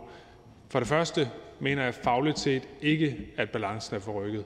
Jeg mener, at vi har lavet en sammenskrivning her, der hviler på retspraksis og sammenskrivning af de to eksisterende stykker lovgivning. Vi har haft en øh, lejelov, vi har haft en boligreguleringslov. Boligreguleringsloven var en midlertidig lov, som blev vedtaget i, jeg mener det var 1949, så man kan jo diskutere midlertidigheden i øh, det stykke lovgivning, men nu får vi altså ophævet den midlertidighed om ikke andet.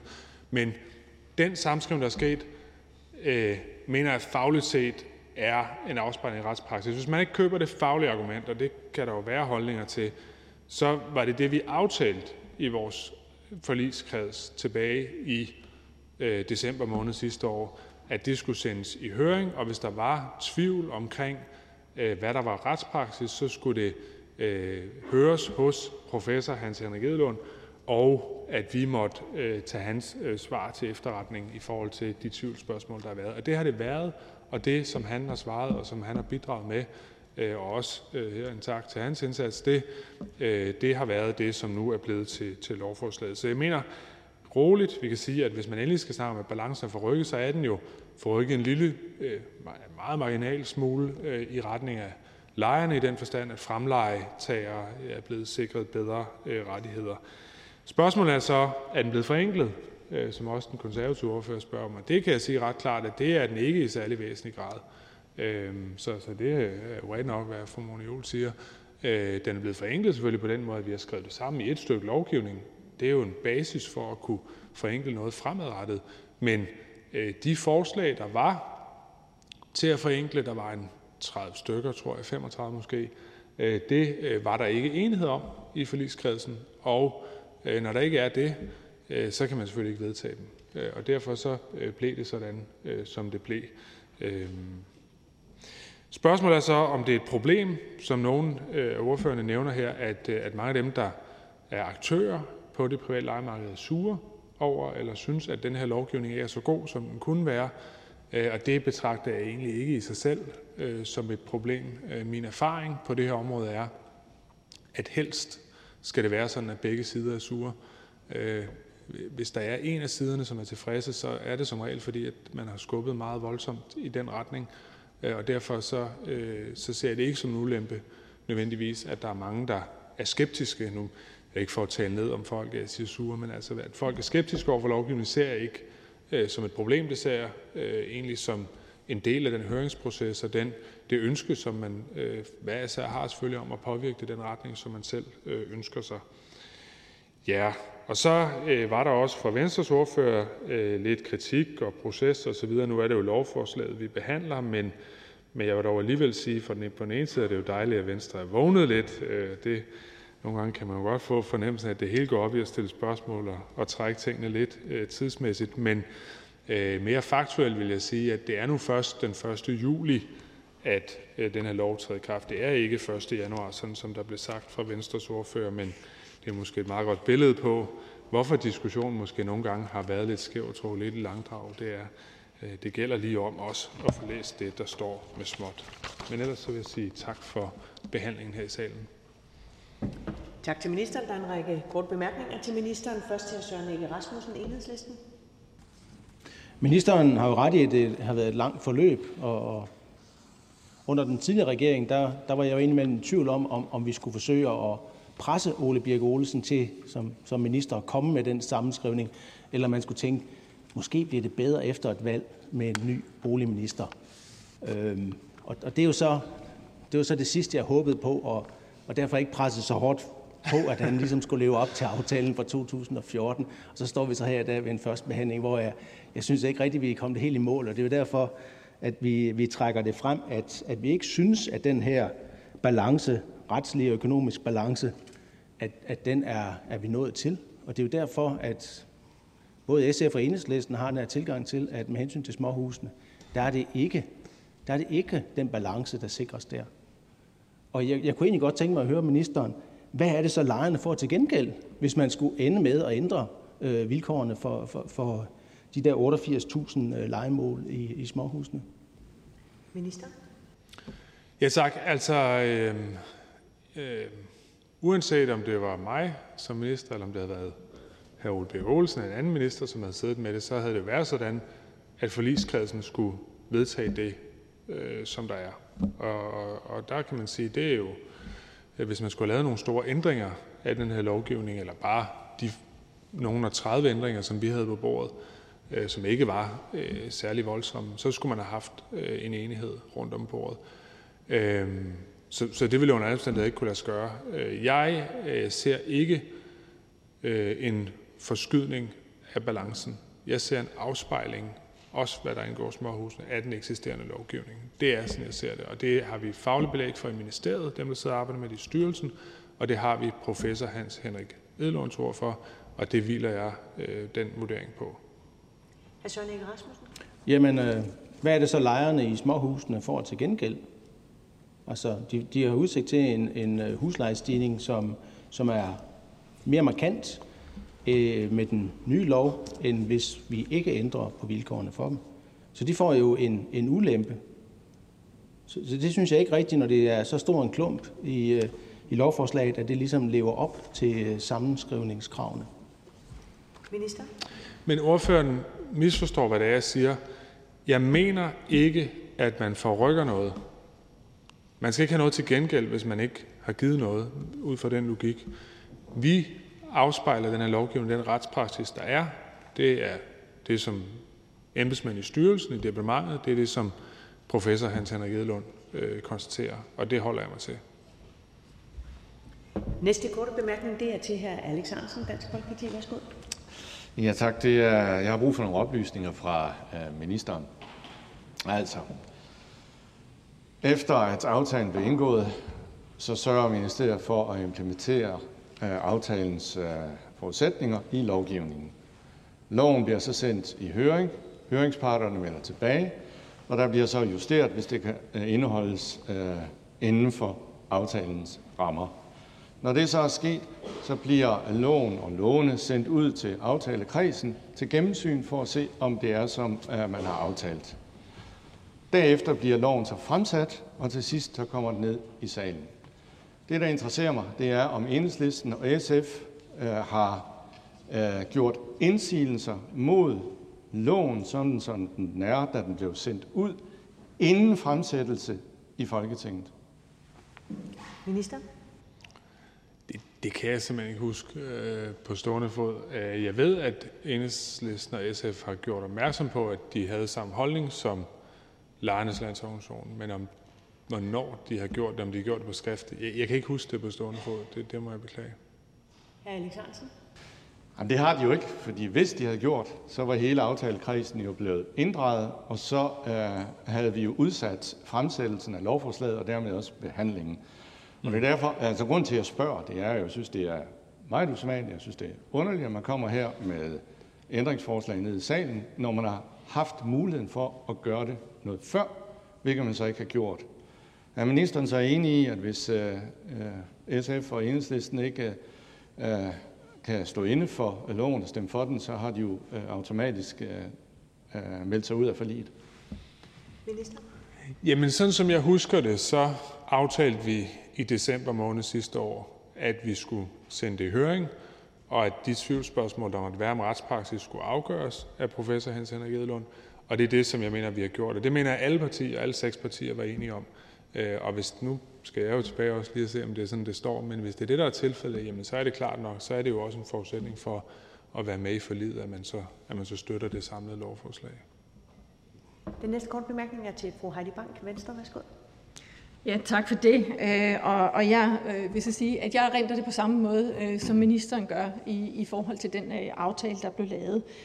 Og jeg synes jo også, at der skal være en eller anden respekt for, at der er utrolig mange mennesker, der har arbejdet med det her, øh, og også sådan som både ministeren nu fremlægger, men jeg synes jo også, at Alex Arendt øh, har nævnt det på, på en virkelig god måde. Altså det her med, at vi, når, vi kan jo ikke forvente, at de alle sammen øh, sidder og synes, at det her det er blevet perfekt, fordi det her det er interesseorganisationer, som jo bliver ved med at kæmpe for lige dem, de øh, hvad hedder det, repræsenterer. Og det skal man jo have respekt på, at det er øh, deres udgangspunkt. Men derfor så er det jo på en måde også en, en god balance, når der så er øh, noget uenighed øh, fra alle øh, Øh, parter. Øh, så må ministeren selvfølgelig undskylde, hvis jeg har sagt en øh, dato forkert og kritiseret. Jeg er klar over, at ministeren har et stort ministerium bare, bare øh, i ryggen, og jeg har sådan set kun mig og en medarbejder. Det beklager jeg. Men men vi synes i hvert fald, at det her det er, er, er positivt, at vi er nået så langt, på trods af, at vi altså synes, det var meget, meget træt og en rigtig, rigtig hård omgang, vi skulle igennem for at nå så langt. Men, men lad det nu ligge. Så tak for det. Minister? Ja, men ja, øh, jeg, har, jeg har ikke noget tilføje til det. Så er der ikke flere korte bemærkninger. Tak til ministeren. Og da der ikke er flere, der har bedt om ordet, så er forhandlingen sluttet, og jeg foreslår, at lovforslaget det henvises til Indrigs- og Boligudvalget, og hvis ingen gør indsigelse, så betragter jeg det som vedtaget. Det er vedtaget.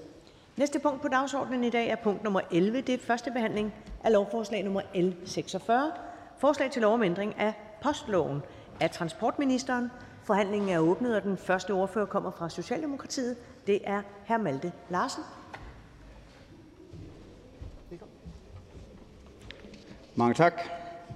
Baggrunden for det her lovforslag er, at der er lavet en EU-forordning om grænseoverskridende pakkeleveringstjenester, som trådte i kraft i 2019, januar 2019. Forordningen forpligter medlemsstaterne til at fastlægge sanktioner, så fremt indberetningsforpligtelserne i henhold til forordningen ikke opfyldes. Derfor foreslås det her i lovforslaget, at der indføres bødestraf, som kan bringes i anvendelse ved manglende indrapportering af oplysninger. Og bødestraf vurderes her at være den mest effektive og virkningsfulde måde at sikre rettidige og præcise indberetninger på, indrapporteringer på. De virksomheder, der er omfattet af forordningen, er pakkeleveringsvirksomheder med 50 personer eller flere ansat, der er beskæftiget ved pakkeleveringstjenester. Virksomhederne skal indrapportere en række forskellige oplysninger om deres aktiviteter til den nationale forvaltningsmyndighed. I Danmark er den nationale forvaltningsmyndighed Trafikstyrelsen. Der er fastsat særlige frister for indrapporteringen. Rapporteringen omfatter grundlæggende baggrundsoplysninger om virksomhederne samt oplysninger om årlig omsætning, antallet af beskæftigede i det forudgående kalenderår samt antallet af håndterede pakker i det foregående kalenderår, navne på relevante underleverandører og en hver offentlig tilgængelig aktuel prisliste.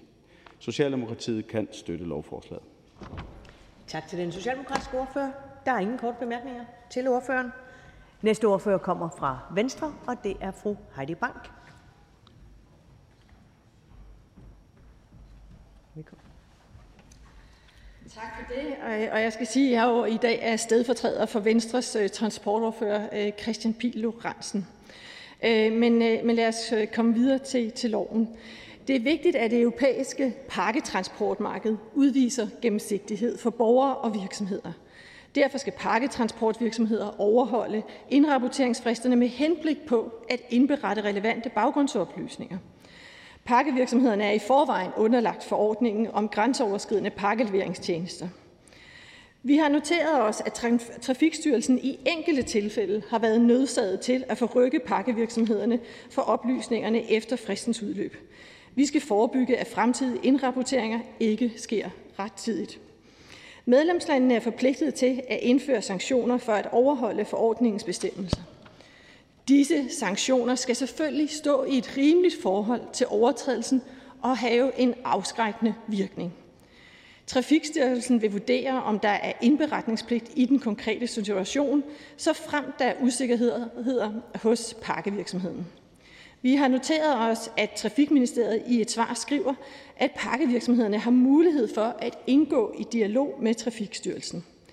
Trafikstyrelsen vil afholde et møde med de relevante brancheorganisationer, hvor eventuelle tvivlsspørgsmål kan drøftes. Vi har også noteret os, at det i høringssvarene påpeges øh, at Dansk Industri og Dansk Erhverv, at det konkrete bødeniveau bør fastsættes i lovforslaget. Endvidere bør det fremgå af lovforslaget, hvilke typer af transporter, der er omfattet af forordningen. Det er selvfølgelig noget, som vi er opmærksomme på og vil stille spørgsmål til i udvalgsbehandlingen. På den baggrund støtter Venstre forslaget. Tak for det. Jeg kan se, der er ikke nogen korte bemærkninger til ordføreren, så tak til Venstres ordfører. Næste ordfører kommer fra Dansk Folkeparti, og det er Hans Christian, her Hans Christian Skiby. Velkommen. Tak. Ja tak, men det bliver nok ikke den længste ordførertale, som, som jeg kommer til at levere her i dag, selvom man har fem minutter til sin øh, rådighed. Det er jo et lovforslag, som øh, ministeren har valgt at fremsætte, set i forhold til, at der selvfølgelig skal være mulighed for at kunne sanktionere over for de grænseoverskridende pakkeleveringstjenester, som ikke øh, tager det som en øh, logisk opgave at gøre det øh, regelmæssigt og korrekt i forhold til, at når de leverer pakker ud til Danmark og til danske kunder, så skal de selvfølgelig også overholde den gældende lovgivning, der er i forhold til at sikre frister for baggrundsoplysninger i forbindelse med de tjenester og de services, man udfører. Vi synes i Dansk Folkeparti, at det er øh, glimrende, at man får den her ekstra bemyndigelse, som der trods alt ligger i det, men vi er selvfølgelig også på samme måde, som, som Venstres ordfører var inde på, interesseret i at få øh, klart præciseret, hvad det så for nogle øh, sanktionsmuligheder, der ligger sådan rent håndgribelsesmæssigt. Øh, men det mener vi også, at det vil kunne komme frem i forbindelse med lovarbejdet og frem til til og med øh, tredje behandling. Men som udgangspunkt så støtter vi lovforslaget. Tak til Dansk Folkepartis ordfører. Heller ikke her er der korte bemærkninger til ordføreren. Så er det Socialistisk Folkeparti. Men jeg ser ingen ordfører til stede for Socialistisk Folkeparti. Næste ordfører kommer fra Radikale Venstre. Der er heller ikke nogen til stede. Jeg konstaterer endnu et parti, der ikke deltager i forhandlingen. Til gengæld ser jeg en ordfører fra Enhedslisten, så nu kan jeg byde velkommen til hr. Henning Hyllested. Velkommen. Ja, måske skulle jeg have gjort opmærksom på på forhånd, at jeg faktisk har, øh, hvad skal man sige, en hilsen, hedder det sådan, med fra SF's ordfører Anne Valentina Bertelsen om at, at skal meddele, at SF stemmer for lovforslaget. Øh, og det gør enhedslisten sørme også. Øh, vi støtter lovforslaget. Vi synes, det er fornuftigt med, at man indfører sanktionsbestemmelser straf for øh, manglende indberetning af både omsætning og antal beskæftigede og også navne på underentreprenører lægger vi lige mærke til. Det synes vi er rigtig fornuftigt. Det kan blive et godt redskab i kampen mod social dumping, som jo florerer på postområdet. Øh, man kan egentlig undre sig over, at det her strafregime ikke allerede blev indført øh, den 23. november 2019, øh, som forordningen faktisk foreskriver. Men øh, bedre sent end aldrig, kan man sige, og forslaget er efter vores mening et minimum af indsats, man kan gøre i et liberaliseret postmarked. Efter vores mening, og det er jo ikke øh, ukendt, så er liberalisering noget, øh, fanden har skabt her i form af EU. Øh, det er skyld i mange af de problemer, som vi i dag har på postområdet med social dumping og arm- og benfirmaer, som udkonkurrerer velordnede og gode postselskaber som vores eget PostNord skråstreg Danmark, hvor man jo har ordentlige og vellønnede faste arbejdspladser. Øh, øh, det er ærgerligt, øh, men det er vel også klart, at, som, at øh, social dumping og gode arbejdspladser ikke er en del af kravene i sådan en forordning omkring postvæsen og liberalisering, men Øh, det er det jo aldrig, når vi snakker det indre marked. Det er ikke EU's øh, spidskompetence, det der med at kræve øh, indsats mod øh, social dumping. Øh, men når man så kigger på lovforslaget, så synes jeg, man leder lidt forgæves efter sanktionsniveauet. Øh, I, i, I bemærkningerne øh, til de enkelte bestemmelser, der, der fremgår det, at at det skal vurderes konkret i det enkelte tilfælde, om sanktionsbestemmelsen overhovedet finder anvendelse. Ja, det er klart, det skal man selvfølgelig. Øh, men det skal også vurderes konkret, øh, eller når der er konstateret en overtrædelse, så skal man vurdere konkret i dialog med virksomheden, hvad der så skal ske. Og ved manglende indberetning så vil Trafikstyrelsen af et par omgange, står der hjælp, øh, hjælpe med, af et par omgange anmode virksomheden om svar inden for en, som der står, inden for en ny forlænget frist. Øh, og først herefter sker der så anmeldelse til politiet. Jeg må sige, det er virkelig, det er virkelig fløjtshandskerne, der er fundet frem her. Og jeg vil så at en, en hver jeg ved ikke, hvad man kan sammenligne med, men enhver simpel 20-knæk ville da glæde sig over, hvis man fik sådan en behandling, i, i, øh, hvis man havde overtrådt, eller hvis man havde begået tyveri eller overtrådt loven i det hele taget. Øh, jeg synes virkelig, det er fløjtshandskerne, man har fundet, fundet frem. Øh, øh, der står også, at, at, at det skal vurderes, altså om, om, om eller at sanktionsbestemmelsen skal jo altså stå i et rimeligt forhold til overtrædelsen. Og jeg må sige, hvis man tager sanktionsniveau som udgangspunkt, øh, så er det i hvert fald ikke en alvorlig forseelse, man anser det her for at være, hvis man overtræder sanktionsbestemmelsen, eller slutter indberetningsforpligtelsen. Og det, det, det, er, det er jeg faktisk ikke enig i. Jeg synes, det er vigtigt. Som jeg siger, i den der indberetning, der, for, der, der skal man faktisk også indberette om de underentreprenører, underentreprenører, man bruger. Og det er jo et udbredt fænomen i, øh, i postbefordringen øh, hos en hel række af de der Øh, postfirmaer, at de benytter sig af, af underentreprenører, og typisk i form af arm- og ben-firmaer. Det gælder også nogle af de store her i Danmark, øh, øh, hvad hedder det, GLS og, og Bring, og hvem det ellers er, der optræder på det her marked. Øh, ellers så må jeg sige, at øh, Ja, og det er derfor, altså, vi støtter naturligvis forslaget, for det er trods alt en, en forbedring, men vi synes nu nok, at sanktionsniveauet kunne skærpes en hel del. Og så synes vi jo, at postomdelingen øh, har måske større problemer end, end det her, om end det er slemt nok, at man ikke vil køre med nogle skarpere øh, sanktionsbestemmelser. Ja. Tak til Henning Hyllested. Blot en kort kommentar herfra i forhold til at påkalde sig både de højere og de lavere magter. Det, men, men formanden forholdt sig i ro og vælger så at kommentere det efter ordførens tale. forhold til. Jeg er bekendt med uh, hr. Henning Hyllesteds forhold til disse magter. Næste ordfører kommer fra det konservative Folkeparti, og det er fru Mona Juhl. Velkommen til. Tak for det, og tak for ordet. Jeg skal nok lade være med at hedkalde nogen. Øh, for jeg vil også på vores ordfører på områdets vegne øh, læse øh, Niels Flemming Hansens tale op. Den lyder sådan her. I dag behandler vi en EU-forordning, som omhandler hjemmel til at sanktionere overtrædelse af indberetningsforpligtelser efter forordning om grænseoverskridende pakkeleveringstjenester. Med lovforslaget foreslås der indført straf for overtrædelse af indberetningsforpligtelser efter Europaparlamentets og Rådets forordning om grænseoverskridende pakkeleveringstjenester. Forordningen om grænseoverskridende pakkeleveringstjenester, der har fundet anvendelse i medlemsstaterne siden januar 19, pålægger samtlige pakkeleveringsvirksomheder med 50 personer eller flere ansatte, der er beskæftiget med pakkeleveringstjenester, at skulle indrapportere en række forskellige baggrundsoplysninger om virksomheden til den nationale forvaltningsmyndighed. Det stiller vi os positivt over for. Vi vil dog fremføre, at der som dansk erhverv gør opmærksom på, er betydelig usikkerhed i branchen om, hvilke pakker der skal rapporteres data for, og hvordan disse skal opgøres. Særligt for pakkeleveringsvirksomheder, der også er godsleverandører, virker adskillelsen mellem adresserede pakker og gods uklar. Samtidig ønsker vi at få uddybet størrelsesordenen på bøder. Sidst men ikke mindst skriver Niels Flemming, at øh, der er flere punkter i Dansk Erhverv og Dansk Industris kommentar, som vi hæfter os ved og ønsker uddybet i udvalgsbehandlingen. Og så slutter han med at sige, at vi stiller os positive over for forslaget, men ønsker en del uddybninger, inden vi kan tage endelig stilling. Tak. Tak til fru Mona Juhl for det konservative Folkeparti. Der er ingen kort bemærkninger til ordføreren. Næste ordfører kommer fra Nye Borgerlige, og det er fru Mette Thiesen.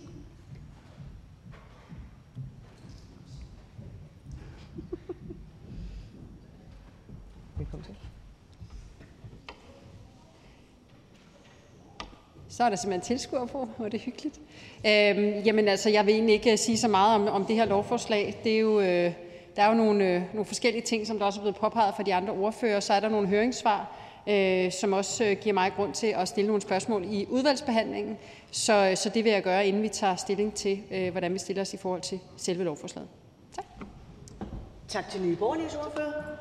Og Liberal Alliances ordfører ser jeg ikke. Til gengæld ser jeg ordføreren for Kristendemokraterne. Hermed velkommen til hr. Jens Rode.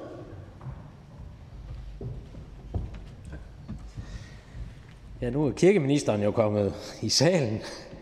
Og efter herr Hyllesteds tale, så gik jeg dernede i salen og tænkte, er der sådan et eller andet, hvor jeg så kunne knytte nogle etisk kristne værdier op til, til den påkalden af nogle nedermagter, som herr Henning Hyllested øh, gjorde i, i sin tale som et modstykke øh, til det, men det kan jeg simpelthen ikke øh, finde øh, den slags, så derfor skal jeg undlade at påkalde mig noget som helst andet end øh, et par svar fra ministeren, som er de samme spørgsmål, øh, som er blevet stillet fra andre partier, nemlig at det jo selvfølgelig er sådan et lovforslag, ligesom det fremgår af alle andre retsforslag, fremgår bødestørrelse indtil en eller anden.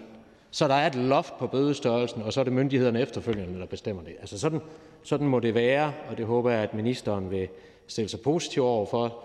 Det tror jeg vil være klogt, al den stund, at flere har nævnt det. Og så er det jo helt klart vigtigt, at vi får defineret, hvilke øh, transporter, øh, der, er, øh, der er omfattet af, af det her. Men med disse ord, så stiller vi os øh, positivt øh, over for, for forslaget, som vi jo øh, grundlæggende synes er, er rigtigt. Lige en enkelt kommentar mere til her til hr. Hyldesteds tale. Jeg synes, det er lige meget nok at sådan tale om, om 20 knægte i den her sammenhæng, fordi det er, jo ikke, det er jo ikke det, det handler om. Altså, transport er ikke altid lige en enkelt øh, forretning, og, øh, og der sker jo fejl. Og jeg synes bare altid, det er interessant, at når man hører enhedslisten og socialistiske partier, så er det altid sådan, at inden for det offentlige, hvis det er en offentlig virksomhed, som driver postvæsen eller hvad ved jeg, så er der ingen 20 knægte. Og der er ingen sanktioner, fordi hvis man giver offentlige virksomheder sanktioner af nogen art, så er det, uha, så er det jo bare et fordyrende led, og det er skidt, og det skal man ikke. Men lige så snart det er på private hænder, så er de fulde af 20 knægte og skal mødes med den ene sanktion efter den anden. Og det synes jeg bare er et eller andet mærkeligt misforhold, en mærkelig i talesættelse. Men det må jo ligge inde i det der DNA, at kun det offentlige er i stand til at levere ordentlige løsninger på det, som folket efterspørger.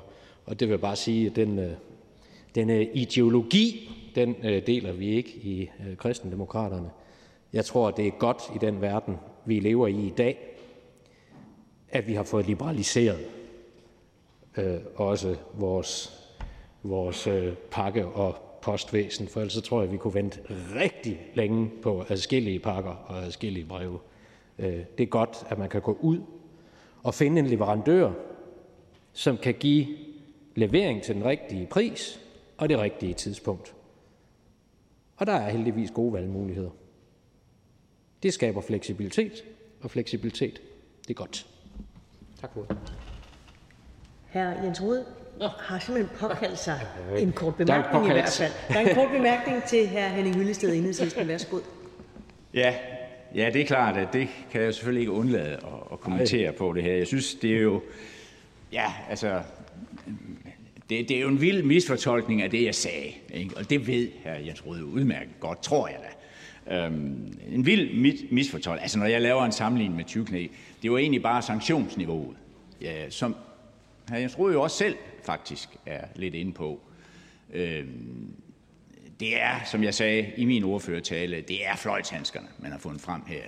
Og det kan man selvfølgelig godt vurdere, det, det, det er jo fint nok, øh, at man gør det. Men jeg tænker bare på, alle andre lovovertrædere. ikke nødvendigvis 20 knægte, så da, men alle mulige andre lovovertrædere. Jeg tror, de ville blive rigtig glade, hvis det var den slags fløjshandsker, man blev taget på med øh, når man havde overtrådt den ene eller den anden øh, lov. Det var sådan set bare det, jeg prøvede at, at lave en sammenligning med. Det, det burde ikke give anledning til den der vilde mistolkning af, hvad enhedslistens DNA er i forhold til liberalisme, og jeg skal give dig skal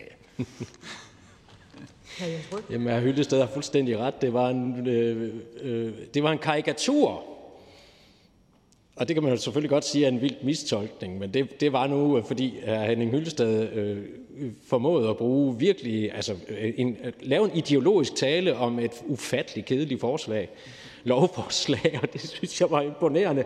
Og det er sådan noget, der piger min humor, og så tænker jeg, så, så, så kunne vi godt lige tage en lille, så kunne, kunne vi også godt lige tage en lille rundtur med det. Det var godmodigt øh, drilleri, og det er også derfor, jeg sagde det med et, med et stort smil. Men øh, Point taken, taken hr. Hyllested. Og rundturen følges op med en kort bemærkning til Henning Hyllested. Jamen, det er også modtaget på den måde. Jeg anså det bestemt også for at være ret øh, godmodigt. Og det er jo udmærket, at man så også får, lov, øh, får, får mulighed for at flage sådan de lidt mere ideologiske sider af det. Det er rigtigt, det er lov. Det er et, øh, der var jeg lige ved at sige noget helt forkert igen, men, men, men det, er, det er rigtig kedeligt, hedder det. Rigtig kedeligt øh, lovforslag, kan man sige, at tage stilling til. Og så er det meget rart, at man kan få lov til at kritisere den liberalisme, som ikke har skabt, skabt ordnet forhold på postmarkedet. Tværtimod, og det kan man jo se med hele den røre, der er omkring posten, og de domme, der er faldet ved EU omkring PostNord osv. osv. Men det er jo en helt anden og meget større diskussion. Og det er meget interessant, og den... Nå, undskyld, ja, ja, formand. Ja. Værsgo. Her får man ordet, her tager man ikke ordet. Ja, det er nemlig, ja. Øh, øh, men det har hr. Hyllested øh, jo ret i, at det er en ret interessant øh, diskussion. Øhm, og, øh, og den er absolut også øh, værd at tage. Men nu er vi jo så også undergivet, skal vi sige, internationale regler. Det må man nødvendigvis være i et indre marked. Netop fordi, altså så kan man jo være for eller imod det indre marked. Men i et marked, hvor vi har fri bevægelighed for varer, tjenesteydelser, personer og kapital, der arver vi jo hinandens ulykker. Og derfor er det jo vigtigt, at vi får nogle politiske overbygninger på den fri bevægelighed med nogle fælles regler. Og derfor er det jo godt, at der er et initiativ her på fælles europæisk front, som rent faktisk prøver at adressere nogle af de problemstillinger, som er. Tak til Jens Rode.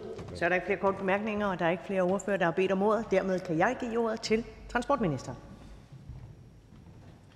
med et kedeligt lovforslag. Velkommen. Tak, formand. Og jeg vil også indlede med at takke hr. Henning Hyllested og øh, øh, øh, ikke mindst øh, for den øh, ordveksling, der netop har udvekslet sig heroppe, for at sikre, at, at, sammen med hr. Jens Rode, at det, som så kan jeg forstå, er det kedeligste lovforslag øh, i Folketingssalen øh, på denne tid, Øh, ikke blev så kedeligt, at der ikke også var noget for de ærede tilhørere at følge med i, både de, der sidder bag skærmene, og ikke mindst de overraskende mange, der er i salen nu. Så tak også for det.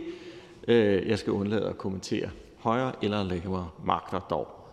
Øh, tak for øh, ordførerens bemærkninger til lovforslaget.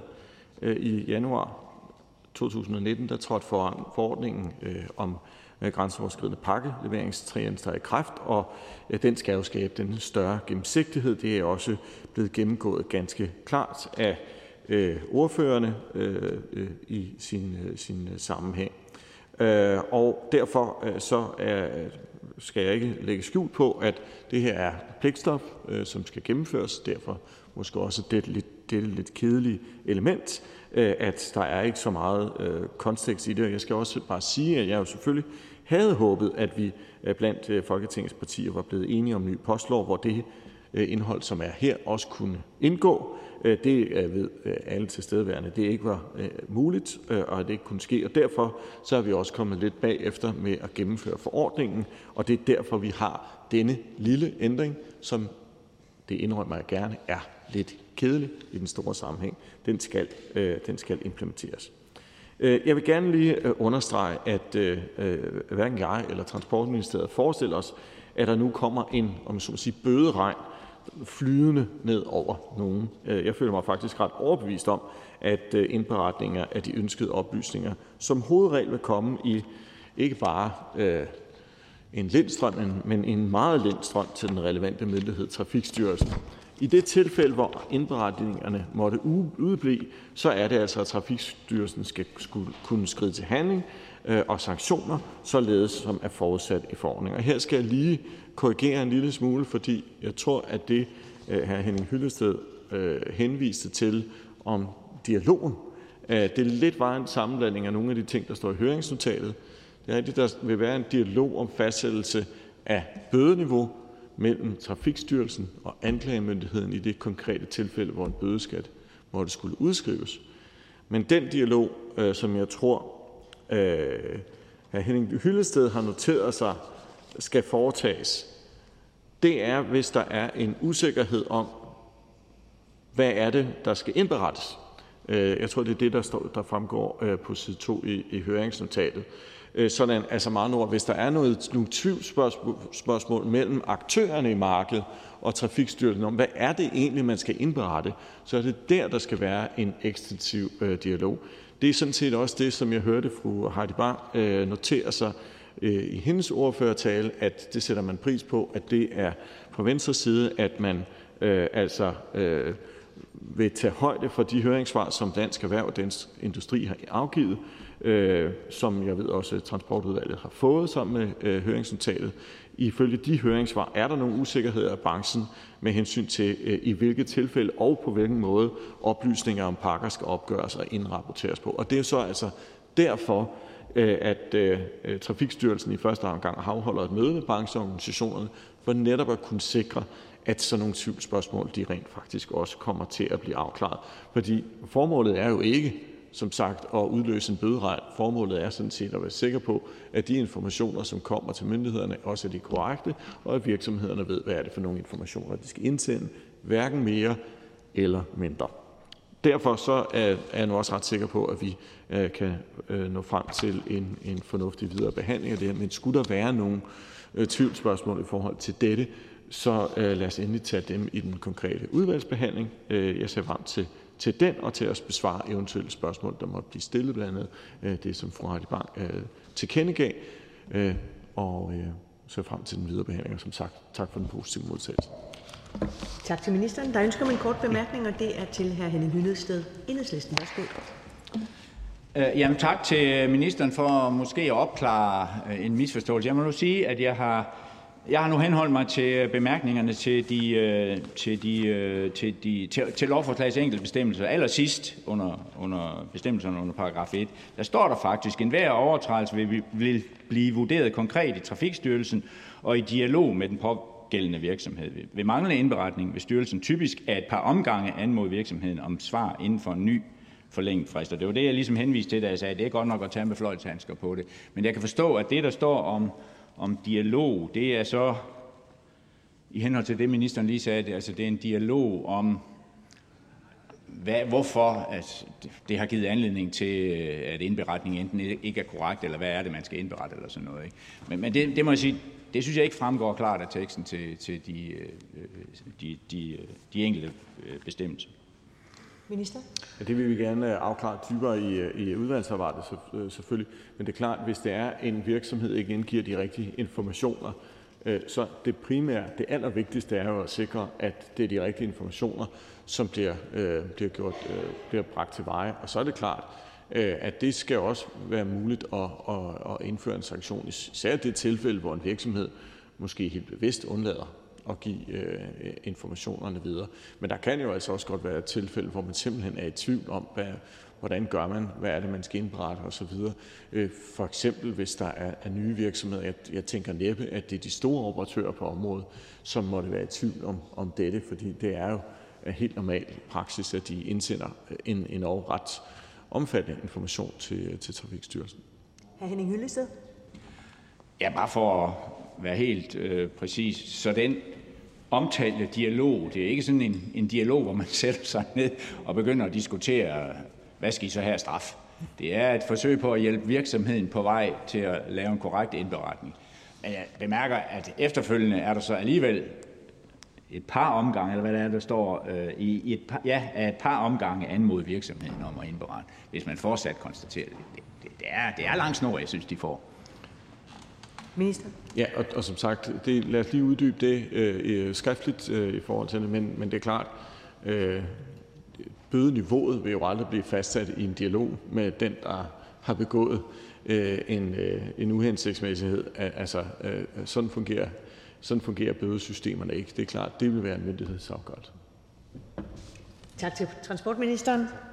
Så er der ikke flere, der har bedt om ordet, og derfor er forhandlingen sluttet, og jeg foreslår, at lovforslaget det henvises til Transportudvalget. Og hvis ingen gør indsigelse, så betragter jeg det som vedtaget. Det er vedtaget. Så er vi nået til det sidste punkt på dagens dagsorden, og det er punkt nummer 12. Første behandling af lovforslag nummer L 50. Det er forslag til lov om ændring af lov om trossamfund uden for folkekirken af kirkeministeren. Forhandlingen er åbnet, og den første ordfører kommer fra Socialdemokratiet. Det er fru Julie Skovsby. Velkommen. Tak for ordet.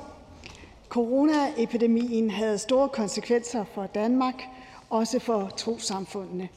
I lang tid kunne man ikke mødes, forsamles og udtrykke sin tro, som man var vant til. Der blev fundet nye måder at være sammen på, og det var godt. Det er erfaringer, som vi forhåbentlig alle kan lære af. Desværre betød det også, at de erfaringer, der skulle have været indhentet omkring trosamfund uden for folkekirken, blev mangelfulde. Der, blev, øh, der er kun indhentet erfaringer fra trosamfundene øh, liv i de første to år af lovens eksistens. Det vil derfor være en mangelfuld behandling, hvis vi allerede nu drager konklusioner, ikke mindst om donationer og regnskab. Vi ønsker fra Socialdemokratiets side at revidere lovgivningen på et vigtigere erfaringsgrundlag, og derfor støtter vi lovforslaget, der udskyder revideringen til folketingsåret 2022-23. Jeg skal hilse fra fru Marianne Hjelved og meddele, at det radikale venstre ligeledes kan støtte lovforslaget. Tak til den socialdemokratiske ordfører. Der er ingen kort bemærkninger til ordføreren. Næste ordfører kommer fra Venstre, og det er fru Louise Schack Elholm. Velkommen. Tusind tak. Øh, ja, nu har den socialdemokratiske ordfører meget flot øh, redegjort for forløbet her, hvorfor det er, at man beder om at få udskudt øh, revisionen af trosamfundsloven. Og i Venstre ønsker vi naturligvis også, at man kan lave en ordentlig evaluering af trosamfundsloven, og derfor så støtter vi også, at man kan udskyde det. Selvfølgelig så skal det ikke blive en en sovehud. Men øh, så længe man arbejder videre med det, så kan vi godt støtte en udskydelse af, af trosamfundsloven, og vi skal hilse fra det konservative Folkeparti og sige, at det konservative Folkeparti også støtter lovforslaget. Tak til Venstres ordfører. Næste ordfører, som er til stede i salen, det er Dansk Folkepartis ordfører. Velkommen til fru Mette Hjermind Denker. Mange tak for det. For at vi kan revidere loven om trosamfund, så kræver det selvfølgelig, at vi har et erfaringsgrundlag at revidere på. Det har vi desværre ikke, da corona jo gjorde, at kirkerne og trosamfundene, det var jo de absolut sidste, der åbnede op. De kom først efter fodboldstadions og koncerter. Øh, så derfor har vi ikke noget tilstrækkeligt erfaringsgrundlag at vurdere på, og derfor så støtter vi naturligvis i Dansk Folkeparti, at vi udsætter det til folketingsåret 22-23. Tak til Dansk Folkepartis ordfører. Socialistisk Folkepartis ordfører ser jeg ikke til stede i salen. Det kan være, der også kommer hilsner fra Socialistisk Folkeparti. Ligeledes med enhedslistens ordfører. Det forekommer mærkeligt, at der er så få ordfører til stede til lovbehandlingen, men der er hilst, det skal jeg medgive. Jeg ser Nye Borgerliges ordfører. Det er jeg glad for. Velkommen til fru Mette Thiesen. Jeg kan godt starte med at sige, at jeg skal ikke hilse fra hverken Socialistisk Folkeparti eller Enhedslisten. det, det er jeg trods alt ikke blevet bedt om. Den lov, som, øh, som vi taler om i dag, som skal revideres, øh, det er en lov, som vi i Nye Borgerlige ikke vil bakke op om. Øh, og derfor så øh, ved vi allerede godt helt konkret, hvor vi så, man skulle lave ændringerne. Ergo mener vi også, at man sagtens kan revidere loven øh, på nuværende tidspunkt, så vi stemmer imod lovforslaget. Tak til Nye Borgerliges ordfører. Der er ingen korte bemærkninger. Jeg ser heller ikke en liberal alliance til stede i salen, men jeg ser kristendemokraterne repræsenteret ved hr. Jens Rode. Velkommen til.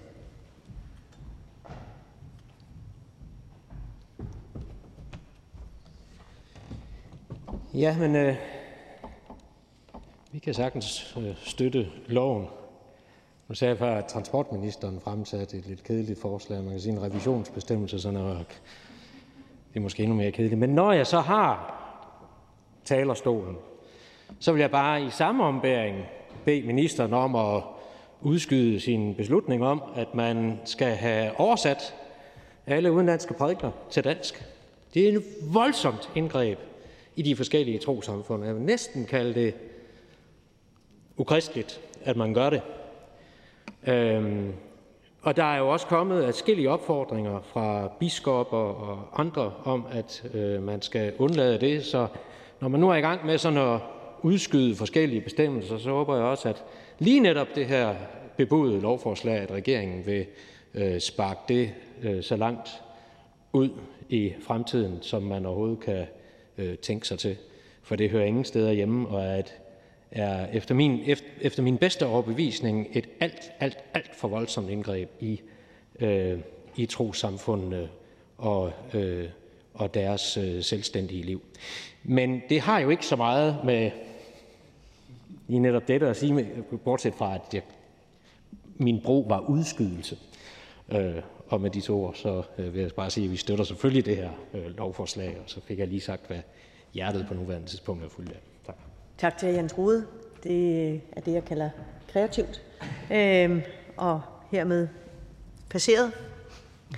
Der er ikke flere ordfører, der ønsker ordet til behandlingen, og dermed har jeg glæden af at give ordet til kirkeministeren.